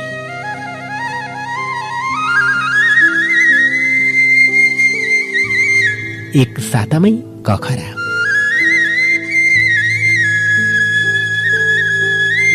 पढ्न लेख्न सुरु गर्दा निकै गाह्रो लाग्यो। कखरा र बाह्रखरी समेत मलाई थाहा थिएन। छोराछोरीबाटै सिकेँ। सबै अभिभावकले आफ्नो बच्चालाई सिकाउँछन्। तर मेरो सवालमा भने ठ्याक्कै उल्टो भयो। मैले बच्चाहरूसँग सिक्नु पर्यो मैले सिकाउनु पर्दा सायद दुई चार थप्पड बच्चालाई हिर्काउँथेँ होला। तर म आमा जो परे। बच्चाहरू कहिलेकाहीँ झर्को मान्थे तर पनि मलाई सिकाइ नै रहे। त्यसै गरी मैले नियमित साँझ बिहान छोराछोरीहरूसँगै पढ्ने प्रयास गरिरहेँ। बच्चा मलाई गृहकारी होमवर्क दिएर विद्यालय जान्थे। हामी फर्कँदा यति काम सकेको हुनुपर्छ है मम्मी? भन्थे। म पनि बच्चाहरूको निर्देशन अनुसार गृहकारी फत्ती पार्थेँ। पढ्ने लेख्ने चाहना भएर होला। मैले एक हप्ताभित्रै कखरा सिकेँ। तिन महिनामा बाह्र खरी सिकेँ। पुरा अक्षर सिक्न अलिक सजिलो लागे पनि आधा अक्षर सिक्न भने निकै समस्या भयो। मैले हात बसाउन पत्र पत्रिकामा छापिएका अक्षर कापीमा उतार्थेँ। यो काम नियमित चाहिँ भयो। जबसम्म लेख्नमा हात बसेन मैले त्यसलाई जारी राखेँ। सभासदको जिम्मेवारी एकातिर थियो पढाइको जिम्मेवारी अर्कोतिर। कहिलेकाहीँ कामको सिलसिलामा बाहिर जानुपर्ने हुन्थ्यो कहिले घर जान ढिला हुन्थ्यो कहिले बिहानै उठेर समितिको बैठकमा जानु पर्थ्यो त्यसले मेरो नियमित पढाइको काममा बाधा पुर्याउँथ्यो।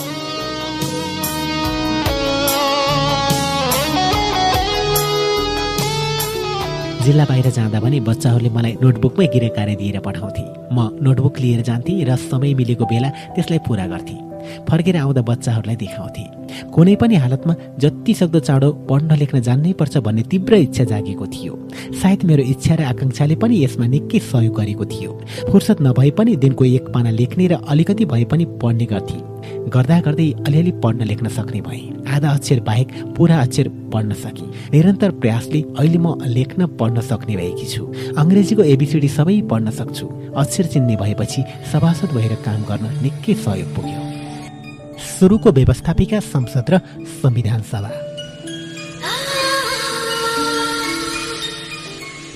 संसदमा आउँदा म निकै नयाँ थिएँ। नेताहरू पनि खासै चिनेकी थिइनँ संसदको गतिविधि सिक्न सुन्नेबाट सुरु गर्नु पर्यो।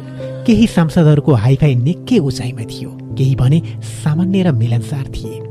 सांसदहरूसँग बिस्तारै आत्मपरक वातावरण बन्दै गयो। सुरुमा म मात्रै नयाँ कमजोर सामान्य सभासद छु भन्ने लाग्थ्यो तर अरूसँग परिचय हुँदै गएपछि म एक्लो रहेनछु जस्तो लाग्यो। नेपाली काङ्ग्रेसका सभासद गिरिराज कोइराला एकीकृत नेकपा माओवादीका अध्यक्ष पुष्पकमल दाहाल उपाध्यक्ष डाक्टर बाबुराम भट्टराई नेकपा एमालेका अध्यक्ष झलनाथ खनाल जस्ता नेताहरूको नाम धेरै सुनेकी थिए। सांसद भएर संविधान सभामा छिर्दा उहाँहरूलाई आफ्नै आँखाले देख्न पाउँदा अचम्म लागेको थियो। हुँदाहुँदा गणतन्त्र घोषणा भएको पहिलो दिन पन्ध्र जेठ दुई हजार पैँसठीमा सबै नेताहरूसँग प्रत्यक्ष हात मिलाउने अवसर मिल्यो। त्यसले झन मलाई उत्साहित बनायो। सँगै नेताहरूसँगको दूरी पनि छोटिएको महसुस हुन पुग्यो।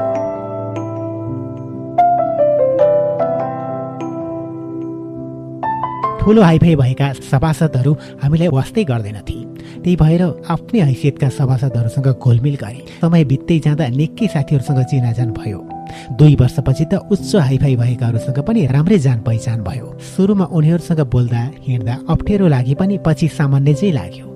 सबैलाई नजिकबाट बुझेपछि सामान्य चाहिँ लाग्दो रहेछ। नेताहरूसँग पनि चिनाजान भयो। बोल्न पनि डराउने म पछि त नेताहरूलाई सिधै फोन गर्नेसम्म भएँ।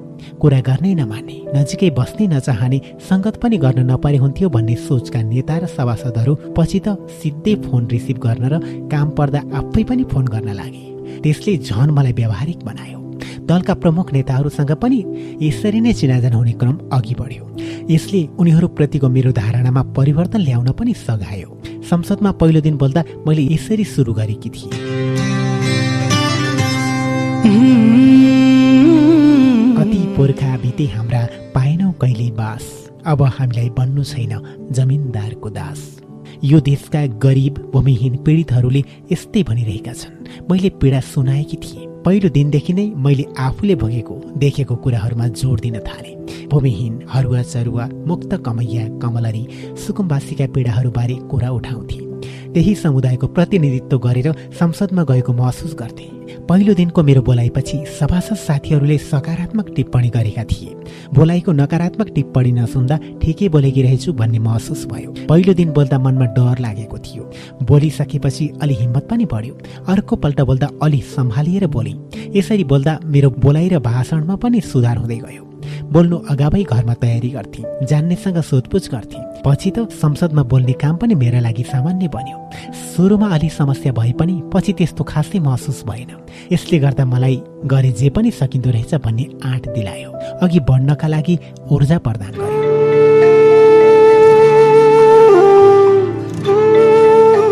चलाए कम्प्युटर र गाडी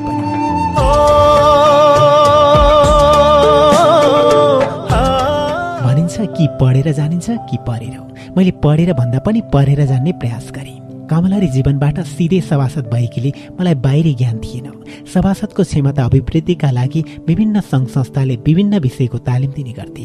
त्यही क्रममा संवैधानिक संवाद केन्द्र सिसिडीले पनि सभासदका लागि कम्प्युटर र अङ्ग्रेजी भाषाका तालिम दिने व्यवस्था मिलाएको थियो। तर त्यो तालिम मेरो अनुकूल थिएन। पढे लेखेकाहरूका लागि मात्रै थियो। हामीलाई शून्यबाट सुरु गर्नुपर्ने थियो। उनीहरू एडभान्स उच्च स्तरका तालिम दिन्थे। त्यसैले पनि म जस्ता सभासदका लागि त्यो अनुकूल हुन सक्ने कुरै भएन। दुई चार दिनपछि त्यहाँ जान छाडिदिए। डब्लुडब्लुएफ संस्थाले एक महिनाको कम्प्युटर तालिम व्यवस्था गरेको थियो। म अङ्ग्रेजीको एबिसिडी पनि चिन्दिनँ थिएँ। त्यही भएर त्यो तालिम मेरा लागि खासै उपलब्धिमूलक भएन। यद्यपि आधारभूत ज्ञानहरू अलिअलि भए पनि थियो। मलाई कम्प्युटर सिक्न एकदम रहर थियो। पछि मैले प्राकृतिक स्रोत र साधन समितिकै कम्प्युटर अपरेटर जीवन निरौलासँग कम्प्युटर सिकाइदिन अनुरोध गरे। उनले कम्तीमा एबिसिडी सिकेर आउनुहोस् म सिकाइदिन्छु भने। घरमा बच्चाहरूसँग एबिसिडी सिक्न सुरु गरेँ। एक दुई दिनमै मैले एबिसिडी पनि सिकेँ। एबिसिडी सिकिसकेपछि पुनः मैले समितिकै कार्यालयमा गएर अपरेटरसँग कम्प्युटर सिकाइ मागेँ। उनले कुन अक्षरमा के आउँछ भनेर कम्प्युटरमै अक्षर थिचेर देखाइदिए। त्यसलाई मैले दोहोऱ्याइ तेह्राइ थिचेँ। थिच्दै जाँदा ती अक्षर बिस्तारै याद भयो।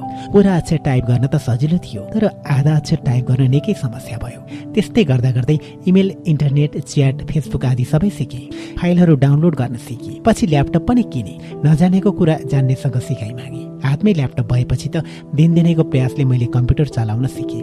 अहिले म अङ्ग्रेजीमा नजाने पनि नेपालीमा टाइप गर्न र इमेल पठाउन सक्ने भएकी छु।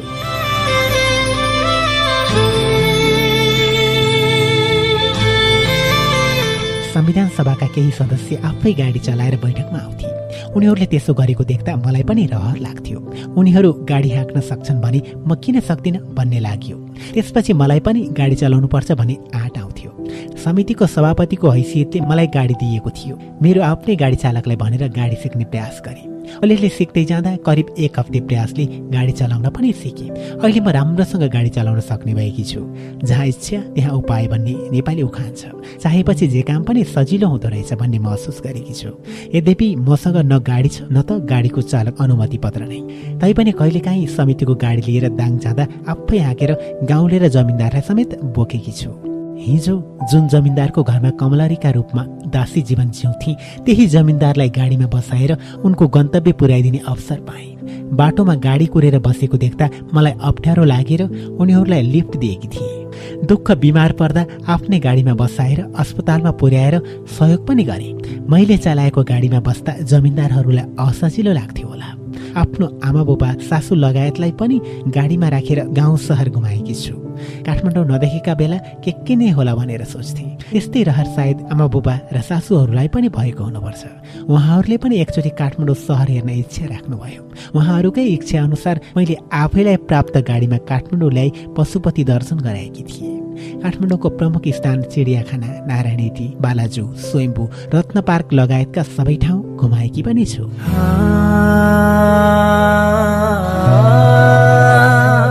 सम्झना सात समुद्र पारीको।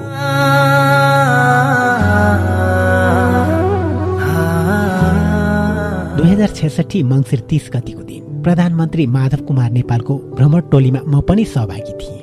डेनमार्कको कोपनहेगनमा अन्तर्राष्ट्रिय स्तरको जलवायु परिवर्तनको विषयमा पुस एकदेखि पाँचसम्म सम्मेलन थियो।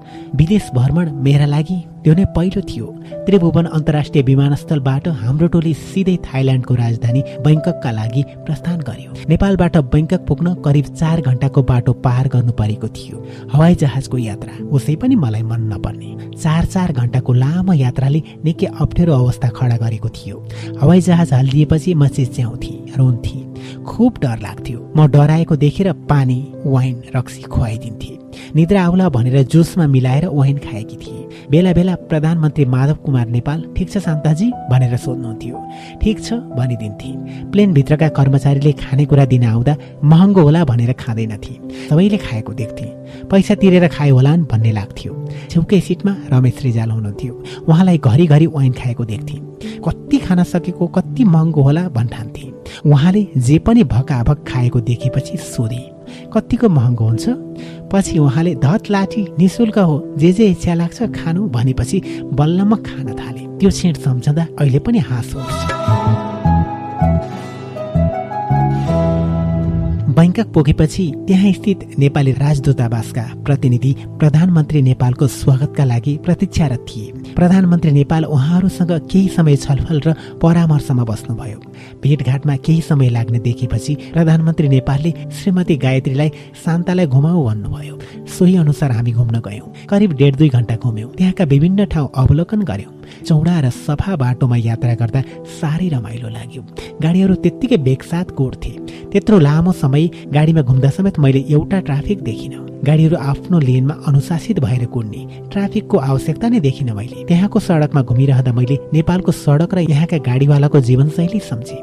त्यहाँ र यहाँमा आकाश पातालको फरक पाएँ। बैङ्कक पछि डेनमार्कका लागि उड्यौँ। त्यहाँबाट डेनमार्कको कोपन हेगन पुग्न करिब आठ घन्टा लाग्दो रहेछ। दुई तलाको हवाईजहाज थियो। मानिस खचाखच थिए। मलाई आश्चर्य लाग्यो। पहिलोपल्ट दुई तली हवाईजहाज देख्न पाएँ। चार घन्टाको यात्रा गरी बैङ्कक पुगेको मलाई आठ घन्टाको यात्राले झन सकस दिलायो रातको यात्रा थियो तैपनि म निधाइन। सबैजना सुतेको देख्थे। म भने डर लागेर निधाउन सकिनँ। न निद्रा लाग्थ्यो न त भोक। किन कुनै बुझ्नै सकिनँ? कति बेला पुगौला भन्ने मात्र सोच्थेँ।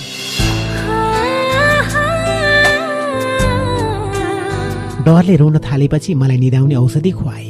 औषधि खाएपछि अलिअलि निधाए। प्लेनमा बस्दा पटक पटक पिसाब लाग्थ्यो। तर कहाँ जाने भन्ने थाहा नभएकाले त्यत्तिकै बस्थे रोक्नै नसक्ने भएपछि एकजना साथी लिएर शौचालय गएँ। शौचालय त पुगे। पछि निस्कने बेलामा ढोका खोल्नै चाहनिन निकै बेरसम्म ढोका धकेले। सिधै थिच्दा नखुल्ने रहेछ। निकै बेरपछि तेर्सो गरेर ढोका ठेलेपछि बल्ल खुलेछ। ढोका खोल्नै नजानेर केही बेर शौचालयमा अल्मलिए। असजिलो लागे पनि त्यो कुरा कसैलाई भनेन। अर्को पल्ट शौचालय जाँदा भने ढोका राम्रोसँग नलगाएरै बस्थे। यस्तै अप्ठ्यारोका बावजुद कोपनहेगन पुग्नै लागेका थियौँ। रातको समय रहेछ। प्लेन जति तल आउँथ्यो त्यति राम्रोसँग त्यहाँको बजारको दृश्य देखिन्थ्यो। माथिबाट तल हेर्दा झिलिमिली बिजुलीका दृश्य एकदम रमाइलो लाग्थ्यो।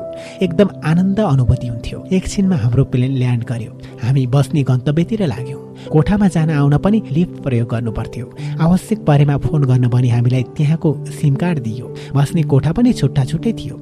केही छिन कोठामा फ्रेस भएपछि हामी कार्यक्रम स्थलतिर लाग्यौँ। कार्यक्रमका लागि प्रवेश कार्ड लिनुपर्ने थियो। कार्यक्रम स्थल पुगेपछि कार्डका लागि लाइन लाग्नुपर्ने रहेछ। एकछिन लाइनमा बसेर हामीले प्रवेश कार्ड प्राप्त गर्यौँ कार्यक्रम स्थल अलि भित्र थियो। त्यहाँ ठुल्ठुला भवन चौडा सडक थिए।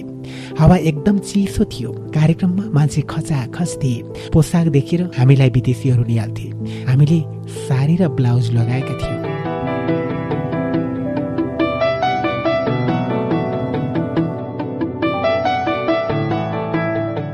मान्छे हामीलाई सोध्थे where are you from from Bangladesh म अङ्ग्रेजी बोल्न नजाने पनि अलिअलि बुझ्थेँ।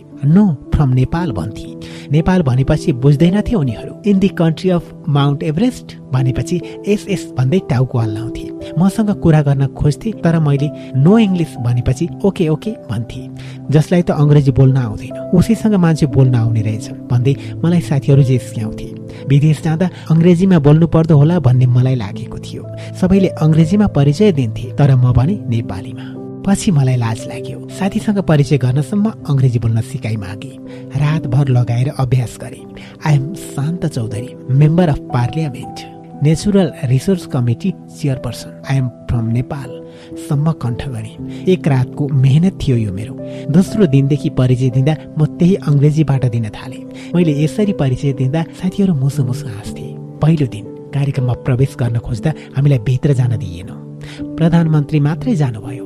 बाहिर एकदम जाडो थियो। चारैतिर हिउँ परिरहेको थियो। बाहिर विभिन्न देशको स्टल राखिएको थियो। स्टलमा देशको पहिचान झल्काने विभिन्न सामग्री राखिएका थिए। हामी भित्र पस्न नपाए पनि बाहिरकै स्टलका सामग्री र दृश्य हेरेर रमायो। नेपालका तर्फबाट सामुदायिक वन उपभोक्ता महासङ्घ फोनले पनि नेपालको पहिचान झल्काने सामानहरू स्टलमा राखेको थियो। त्यत्रो ठुलो सम्मेलनमा नेपालको स्टल देख्दा निकै खुसी लाग्यो। मनोरम दृश्य हेरेर हामी कोठामा फर्कियौँ। झ्यालबाट हेर्दा हिउँ परेको दृश्य निकै रमाइलो लाग्थ्यो। यसरी बाक्लो गरी हिउँ परेको मैले पहिलोचोटि देखेकी थिएँ। बिहान राखिएको गाडी हिउँले पुरिएपछि नुन छर्केर सफा गर्नु पर्दो रहेछ। त्यही थाहा पाएँ कि नुनले हिउँ पगाल्दो रहेछ। बिहानै हिउँमा हिँड्ने रहर लाग्यो तर धेरै चिसोका कारण हिँड्न सकिएन। कस्तो अचम्मको ठाउँ। पाँच दिन बस्दा कोपनहेगनमा जम्मा एक पटक मात्र सूर्यको अनुहार देख्न पाइयो।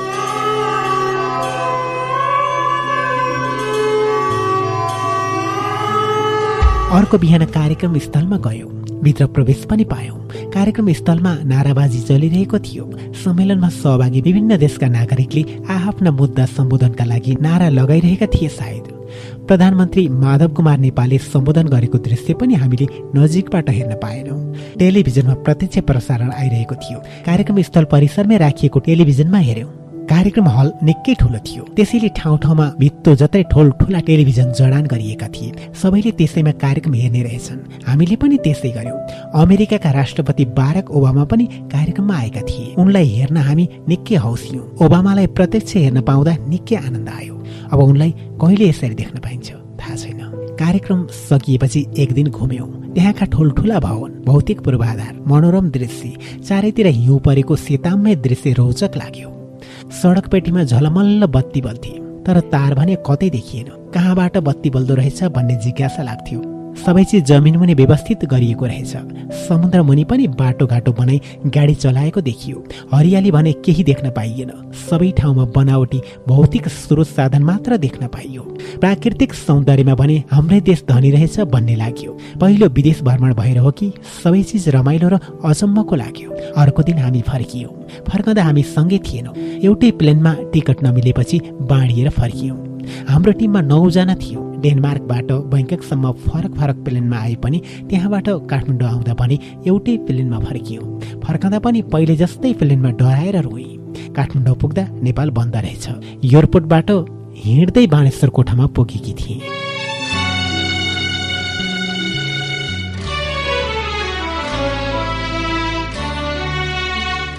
झोक्कियो कुहिरे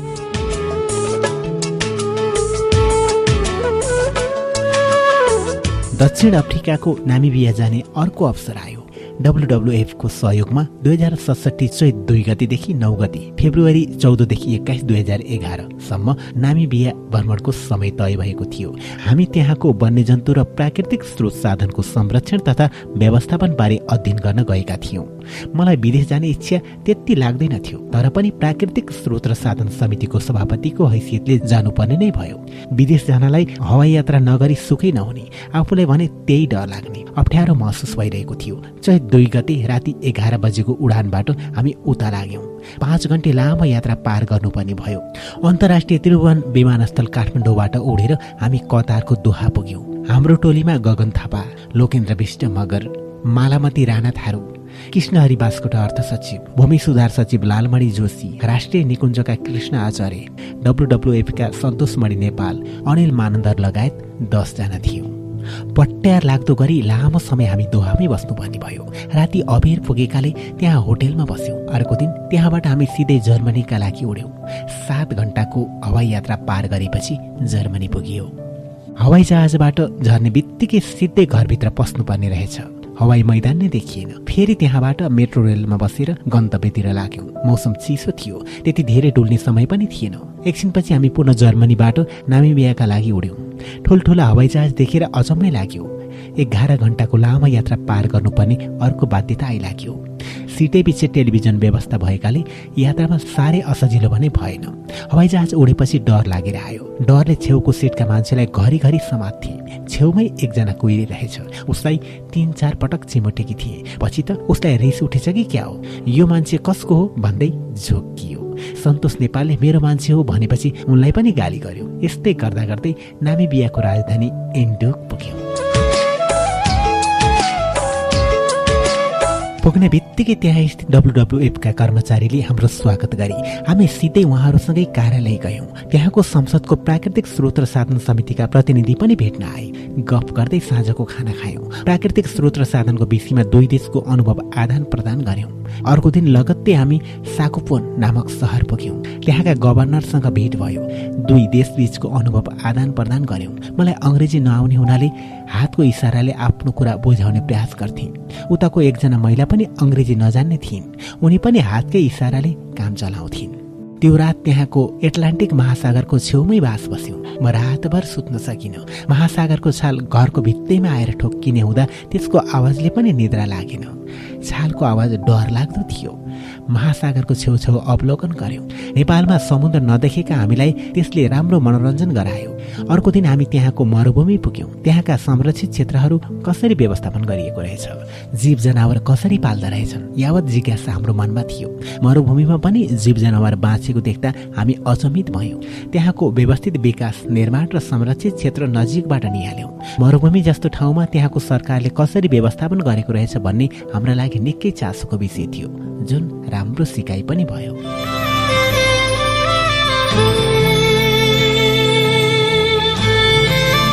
त्यहाँ जीव जनावरलाई निकै माया गर्दा रहेछन्।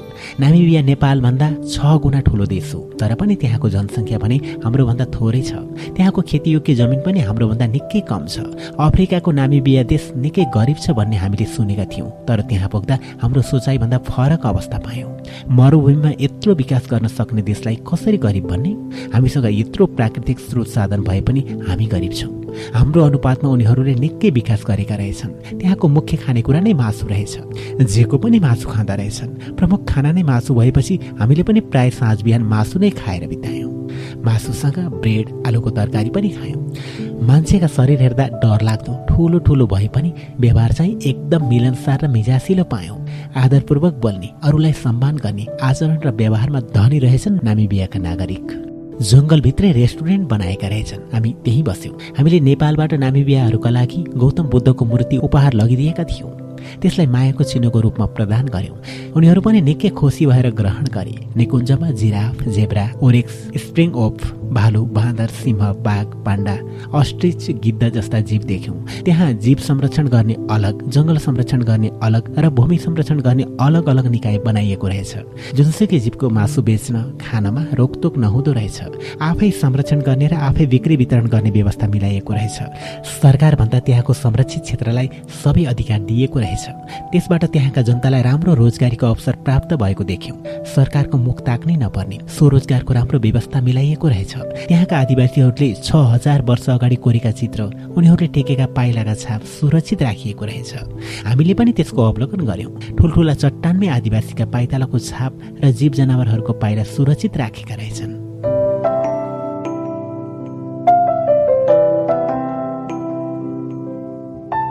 त्यहाँको जनसङ्ख्या कम भएर होला। गाउँ निकै टाढा रहेछ। एक गाउँबाट अर्को गाउँ जान निकै दूरी पार गर्नुपर्ने। त्यही पनि एउटा गाउँमा चार पाँचवटा मात्र घर हुँदा रहेछन्। हरेकको घरमा गाडी देख्यौँ। जङ्गली जनावरबाट सुरक्षाका लागि घरको चारैतिर तिखा ढुङ्गा बिछ्याइँदो रहेछ। ताकि जङ्गली जनावर आएपछि बिजेर भागोस्। मरुभूमिको देश भएकाले उब्जनी कम हुँदो रहेछ। अन्न खान नपाउने भएकाले उनीहरू सन्तान पनि कम जन्माउने रहेछन्। अर्को दिन हाम्रो टोली त्यहाँको इटोसा राष्ट्रिय निकुञ्ज पुग्यो। निकुञ्जमा थुप्रै जीव जनावर अवलोकन गर्यौँ। जङ्गल नै नभएको देश मरुभूमिमा पनि त्यत्रा जनावर पालेको देखेर छक्कै पर्यौँ। यो देखेर हाम्रो जस्तो हरियालीयुक्त देशमा जीव जनावरको संरक्षण गर्न नसक्नु लाजमर्दो महसुस भयो। सर्प बिच्छी र अन्य जङ्गली जीव निकै हुँदो रहेछन्। विषालु जीव चाहिँ चट्टानको कापतिर बस्दा रहेछन्। हेर्दा पनि खुट्टामा दह्रो खोल लगाएर हिँड्नुपर्ने रहेछ। यही खतराका कारण हामी भने गाडीबाटै घुमेका थियौँ। त्यहाँका नागरिक ज्यान हत्केलामा राखेर हिँड्ने गरेको बताउँथे हामीसँग। जनावरबाट कसरी बच्ने भन्ने बारे निकै ज्ञान आफूहरूसँग भएको उनीहरूको दावी पनि सुनियो। संरक्षित क्षेत्र हेर्न दुई हजार किलोमिटरको दूरी पार गर्नु परेको थियो।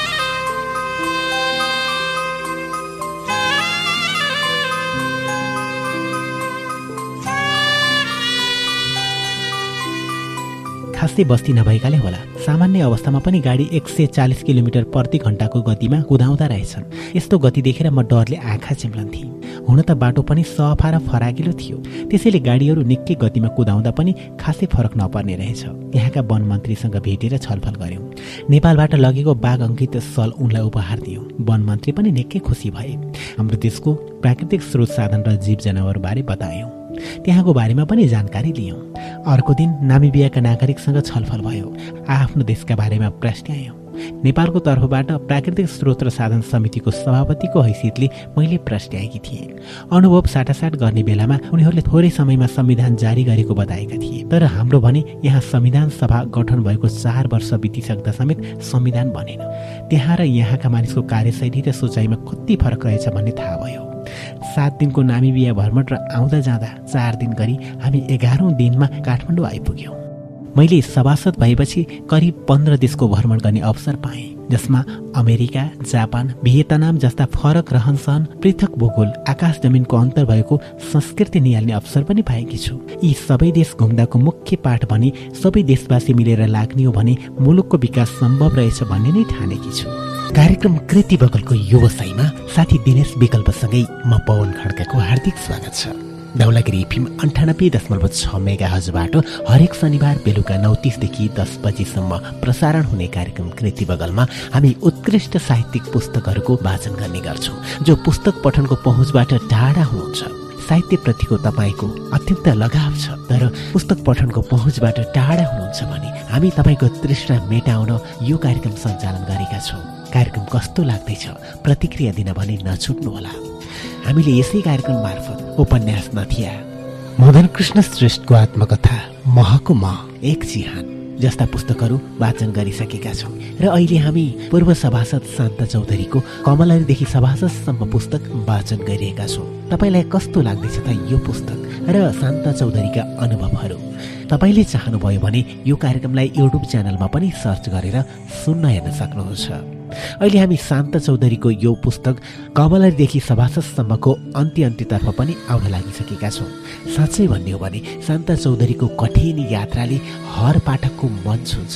सभासदसम्म पुग्नुभएका शान्त चौधरीले हर कदममा ठक्कर हन्डर खाँदा खाँदै पनि कहीँ कतै हरेस खानुभएको छैन।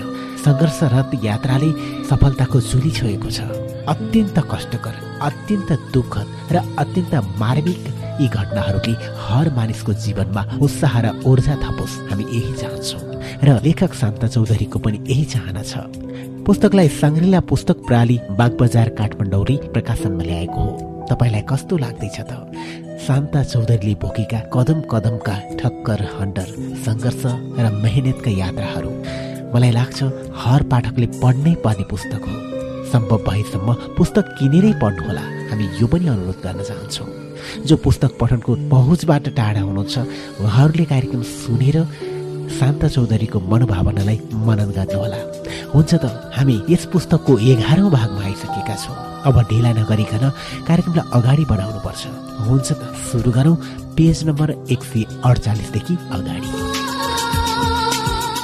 कालो रात। दुई हजार चौसठी चैत अठाइस गति संविधान सभाको निर्वाचनले संविधान सभाबाटै संविधान निर्माण गर्ने म्यान्डेट दिएको थियो। म लगायत छ सय एकजना सभासद त्यही जिम्मेवारीको भारी बोकेर संविधान सभामा गएका थियौँ। दुई वर्षमा संविधान बनाउनु पर्ने थियो तर बन्न सकेन। दुई हजार सडसठी जेठ चौध गति एक वर्षका लागि पहिलोपल्ट म्याद थपेर संविधान सभालाई तीन वर्ष बनाइयो। त्यो अवधिमा पनि संविधान बन्न नसकेपछि दुई हजार अडसठी जेठ चौध गति आएर दोस्रो पटक पुनः तीन महिनाका लागि म्याद थपियो। त्यो अवधिमा पनि संविधान बन्न सकेन। दुई हजार अडसठी भदौ बाह्र गति पुनः तेस्रो पटक तीन महिनाका लागि समय बढाइयो अनि फेरि दुई हजार अडसठी मङ्सिर तेह्र गति छ महिनाका लागि चौथो पटक म्याद थपियो। सो अवधिमा पनि संविधानका विवादित विषयमा सहमति बन्न सकेन। पटक पटकको म्याद थपले जनतामा निराशा छायो। त्यही भएर सर्वोच्च अदालतले दुई हजार अडसठी मङ्सिर नौ गति अन्तिम पटक छ महिनाका लागि मात्र म्याद थप्न सकिने फैसला सुनायो। सोही फैसलामा टेकेर दलीय सहमति अनुसार मङ्सिर तेह्र गते अन्तिम पटकका लागि भनेर छ महिना म्याद थप भयो। सर्वोच्चको फैसलाले दलका नेतालाई बाध्यात्मक परिस्थिति आइलाग्यो। अन्तिम समयमा आएर दलका नेताले सहमतिको प्रयास सघन बनाए पनि दलीय अडानकै कारण विवादित विषयमा टुङ्गो लाग्न सकिन। अन्तत दुई हजार उनासत्तरी जेठ चौध गति मध्यराति ऐतिहासिक संविधान सभा संविधान नै नबनाई अवसान हुन पुग्यो। संविधान सभाको अवसानपछि छ सय एकजना सभासद असफल साबित भयो। जनताले दिएको जिम्मेवारी पूरा गर्न सकेनौ। यसले सभासदलाई मात्र होइन सबै नेपालीलाई नै लज्जित बनायो। अन्तर्राष्ट्रिय क्षेत्रमा नेपालकै असफलताको सन्देश गयो।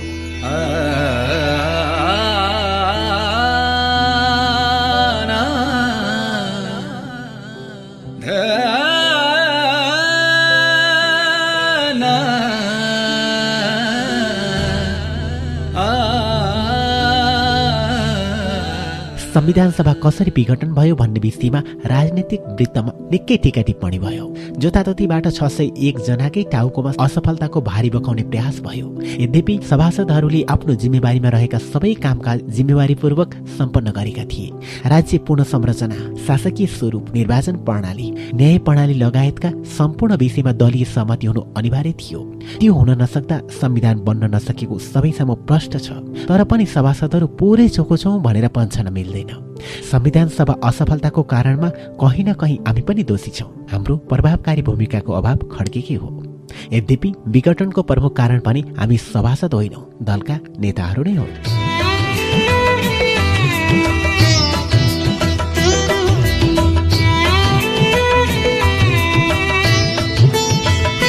हरेक राजनीतिक दलभित्र सामन्तवादी प्रवृत्ति अझै हाबी छ। सभासदहरूले दलको निर्णय र होइप विरुद्ध जानै मिलेन। राम्रो र उचित सल्लाह समेत कहिलेकाहीँ चाहेर पनि दिन सकिएन। त्यति बेला मनमा असन्तुष्टि हुन्थ्यो। हरेक दलका प्रमुख नेताबीच आत्मस्वार्थ देखियो। जनता र राष्ट्रको हितभन्दा आत्मकेन्द्रित भएर निर्णय गर्ने प्रवृत्तिले मुलुकलाई समस्यामा पारेको अस्वीकार गर्न मिल्दैन। संविधान सभा विघटन हुनुमा कहीँ न कहीँ दोषी त्यो प्रवृत्ति पनि हो। सभासदहरूलाई संविधान सभा परिसरमा बिहानदेखि रातिसम्म कुराउने काम नेताहरूले गरे। उनीहरूले जे भने हामीले त्यही गर्यौँ। ताली ठोक्यौँ हस्ताक्षर गर्यौँ। उनीहरूले हामीलाई एक किसिमको बन्दी नै बनाए। संविधान सभाको चार वर्षीय अवधिमा ठूला दलका नेता पालै पालो प्रधानमन्त्री भए। यस अवधिमा उनीहरूको व्यक्तिगत स्वार्थ पूरा भएको होला तर जनताको स्वार्थ भने पूरा भएन। राष्ट्रको स्वार्थ पूरा भएन। संविधान सभाबाट समय सीमाभित्र संविधान जारी भएको भए त्यो पूरा हुन्थ्यो। नेताहरूले प्रधानमन्त्री मन्त्रीको हैसियतले देश विदेश घुमे। सरकारी स्रोतमाथि मस्ती गरे सभासदहरूले पनि देश विदेशको यात्रामा जान पाए। तर नयाँ संविधान भने आउन सकेन। संविधान सभा विघटनको प्रमुख दोषी को हो? कारण खोज्नु आवश्यक छ। यद्यपि राजनीतिक वृत्तमा त्यसबारे आरोप प्रत्यारोपको बाढी चलेको छ। विघटनको कारण को हो? यकिन गर्न सकिएको छैन।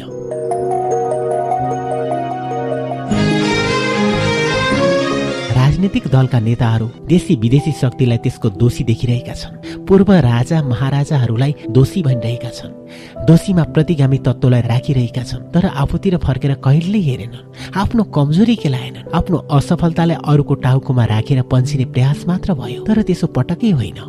आफू काम गर्न नजान्ने अनि अरूलाई दोषी देखाएर पन्सिन खोज्ने प्रवृत्ति ठिक हुनै सक्दैन। संविधान सभाबाट संविधान आउन नदिने तत्त्वहरू देशभित्रै थिए। पूर्व राजा र उनका समर्थक राजनीतिक दलले पनि संविधान चाहेका थिएनन्। संविधान सभा विघटनमा उनीहरूको खुला सक्रियता देखिएकै हो तर पनि सबै दोषको भागीदार उनीहरू मात्रै पक्कै होइनन्। संविधान सभाबाट संविधान जारी गर्ने समय अवधिमा एकीकृत नेकपा माओवादी नेतृत्वको सरकार थियो। संसदमा सबैभन्दा ठूलो पार्टी पनि माओवादी नै थियो। जिम्मेवारीका हिसाबले संविधान नबन्नु र बन्ने वातावरण तयार हुन नसक्नुमा उसको दोष सबैभन्दा बढी छ। अरूलाई दोषी देखाएर माओवादी उम्कन खोज्नु पानीमाथिको ओभानो बन्न खोज्नु हो। माओवादीले दस वर्षे सशस्त्र युद्धका बेला जसरी विभिन्न जात जातिलाई जातीय राज्य जातीय हिसाबमा राज्यको सबै संयन्त्रमा सहभागिता उपेक्षितहरूलाई एक परिवार एक रोजगार जसको जोत उसको पोत जस्ता नाराले सर्वसाधारणलाई आफूप्रति आकर्षित गराएको थियो। यी पुरा हुन नसकेपछि विघटनमा सहयोगी भूमिका खेल्यो। युद्धताका यस्तो लोकप्रियताका लागि माओवादीले त्यस्तो नारा दिए पनि आत्मैदेखि उनीहरू त्यो माग पूरा गर्ने पक्षमा थिएनन्। यस्तो अवस्थामा कुनै न्यु देखाएर पन्छिने उपयुक्त अवसरको खोजीमा थियो माओवादी। संविधान सभा विघटनलाई उसले यही अस्त्रका रूपमा प्रयोग गर्यो। यद्यपि काङ्ग्रेस एमाले विघटनको प्रमुख दोषी हुन् भनेर माओवादीले आरोप लगायो।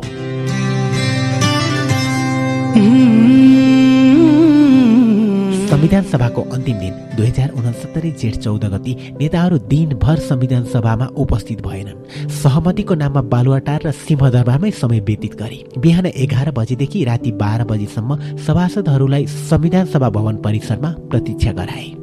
त्यो दिन संविधान सभाका अध्यक्ष प्रमुख राजनीतिक दलका नेताहरू कसैको संविधान सभा बैठकमा उपस्थिति भएन। अन्तत सिंहदरबार स्थित प्रधानमन्त्री कार्यालयमा मन्त्री परिषदको आकस्मिक बैठकले संविधान सभा विघटनको घोषणा गर्यो। सो जानकारी पाएर बिहानदेखि प्रतीक्षारत सभासदहरू निराश हुँदै नाराबाजीसहित भवनबाट बाहिरिएका थिए। त्यो सभासदका लागि मात्र नभई सिंहको मुलुककै लागि कालो दिन थियो। संविधान सभा विघटनसँगै सरकारले दुई हजार उनसत्तरी मङ्सिर सात गतिका लागि अर्को संविधान सभा निर्वाचनको घोषणा गर्यो। घोषणा अनुसार निर्वाचन हुन सकेन। सरकारले दलबीच सहमति नगरी निर्वाचन घोषणा गरेकाले त्यसमा दलीय सहमति बन्न सकेन। संविधान सभा विघटनपछि मुलुक संवैधानिक सङ्कटमा फस्यो। जनताबाट प्रत्यक्ष निर्वाचित कुनै निकाय बाँकी रहेन। प्रधानमन्त्री र राष्ट्रपति बीच कार्यकारीको विवाद सुरु भयो। यद्यपि सङ्कट अन्त्यका लागि राजनीतिक दलबीच सहमति अपरिहार्य थियो। जति सकियो गरे। जब संविधान सभा विघटन भयो त्यसपछि धेरै समय गाउँमै बिताउँदै आएकी छु। गाउँमा रहेका बेला सबैतिर डोल्ने गरेकी छु। यसरी डोल्ने क्रममा गाउँका सबै मान्छे कुरा गर्न खोज्छन्। अनि चुनावमा उठ्नुपर्छ है हामी जिताउँछौँ भनेर हौस्याउँछन् म पनि भइहाल्छ नि भनेर उनीहरूकै कुरामा सही थपिदिन्छु। गाउँठाउँमा गर्नुपर्ने विकासका कामबारे पनि मलाई सुझाव दिन्छन्। अनि सबै मिलेर गाउँलाई अघि बढाउनु पर्ने बारे छलफल पनि हुन्छ। यस्तो बेला मलाई निकै रमाइलो पनि लाग्ने गर्छ। सभासद भएपछि अरूले आफ्नो गाउँमा के गर्न सके मलाई थाहा छैन। तर मैले भने चार वर्ष सभासद हुँदा पनि केही गर्न सकिएन भनेर निकै आत्मग्लानी भइरहेको थियो। मैले राखेको प्रस्ताव मध्ये कमलरीको शिक्षाका लागि बजेट विनियोजन गर्ने बाहेक कुनै पनि काम भएको थिएन। जति पनि प्रस्ताव राख्थे ती कुनै पनि सुनवाई भएकै थिएन। त्यसैले निकै खल्लो महसुस भइरहेको थियो। सभासद भएर पनि केही गर्न सकिँदो रहेनछ भनेर निराशा छाइरहेको थियो। अर्कोतर्फ गाउँमा के मुखले जाने होला भन्ने पनि लाग्थ्यो बेला बेलामा किनकि म सभासद भएपछि गाउँले मेरो बानी बेहोराका कारण यसले त पक्कै केही गर्छ भनेर निकै आशा राखेका थिए। उनीहरूले सभासद स्वागतका क्रममा तथा अन्य भेटघाटका क्रममा व्यक्त गरेको आशा मेरा लागि पीडाका रूपमा परिणत भइरहेका थिए जसले पटक पटक मलाई बोल्थ्यो एमाले अध्यक्ष झलनाथ खनाल प्रधानमन्त्री र भरतमोहन अधिकारी अर्थमन्त्री हुनुभएको बेला एमाले संसदीय दलको बैठक बसेको थियो। उक्त बैठकमा मैले कडै पाराले आफ्नो गुनासो राखेँ। हामीलाई तलब खुवाउन मात्र ल्याएको हो भनेर सोधेँ। कि कमलरी भूमिलाई पनि सभासद बनाएका छौँ भनेर देखाउनलाई मात्र सभासद बनाएको भनेर देखाएको भनेर पनि सोधे। आफूले राखेका कुनै पनि योजनालाई आफ्नै पार्टीले समेत मतलब नगरेपछि निकै दिक्क लागेको थियो। मैले यसो भनिरहँदा आँखाबाट आँसु नै झरेको थियो। सिस्ने र वालिङ खोलामा पुल हाल्ने भनेर धेरै कराउँदा पनि केही नलागेपछि यो आक्रोश पोख्नु परेको थियो। यही क्रममा मैले आफूले कुनै पनि योजनाको प्रस्ताव नराख्ने र सभासद पनि चाहिन्न भने दुःख गरेकै हुँ। फेरि पनि गर्छु। बरु यहाँबाट निस्केर जान्छु भनेर रोएँ। यही कारण पनि होला नेताहरूले मेरो कुरालाई गम्भीरपूर्वक लिएछन्। त्यसपछि भरतमोहन अधिकारीले तपाईँले पुल हाल्नुपर्ने भन्नुभएको खोलाको नाम भन्नुहोस् भन्नुभयो। मैले दुवै खोलाको नाम टिपाएँ त्यसपछि त सिस्नेमा चाहिँ पक्का पुल हाल्ने भनेर आश्वासन दिनुभयो। त्यसपछि पनि आफ्नो मात्र केही नलाग्ने देखेर गाउँबाटै डेलिगेसन बोलाएकी थिए। यही पुलका लागि। उनीहरू मेरै कोठामा बसे खाए। कमलरी राख्ने वर्गका पनि यो डेलिगेसनमा थिए। सबैलाई अर्थ मन्त्रालय लगे राष्ट्रिय योजना आयोग पुर्याए। भौतिक निर्माण तथा योजना मन्त्रालय पनि लगे सबैले योजना पेश गर्न भने गरियो पनि। त्यसपछि पनि लगातार पछ्याइरहे। गाउँबाट बोलाएको डेलिगेसनले पनि राम्रै दबाव सिर्जना गर्न सघायो।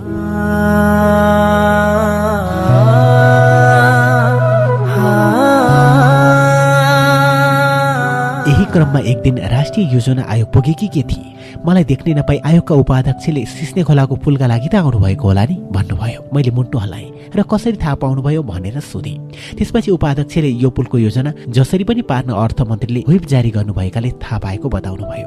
म खुसी भएँ। आफूले धेरै समयदेखि प्रयास गरेको योजना सफल हुने भएपछि कति खुसी लाग्यो भन्ने सीमा नै रहेन। तत्काल यो खुसी केहीलाई बाँडे पनि योजनामा परेर पुल बन्ने पक्का भएपछि पुलको शिलान्यास मबाटै गराउने कार्यक्रम राखियो गाउँमा सबै गाउँले खुसी थिए। ठुलो तामझाम थियो। तर काङ्ग्रेस नेता कमल किशोर घिमिरेले पुल शिलान्यास कार्यक्रममा एमाले समर्थक बढी भए भन्ने न्युमा विरोध जनाए।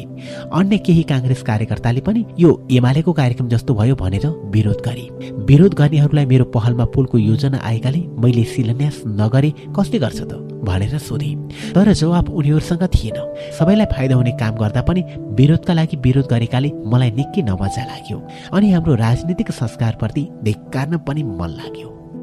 जे होस् यो पुल एक वर्षभित्रै बन्न सक्यो। अहिले यही पुलका कारण लक्ष्मीपुर रामपुर र हाँसीपुर गाविसका बासिन्दालाई सदरमुकाम आउन जान निकै सहज भएको छ। वर्षायाममा ती गाउँका मान्छेलाई असाध्यै दुःख दिने खोला हो यो जसले मानिसको ज्यान समेत लिने गरेको थियो। कैयौँको तरकारी बारीमै कोहिन्थ्यो भने कैयौँको महत्वपूर्ण काम बित्थ्यो। अहिले यो समस्याबाट उनीहरूले मुक्त पाएको देख्दा कम्ता खुसी लाग्दैन। केही व्यक्तिले गरेको विरोध पनि यही खुसीले बिर्स्याइदिएको छ अहिले। संसदीय विकास कोषको रकमबाट धेरै ठाउँमा कलभट बनाउन सहयोग गरेकी छु। विद्यालयमा पिउने पानी थिएन। त्यसका लागि सहयोग उपलब्ध गराएकी छु।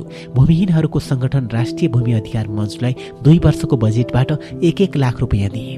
त्यसै गरी कमलरीलाई खाना बस्न सुविधा होस् भनेर खोलिएको होस्टललाई तीन वर्षसम्म एक एक लाख रुपियाँ सहयोग गरे मुक्त कमैयालाई पनि शिव विकासका लागि दुई वर्ष एक एक लाख र तेस्रो वर्ष पचास हजार रुपियाँ सहयोग गरे यसरी मैले आफू जुन वर्गबाट आएकी हुँ त्यही वर्गका लागि सक्दो सहयोग गरेकी छु। यसबाहेक पार्टीको सिफारिसमा पनि धेरै ठाउँमा संसदीय विकास कोषको रकम उपलब्ध गराएकी छु।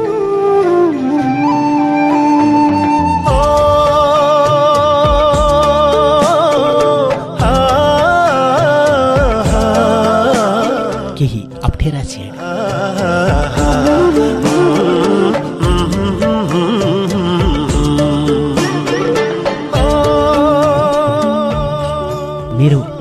काट्नेहरू पनि प्रशस्तै छन्। तर जब मेरो काम हेर्छन् देख्छन् त्यसपछि भने सबै पार्टीका मानिसले राम्रो मान्छ। अझ माओवादीका साथीहरूले त कैयौँ पटक यो हाम्रोमा हुनुपर्ने मान्छे कसरी एमालेमा गई भनेर मेरै सामु सुनाउँछन्। किन माओवादीमा नआएर उता गएको भनेर मुखै फरेर सोध्छन् पनि। अर्कोतर्फ जमिनदारहरू चाहिँ आफूहरू काङ्ग्रेस भएकाले शान्ता पनि काङ्ग्रेस नै होली भन्ठानेको त यो कसरी एमाले हुन पुगी भनेर आश्चर्य व्यक्त गर्छन्। उनीहरूले अनौठो मान्नु स्वाभाविकै पनि हो किनकि म बसेका प्राय घरका जमिनदार काङ्ग्रेस नै थिए। यसरी म अन्य पार्टीका मानिस बीच पनि चर्चा र छलफलको पात्र बन्दै आएकी छु। मेरा कारण कमलरी राख्ने जमिनदारहरूलाई धेरै पटक अप्ठ्यारो समेत परेको छ। एकपटक दाङको जिल्ला प्रशासन कार्यालयमा छलफलका लागि बोलाइँदा म संसदको प्राकृतिक स्रोत साधन समितिको सभापति नै थिएँ। मलाई देख्न साथ प्रमुख जिल्ला अधिकारीले उठेर नमस्ते गरे। मेरी दिदी कमलरी बसेको घरका जमिनदार कृष्ण पोखरेल पनि सोही कार्यालयका कर्मचारी भएकाले त्यही थिए। उनलाई निकै अप्ठ्यारो महसुस भयो। नमस्ते नगरौँ आफ्नै हाकिमले समेत गरिसके। गरौँ आफ्नै घरमा काम गर्न बसेकी कमलरीकी बहिनी। मैले उनको त्यो अप्ठ्यारो बुझेर आफै पहिले नै उनलाई नमस्ते गरेँ। र वातावरण सहज तुल्याउन सिडो साहब उहाँ त हाम्रो छिमेकी हो नि भनेर कुरा सुरु गरेँ। अन्यत्र कार्यालयमा जाँदा पनि कोही न कोही कर्मचारी भेटिहाल्थे। म यसै गरी वातावरण सहज बनाउन सकभर प्रयास गर्थेँ। यसरी पहिले कमलरी बसेको घरका वा यही वर्गका मानिस बाटोघाटोमा भेट्दा पनि बोल्न चाहिँ बोल्छ। तर फरक कति छ भने उनीहरू समूहमा वा कार्यक्रममा तपाईँ सम्बोधन गर्छन्। तर एक्लै भेट्दा चाहिँ अझै त नै भन्छन् जे होस् सम्बन्ध राम्रै छ। उनीहरू के भनेर सम्बोधन गर्छन् भन्नेसँग मलाई मतलब नै छैन। त मन्त्री भए पनि शान्ता नै भन्छौ त नै भन्छौ भनेर जिस्क्याउँछन्। मैले पनि उनीहरूको यस भनाइलाई अन्यथा मानेको छैन। धेरै कार्यालयमा यो अवस्था हुने गरेको छ अचेल मलाई। कुनै न कुनै कार्यालयमा कोही न कोही नभेटिने अवस्था नै रहँदैन।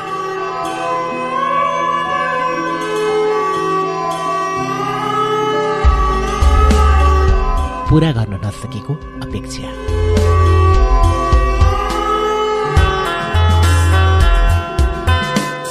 मेरी काइली दिदीको अलिकति जमिन छ।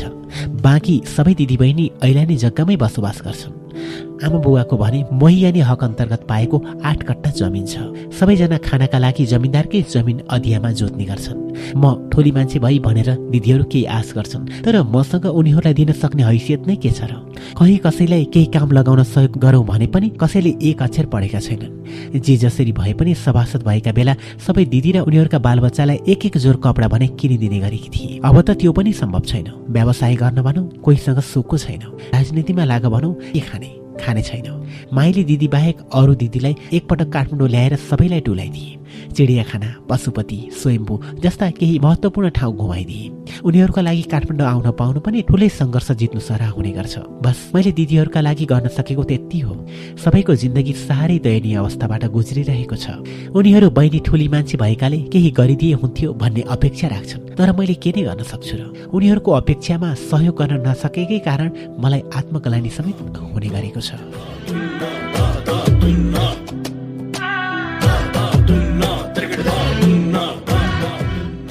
आफ्नै हालत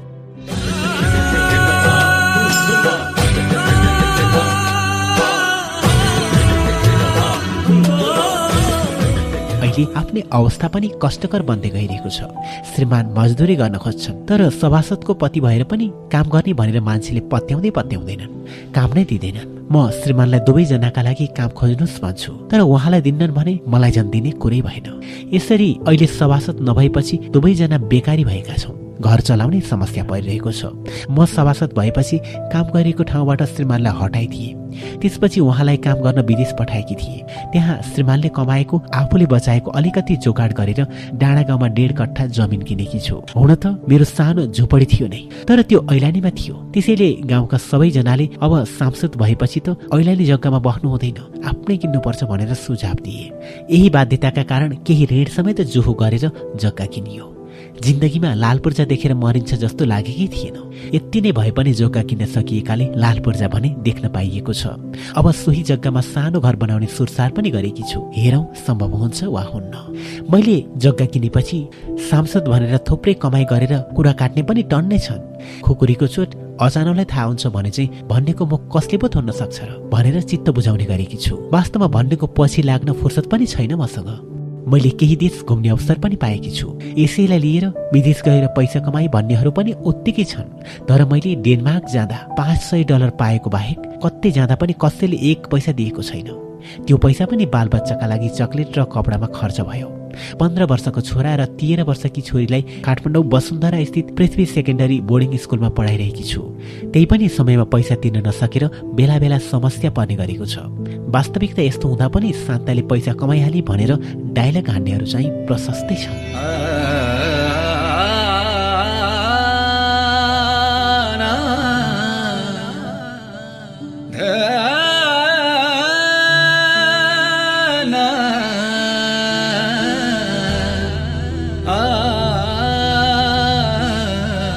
अहिले मेरो सबैभन्दा ठुलो समस्या नै विभिन्न स्थानबाट कार्यक्रममा उपस्थित हुनका लागि आउने निमन्त्रणा भएको छ। काठमाडौँ भएका बेला दाङ वा अन्य जिल्लाबाट बोलाउँछन् भने दाङ भएका बेला काठमाडौँको कार्यक्रममा बोलाउँछन्। नजाउँ वा आउन्न भनौँ ठुली भइछे भनेर कुरा काट्छन्। त्यसमाथि राजनीति गर्ने भूमि अधिकारको आन्दोलनमा लाग्ने मान्छेले निमन्त्रणा अस्वीकार गर्न पनि मिलेन। जाउँ बस भाडा र खाने बस्ने खर्च समेत नहुने। त्यसैले यसरी बोलाउनेसँग गाडी भाडाबारे अग्रिम अनुरोध गर्छु। धेरैले हालिदिन्छन् पनि। जेनतेन चलिरहेको छ। आफै भाडा हाल्नुपर्ने अवस्थामा चाहिँ निकै अप्ठ्यारो झेल्ने गरेकी छु। एक दिन पूर्व सभासद मोतीदेवी चौधरी रोएको सम्झन्छु। उनले रोँदै मसँग भनेकी थिइन् सभासद बनेपछि मेरो बर्बाद भयो। अब तिमी पनि बर्बाद हुने भयो। उनको भनाइको अर्थ थियो सभासद भएपछि त न कसैले काम दिने न अन्य आय स्रोत नै पर्ने। त्यसैले जीविकाका लागि निकै अप्ठ्यारो परेको रहेछ उनलाई। उनले आफ्नै अनुभव सुनाएपछि म झनै तर्सिएकी थिएँ। नभन्दै मेरो पनि हाल मती देवीकै नियतितर्फ अग्रसर भइरहेको छ। हुन त मेरो पार्टी एमाले पनि साथमा छ तर कतिको समस्या हल गरोस्। धेरै छन् म जस्ता हेर्नुपर्ने पार्टीमा। जे होस् हामी जस्ता तल्लो तहबाट आएकालाई आर्थिक संरक्षणको नीति पार्टीले ल्याउन सके धेरैको पहलो हुने थियो जस्तो लाग्छ।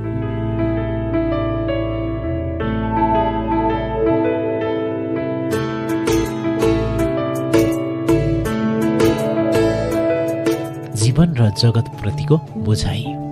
कमलरी मात्र होइन सबै प्रथा गरिबीसँग जोडिएको छ।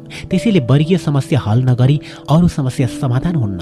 सानातिना सुधारात्मक कार्यक्रमले समस्या टालटुल पार्न सक्ला तर समस्या समाधानमा पुर्याउन सक्दैनन् अहिलेको मुख्य समस्या भनेकै पीडा एउटासँग र नेतृत्व भने अर्कोसँग हुनु हो। त्यसैले पीडितहरू नेतृत्व तहमा पुग्ने अवस्था सिर्जना नभएसम्म यस्ता समस्या जिउका त्यो रहनेमा शङ्का छैन। पीडितहरू नेतृत्वमा आएपछि मात्र सही रोगको सही उपचार सम्भव छ। पहिले पहिले म गरिबहरू किन राजनीतिमा आउनन्? उनीहरू राजनीतिमा आए पो आफ्ना समस्या समाधानका लागि पहल गर्न सक्थे ठान्थे। तर अहिले बुझ्न थालेकी छु कि राजनीति गरिबका लागि सहज रहेनछ। राजनीति सम्पन्न वर्गले गर्ने पेसा रहेछ। यही गरिब नेतृत्वमा आउन नसक्ने प्रक्रियाकै कारण ऊ जहिले पनि राजनीति अवसर र पहुँचबाट टाढिएको रहेछ। म आफै यही पीडा भोग्न बाध्य भएकाले पनि मैले यति बुझ्न सकेकी हुँ। कमलरी भूमिहीन सुकुम्बासीका समस्या समाधान हुन नसक्नुको मूल कारण पनि नेपालमा विद्यमान यही राजनीतिक प्रक्रियासँग अभिन्न रूपले गाँसिएको छ। कमलरी बस्दा र सभासदको जिम्मेवारी निर्वाह गर्दा धेरै फरक हुने त भइ नै हाल्यो। त्यति बेला साहु साहुनीलाई कसरी खुसी पार्ने भन्ने एक सूत्रीय चिन्ता थियो भने अहिले गाउँ घर छोराछोरी आफन्त कमलरी मतदाता कमैया र सिङ्गो देशका लागि केही गर्नुपर्ने भूमिका थपिएको छ। उता मलाई यस ठाउँमा पुर्याउने राजनीतिलाई पनि व्यवस्थापन गर्नै पर्यो। यी सबैतिर धेरथोर भूमिका भएकाले खासै केही गर्न सकिएको छैन। तर गर्न नसकिए पनि यसको महसुसीकरण भने भएको छ जसले मलाई केही गर्नै पर्ने बारेमा बेला बेलामा उत्प्रेरणा चाहिँ दिलाइरहेको छ।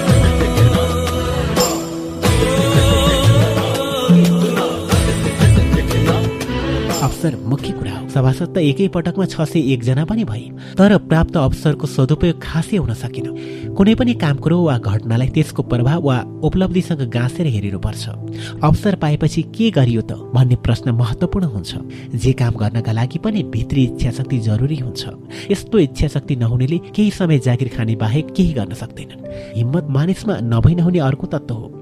यो तत्त्व बिना कसैले केही गर्नै सक्दैन। यस्तो अवस्थामा उसले अवसर पाउनु र नपाउनुको कुनै तात्विक भिन्नता आकलन गर्न सकिन्न। साहस अर्को चिज हो जसले मानिसलाई सफलता उन्मुख बनाउँछ।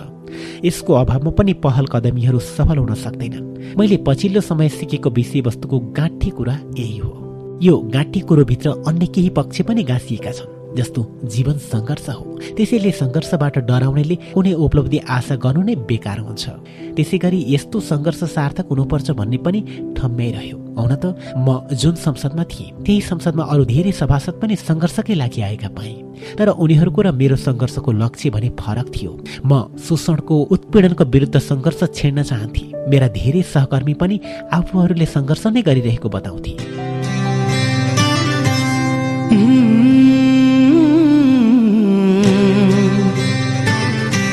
तर मेरो हेराइमा त्यो सङ्घर्ष फरक थियो।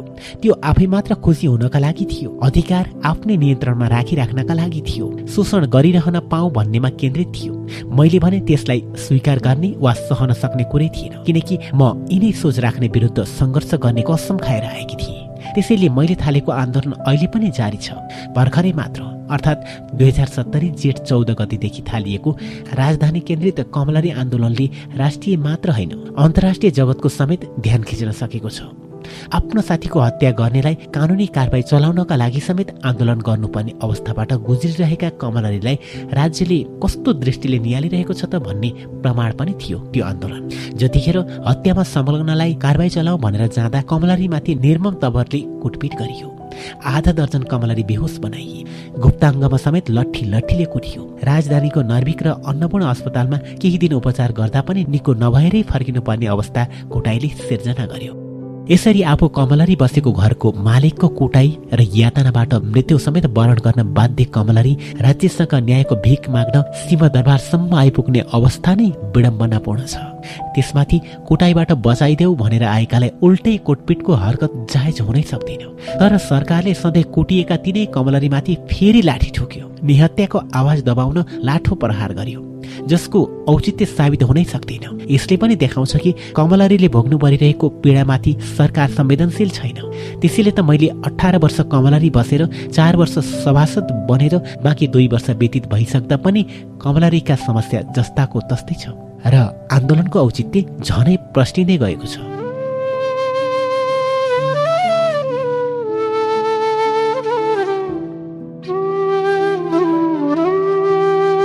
अहिलेका कमलारी तुलनात्मक रूपमा भाग्यमानी छन्। हामीमध्ये कतिले त बलात्कार हुँदा समेत यस्तो भयो भन्न पाएनौँ। कुट्यो खान दिएन भन्ने हिम्मत गर्न सकेनौँ।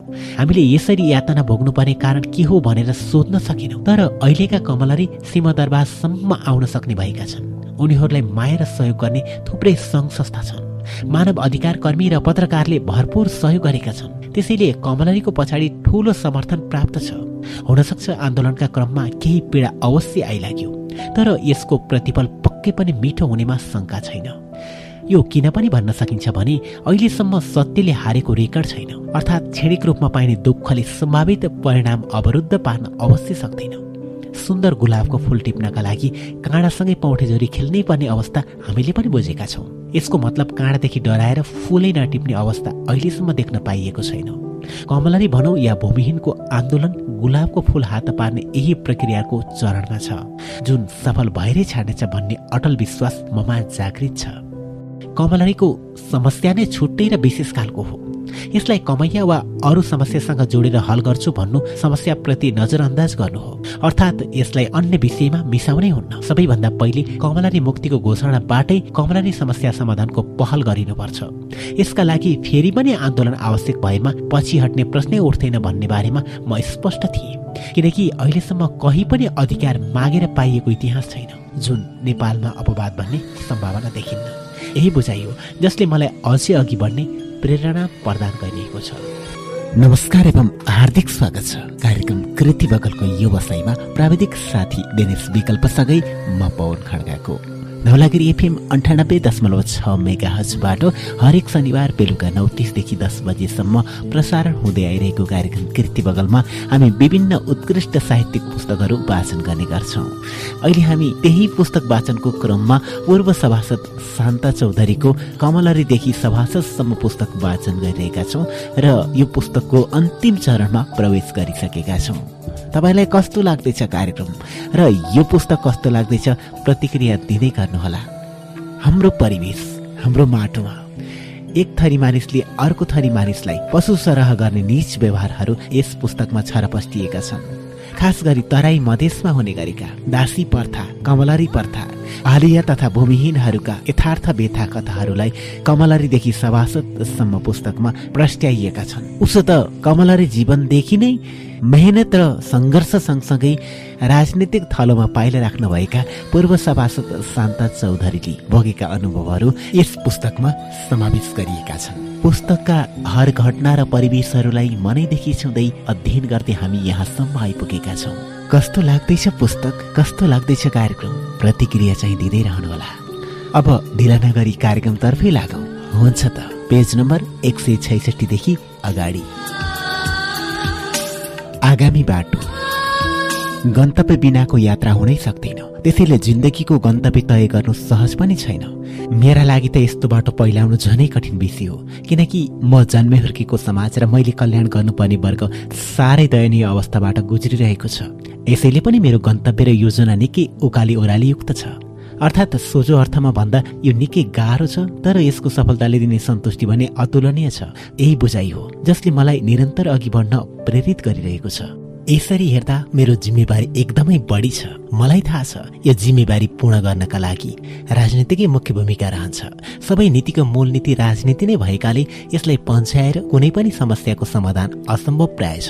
त्यसैले राजनीति मार्फत नै गरिब भूमिहीन कमलरी जस्ता वर्गको उत्थान गर्न सकिनेमा मलाई कुनै शङ्का छैन। मात्र राजनीतिक दल र त्यसमा लाग्ने मानिस इमान्दार हुनुपर्छ र उनीहरूमा दरिलो इच्छा शक्ति आवश्यक पर्छ। मानिस किन झन्झन गरिब भइरहेको छ। मानिस किन अहिले पनि दास जीवन बाँच्न विवश छ।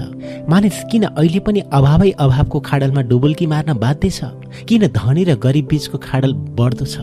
साधन र स्रोतको पहुँचमा किन विभेद छ? यस्तो अवस्थामा पनि किन उसका पीडा र दुःख कतै सुनिँदैनन्? यस्ता समस्या सम्बोधन नहुनको कारण के हो? यी र यस्ता यावत प्रश्न हुन् जसको उत्तर पहुँचसँग जोडिएको छ। अर्थात् राजनीतिको शीर्ष तह भनौँ या नीति निर्माण तहमा यही शोषित पीडित वर्गको अनुपस्थिति नै यी समस्या जिउका त्यौँ रहनुका मुख्य कारण हुन्। यसबाट पनि प्रष्टिन्छ कि राजनीतिमा सार्थक पहुँच बिना हामीले भोगेका समस्याहरूको समाधान असम्भव छ।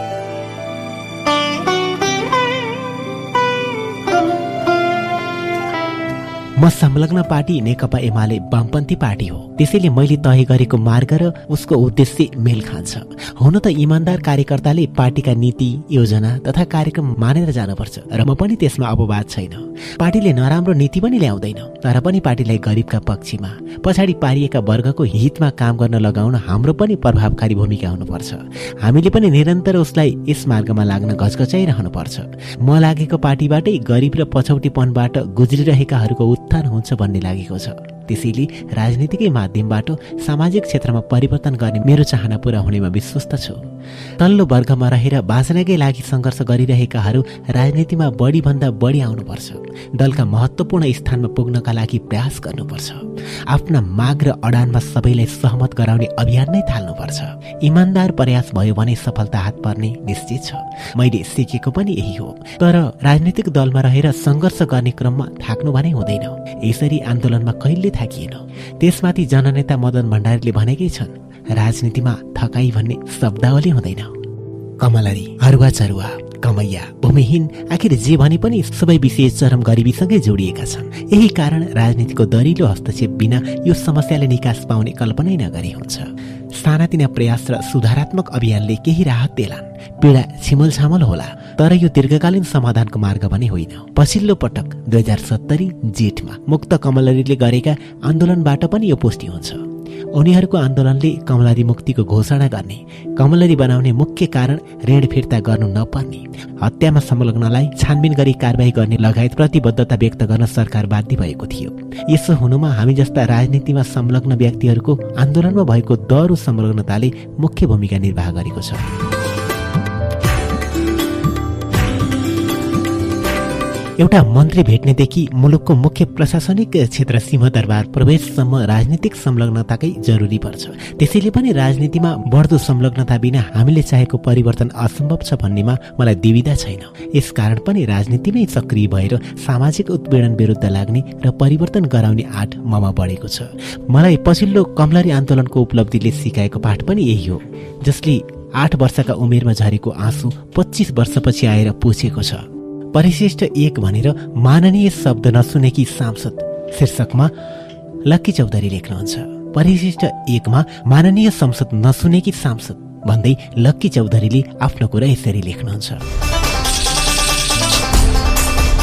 आठ वर्षको भएपछि शान्ता चौधरी स्थानीय गाउँको जमिनदार कहाँ कमलरी भइन्। बिना ज्याला अरूको घरमा काम गर्ने सानी केटी या महिलालाई कमलरी भन्ने गरिन्छ भने केटालाई कमलर या कमैया। दुई हजार बैसठी त्रिसठीको जनआन्दोलन पछाडि गाउँमा यस्तै प्रथा कायम थिए। गाउँमा हुने खाने जमिनदारको रवाफ हुने गर्थ्यो। उनीहरूले गाउँका गरिबहरूलाई पशुको झैँ व्यवहार गर्न लगाउँथे। कमैया कमलरीहरूलाई खरिद बिक्री गर्थे। ती मध्येका एक शान्ता चौधरी पनि दासी जीवन जिउँथिन्। सानैदेखि माना छाना र नानाका लागि सङ्घर्ष गरेकी शान्ताले एक दिन कमलरीबाट सभासद हुन्छु भन्ने कल्पना समेत गरेकी थिइनन्। तर समय बलवान हुन्छ भन्ने उखान चाहिँ उनले एकाएक सभासदको जिम्मेवारी पाइन्। उनी छब्बिस वर्षको हुँदासम्म कमलरी थिइन्। जीवनको अठार वर्ष उनले जमिनदारको काममा लगानी गरिन्। सरकारले कमैया मुक्तिको घोषणा दुई हजार सन्ताउन्न साउन दुई गति गरेको थियो। तर कमलरीले मुक्ति पाएका थिएनन्। त्यसैले कमैया मुक्तिको घोषणापछि दासदासी जीवनबाट मुक्त हुनुपर्छ भन्ने एक किसिमको अभियान आन्तरिक रूपमा सुरु भयो। सोही क्रममा कमलरी अरुवा चरुवा हरिया पनि मुक्त हुन पाउनुपर्छ भन्ने आवाज उठ्यो। त्यसैको परिणाम शान्ता चौधरी पनि जनआन्दोलन दुई हजार बैसठी त्रिसठी पछि कमलरी जीवनबाट मुक्त भइन्। यद्यपि उनी कमलरी छँदै भूमिहीनको आन्दोलनमा संलग्न भइसकेकी थिइन्। जमिनदारका सदस्यहरूको आँखा छालेर उनी आन्दोलनमा जाने गर्थिन्। दिउँसो समय नपाई राति अभियानमा जान्थिन्। जमिनदारले उनको अभियान थाहा पाएपछि निकै दुःख दिएको अनुभव उनीसँग छ। यद्यपि उनले अभियान छाडिनन्। अभियानमा छँदा उनी कुनै पार्टीको सदस्य थिएनन्। उनलाई पार्टी प्रवेश गराउन माओवादी काङ्ग्रेस एमाले र माले प्रशस्त प्रयास गरेका थिए। दुई हजार चौसठी साल चैत अठाइस गतिको संविधान सभा निर्वाचन आउन थालेपछि उनले कुनै एउटा पार्टी छनौट गर्नुपर्ने बाध्यता आइलाग्यो। भूमिहीन आन्दोलनताका थुप्रै दलको बारेमा सुनेकी थिइन्। उनले कमलरी भएर काम गर्ने जमिनदार नेपाली काङ्ग्रेसका सदस्य थिए। जति जति संविधान सभा निर्वाचन नजिकिँदै गयो त्यति त्यति पार्टीका पदाधिकारीहरू उनलाई पार्टीको सदस्यता लिनमा दबाब दिन थाले। आफ्नो पार्टीको तर्फबाट संविधान सभाको उम्मेद्वार बनाउने सबैले आश्वासन दिए। तर उनले कुनै पार्टीको सदस्यता लिने बारेमा निर्णय गर्न सकेकी थिइनन्। यद्यपि कुनै पार्टीको विचार भने उनले बोक्न थालिसकेकी थिइन्। भूमि अधिकार मञ्चको पदाधिकारीका नाताले मञ्चलाई पार्टीको आरोप आउला भनेर उनले सदस्यता लिन हिम्मत गरेकी थिइन्। मञ्चकै पदाधिकारीहरूको दबाव र भूमिहीनको अधिकार सुनिश्चित गर्नका लागि पनि राजनैतिक दलमा आबद्ध हुनुपर्ने आवश्यकता उनले महसुस गरिन्। काङ्ग्रेसमा जाने उनको परिस्थिति थिएन। जमिनदारको घरमा दासी जीवन जिउनु परेकै कारण उनलाई काङ्ग्रेस मन परेन। माओवादीको क्रान्तिकारी नाराले उनलाई छोएको थियो। सशस्त्र युद्धताका उनले धेरै माओवादीलाई आफ्नै घरमा भात पकाएर खुवाएकी थिइन्। पटक पटक आफ्नै सानो झुपडीमा माओवादी कार्यकर्तालाई आश्रय दिएकी थिइन्। भूमिहीन। कमैयाका लागि ठुला ठुला नारा उठाएको देख्दा उनलाई माओवादी पार्टी नै राम्रो हो कि भन्ने नलागेको होइन। तर जब उनका आफन्तलाई माओवादीले घाँटी रेटेर हत्या गरे उनी विचलित भइन्। ठाउँ ठाउँमा सर्वसाधारणलाई मारेको समाचारले त उनलाई झन भयभीत बनायो। माओवादी पार्टी पनि सर्वसाधारणका लागि होइन रहेछ भन्ने उनले सोचिन्। नेकपा एमालेको तत्कालीन दुई हजार एकाउन्न सालको नौ महिने सरकारको कामकाज उनले नजिकबाट निहालेकी थिइन्। वृद्ध भत्तादेखि आफ्नो गाउँ आफै बनाऊ लगायतका अभियानमा उनले मूल्याङ्कन गर्न पाएकी थिइन्। काङ्ग्रेस र माओवादीको भन्दा त विचारले एमाले नै ठिक रहेछ भन्ने उनलाई लाग्यो। उनको विचार मिल्ने साथीहरू पनि एमालेमै थिए। उनले अन्तिममा एमाले पार्टीमै लाग्ने निधो गरिन्। संविधान सभा उम्मेद्वारका लागि आफ्नो नागरिकता र बायोडाटा उनले दिइन्। उनको पार्टी प्रवेशको काम यसरी भएको थियो।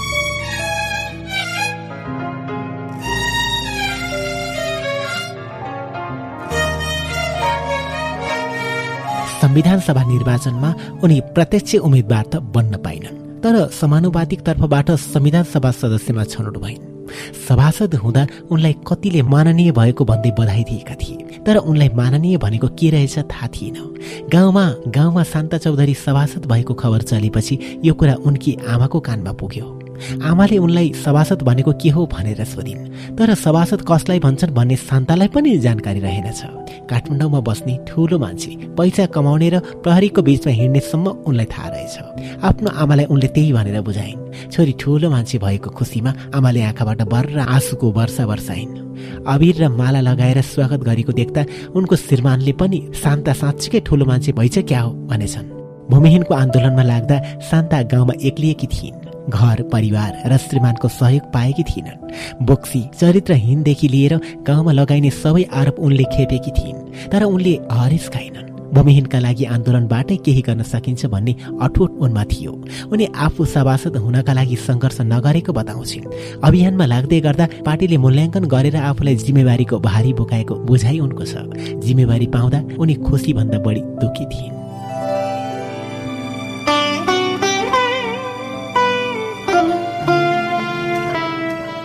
दुई सन्तानकी आमा? बच्चालाई कहाँ राखेर काठमाडौँ जाने? उनलाई चिन्ता भयो।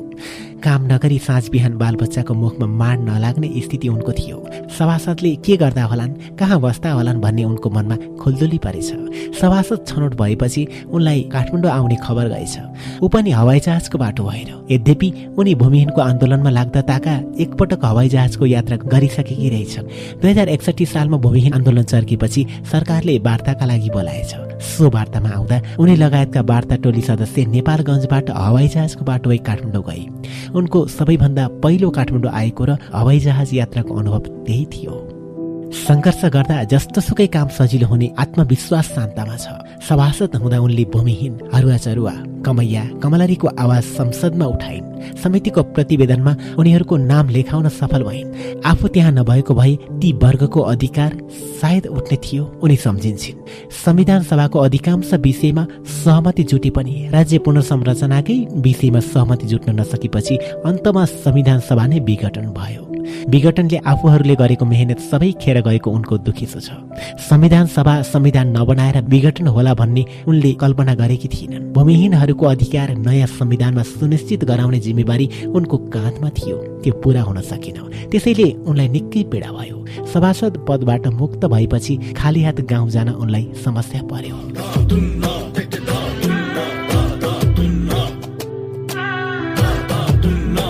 संविधान सभा विघटनमा धेरथोर जिम्मेवारी सबै दल भए पनि सबैभन्दा बढी जिम्मेवार माओवादी रहेको उनको बुझाइ छ। संसदमा सबैभन्दा ठुलो दलको नाताले र सरकारको नेतृत्वकर्ताको हैसियतले माओवादीले विघटनको दोष लिनुपर्ने धारणा उनको छ। चार वर्षसम्म सभासद भएर काम गर्दा उनले सबैभन्दा राम्रो काम कमैया कमलरी हलिया हरुवा चरुवा शब्द समितिको प्रतिवेदनमा उल्लेख गरेको सम्झिन्छन्। प्राकृतिक स्रोत र साधन समितिको सभापतिको जिम्मेवारी पनि राम्रोसँग पूरा गरेको उनको ठम्याइ छ। तर उनले आफूलाई चित्त नबुझेको काम पनि गर्नु परेको कुरा सम्झिन्छन्। हदबन्दीभन्दा बढीको जग्गा सरकारले अधिग्रहण गर्दा क्षतिपूर्ति दिनुपर्ने प्रतिवेदनमा हस्ताक्षर गर्दा उनलाई निकै दुःख लागेछ। तर पार्टीको खिलाफमा जान नसक्दा आफूले जानी जानी सो हस्ताक्षर गरेको उनले सुनाइन्। क्षतिपूर्ति दिँदा धनी झन धनी र गरिबहरू गरिबको गरिबै हुने कुरा उनलाई थाहा थियो। संविधान सभा विघटनलाई उनी आफ्नो सन्तानको हत्या गरेको चाहिँ महसुस गर्छिन्। आफ्नो बच्चालाई दुध चुसाउन नपाएर उनले एउटा सन्तान गुमाएको दुःख दुःख सुनाइन्। संविधान सभाको अवसान पनि त्यस्तै प्रकृतिको रहेको बुझाइ उनको छ। संविधान बनाएर हातमा संविधान लिएर गाउँ जान पाएको भए वातावरण अर्कै हुन्थ्यो। तर खाली हात जानु पर्दा निकै कठिनाई भयो उनलाई।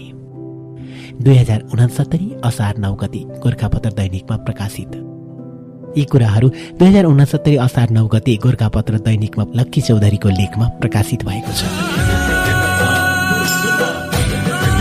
परिशिष्ट दुईमा भूमिहीनलाई दपेट्न खोजियो भन्दै हिमाल खबर पत्रिका दुई हजार उनसत्तरी जेठ अङ्कबाट केही प्रश्नोत्तर छलफल र कुराकानीको क्रमलाई यसरी जोड्न खोजिएको छ।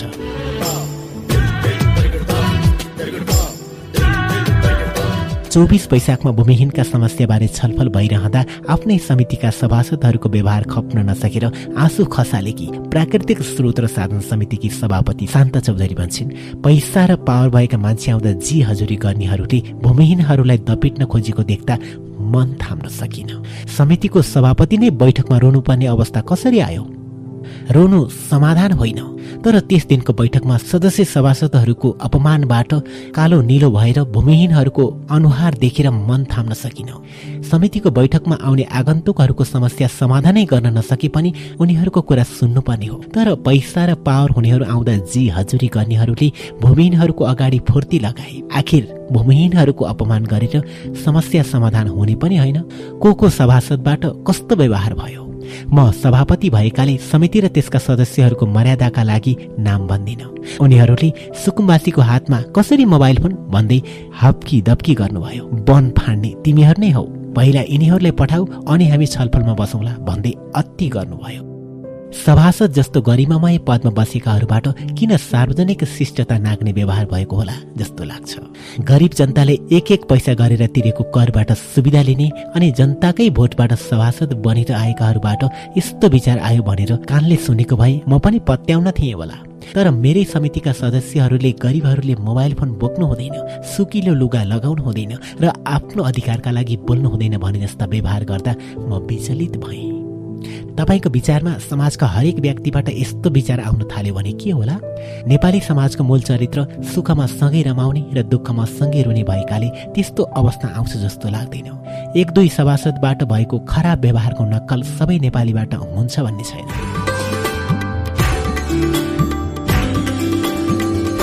तपाईँले तपाईँले संसदीय समिति जस्तो ठाउँमा भएको यस्तो व्यवहारको विरोध भावुकतावश रोएर गर्नुभयो। उहाँहरूको मन पोलेको होला त?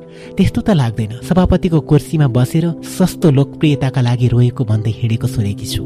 हरेक समाजमा यस्तो परपीडक मनोवृत्ति हुन्छ नै तर संसार सहनशीलता क्षमताभाव र धैर्यले चलेको हुन्छ जस्तो लाग्छ।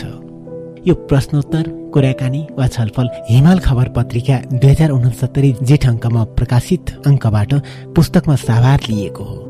परिशिष्ट तिनमा दुई हजार सडसठी साउन एक्काइस गति नयाँ पत्रिका दैनिकमा प्रकाशित राजेश राईको लेख कमलरी सभासदलाई यसरी लेखिएको छ। मेरो बुबा कमलर हुनुहुन्थ्यो र आमा कमलरी। दिनभर उहाँहरू जमिनदारको घरमा काम गर्नुहुन्थ्यो। बुवा आमा मात्रै होइन परिवारका सबै एघारजना सदस्यले बिहान झिसमिसेदेखि राति अभिरसम्म जमिनदारको घरमा काम गर्थे। दिनभर जति काम गरे पनि बेलुका घरमा धेरैजसो आधा पेट खाएर सुत्नुपर्ने बाध्यता थियो। बुवा आमा कामबाट घर फर्कँदा जङ्गल गएर कन्दमूल ल्याउनुहुन्थ्यो। कहिले त बुवा आमा भक्कै सुतेर हामीलाई सागपात नुन हालेर खोले बनाइदिनुहुन्थ्यो।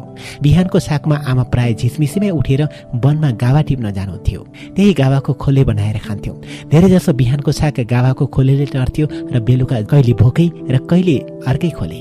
त्यही परिवारमा म दुई हजार सैतिस सालमा जन्मेकी हुँ। दाङको लक्ष्मीपुर गाविसको डाँडा गाउँमा।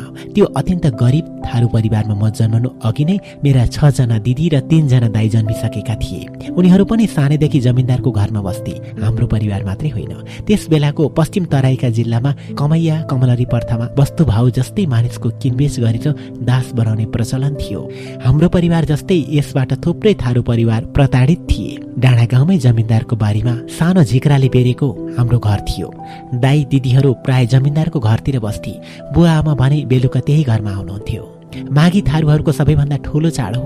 यो पश्चिम तराईका बाँकी बर्दिया कैलाली कञ्चनपुर र दाङ जिल्लामा माघी सङ्क्रान्तिको दिन उल्लासका साथ मनाइन्छ। माघीमा मिठो खाने राम्रो लगाउने र ठुला बडाबाट आशीर्वाद थाप्ने प्रचलन हुन्छ। त्यसबेला माघीमा भव्य मेला लाग्थ्यो। माघी चाड हुने खानेहरूका लागि मात्रै उत्सव हुन्थ्यो काम गरेर खान नपाउनेका लागि भने माघी एउटा मृत्यु पर्व जस्तै हुन्थ्यो। किनभने माघीको समयमा हाम्रो मोलतोल हुन्थ्यो र कमैया वा कमलरीका रूपमा हामी जमिनदारको घरमा दास भएर जानु पर्थ्यो माघीको बेला नै कुन जमिनदारकोमा जाने कति बस्ने के काम गर्ने लगायतका मोलतोलको काम गरिन्थ्यो। माघीमा बजारमा खसी बोका बेचिए जसरी हामी बेच्नु पर्थ्यो दुई हजार पैँचालिस सालको माघीमा म आठ वर्षकी थिएँ। त्यति बेला मेरो पनि मोलतोल भयो। आठ वर्षकै उमेरमा म किनिन योग्य भइसकेकी रहेछु? त्यही दिन म बुवा आमाको काग छाडेर जमिनदारको घरमा कमलरीका रूपमा दास भएर जाँदै थिएँ। जुन दिन हुने खानेका छोराछोरी राम्रो लुगामा ठाँटिएर माघीमा रमाउँदै थिए अहिले सम्झन्छु त्यो दिन मेरा लागि कति निर्मम थियो। जुन दिन अरू म जस्तै बच्चा चाडमा रमाउँदै थिए म बेचिँदै थिएँ।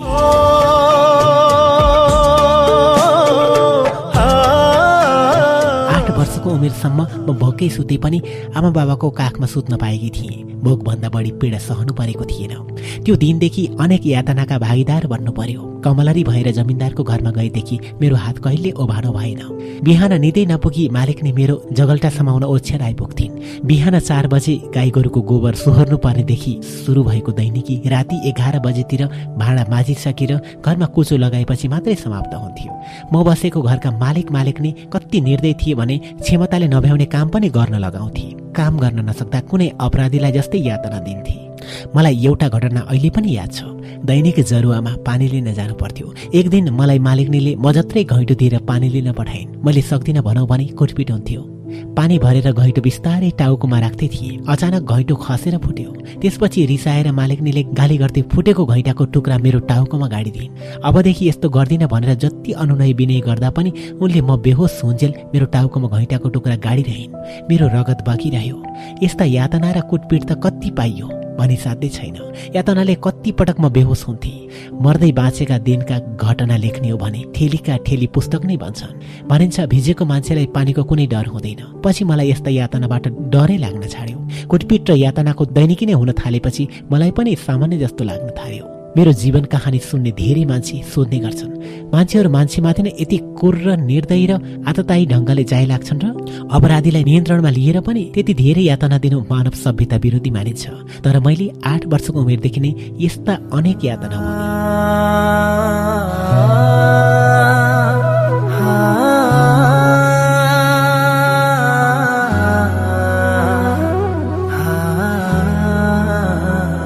पानी पनि सजिलो तवरले ल्याउन कहाँ पाइन्थ्यो र? कम्मरमा एउटा र टाउकोमा एउटा गरी दुईवटा घैँटोमा पानी ल्याउनु पर्थ्यो।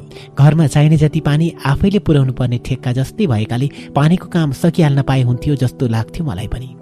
कहिले खोलाबाट त कहिले जरुवाबाट पानी ल्याइन्थ्यो। दुवै ठाउँ जमिनदारको घरबाट करिब पन्ध्र मिनटको दूरीमा थिए। दैनिक यसै गरी चार पाँच खेप पानी ल्याउनै पर्थ्यो। गाई भैँसीलाई खुवाउन पनि थप पानी चाहिन्थ्यो। त्यो चाहिँ नजिकैको कुलोबाट ल्याउँथे। पन्ध्र मिनटको दोरीमा भए पनि पानी लिन जाने बाटोमा बाँसघारी थियो। त्यही अप्ठ्यारो थियो। यहीँनिर मान्छे पनि पोल्थे। यस्तो ठाउँमा भूतले तर्साउने गरेको कुरा पनि बारम्बार सुनिन्थ्यो। अरू त अरू चराचुरुङ्गीले समेत तर्साए चाहिँ लाग्थ्यो। कहिलेकाहीँ त यस्तै बाटोमा राति पनि पानी लिन जानु पर्थ्यो। यसै गरी बिते डराएर धेरै वर्ष मेरा। एक दिनको घटना हो। जरुवानेर पिपलको रोग थियो। त्यहाँ भूतले तर्साउँछ भन्थे। त्यसैले त्यहाँ पुगेपछि आँखा चिम्लेर कुद्थे। त्यो दिन अँधेरैमा पानी लिन गएकी थिए। कोही पछि पछि आए जस्तो लाग्यो। फर्केर हेरे कोही थिएन। एकदमै डर लाग्यो। रुखको पात हल्लिँदा पनि मलाई नै बोलाए जस्तो लाग्ने। मन र शरीर दुवैले काम गर्न छाड्यो। कहिले अग्लो भए जस्तो लाग्ने आफैलाई। हलन चल भए बोल्न पनि सकिन। बिहानको चार पाँच बजेतिर थारूहरूले जमिनदार कहाँ दाउन गोरु ल्याउँदै रहेछन्। हट भनेको आवाज सुने बल्ल अलिअलि होस आयो। अनि उनीहरूकै पछि लागेर पानी लिन गए। त्यो मलाई बोलाए जस्तो गर्ने। कहिले अग्लो त कहिले होचो देखिने चिज त अजम्बरीको बोटो पो रहेछ जसलाई पछिसम्म निहालिरहे। नौ दस वर्ष उमेरमा भएको त्यो घटना अहिले सम्झँदा पनि अचम्म लागेर आउँछ। तर यस्ता घटना अरू पनि नभएका चाहिँ होइनन्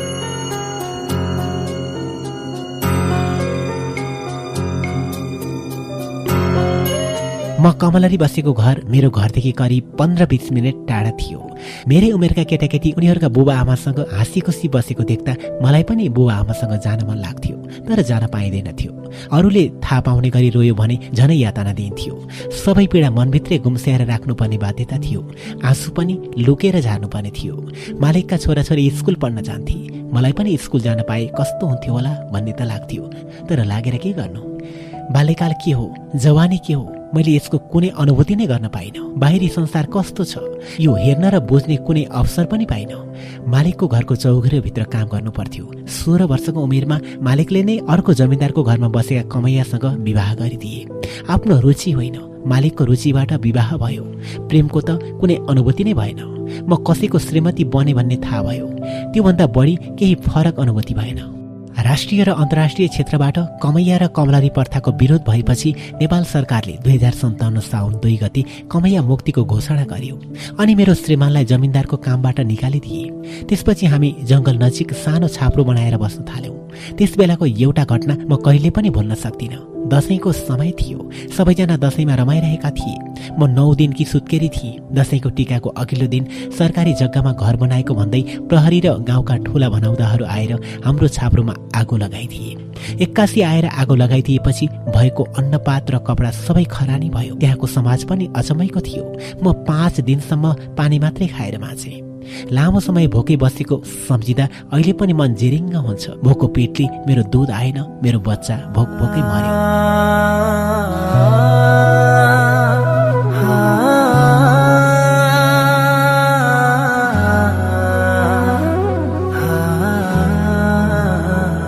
सानैदेखि म जिज्ञासु स्वभावकी थिएँ। किन यस्तो विभेद हुन्छ? जन्मिँदै दास भएर जन्मिनु पर्ने किन होला? यस्तो नियम कसले बनायो होला? मेरो मनमा यस्ता खालका अनेकौं प्रश्न उब्जिरहन्थे। उमेरले परिपक्व हुँदै जाँदा मैले यस्ता प्रश्नको उत्तर खोजी गर्न थालेँ। कामभन्दा बढी बाहिर ध्यान दिँदा मलाई मालिकले कामचोर भन्थे। अरूको भन्दा कम ज्याला दिन्थे। एक वर्षको जम्मा जम्मी चार हजार मात्रै ज्याला दिन्थे। यस बीचमा मेरा दुई बच्चा भए। आफू त भोक्कै पनि बसौँला तर यी बच्चाको भविष्य के होला भनेर म चिन्तित हुन्थेँ। अब यत्तिकै बसेर हुन्न। केही गर्नुपर्छ भनेर मैले नयाँ ठाउँ र नयाँ आधारको खोजी गर्न थालेँ। कमैया मुक्त घोषणा गरिएपछि मनमा केही होला कि भन्ने आशाको सञ्चार भएको थियो। यही क्रममा दुई हजार साठीतिर म दाङ महिला केन्द्रमा सङ्गठित बने। बिस्तारै मालिकको घरको चौघेरो बाहिरको संसार बुझ्दै जान थाले। दुई हजार बैसठीमा राष्ट्रिय भूमि अधिकार मञ्चमा सङ्गठित भए। दुई हजार साउन एक्काइस गति नयाँ पत्रिका दैनिकमा प्रकाशित। पुस्तकमा समावेश भएका केही शब्दहरू स्पष्टीकरणका लागि उहाँ लेख्नुहुन्छ। कमलरी जग्गा कमाउन वा ऋण दिए बापत दिनेको घरमा काम गर्न बस्ने बालिका वा किशोरी। कमैया सामान्य ऋण लिए बापत त्यसैको ब्याज स्वरूप ऋण दिनेको घरमा वर्षौँ काम गरिदिने व्यक्ति बड्का बड्की थारू भाषामा सबैभन्दा जेठोलाई गरिने सम्बोधन। मूल्य निश्चित भएपछि तत्कालै दिइने केही पैसा। बाबु बहिनी तोरी मिठाई गेडा चक्लेट। बेगारी आफ्नो छाडेर जमिनदारको घरमा सित्तैमा गरिदिनु पर्ने काम। छत्री मालुवा वा बाँसको पातले बनाइएको छाता जस्तै ओढ्ने सामग्री। खुदी कनिका टुक्रिएको चामल दिउहार देवता राखिएको कोठा पूजा कोठा। कसहरी गाउँका गन्ने मान्ने सहितको बैठक। माघी थारू जातिको सबैभन्दा ठुलो चाड। जति बेला कमैया कमलरी राख्ने फेर्ने जस्ता काम हुन्छ यो थारूहरूको आर्थिक वर्ष पनि हो। जति बेला मोली चुन्ने भिन्न हुने घरमै पनि चित्त नबुझेका कुरा स्पष्टसँग राख्ने गरिन्छ।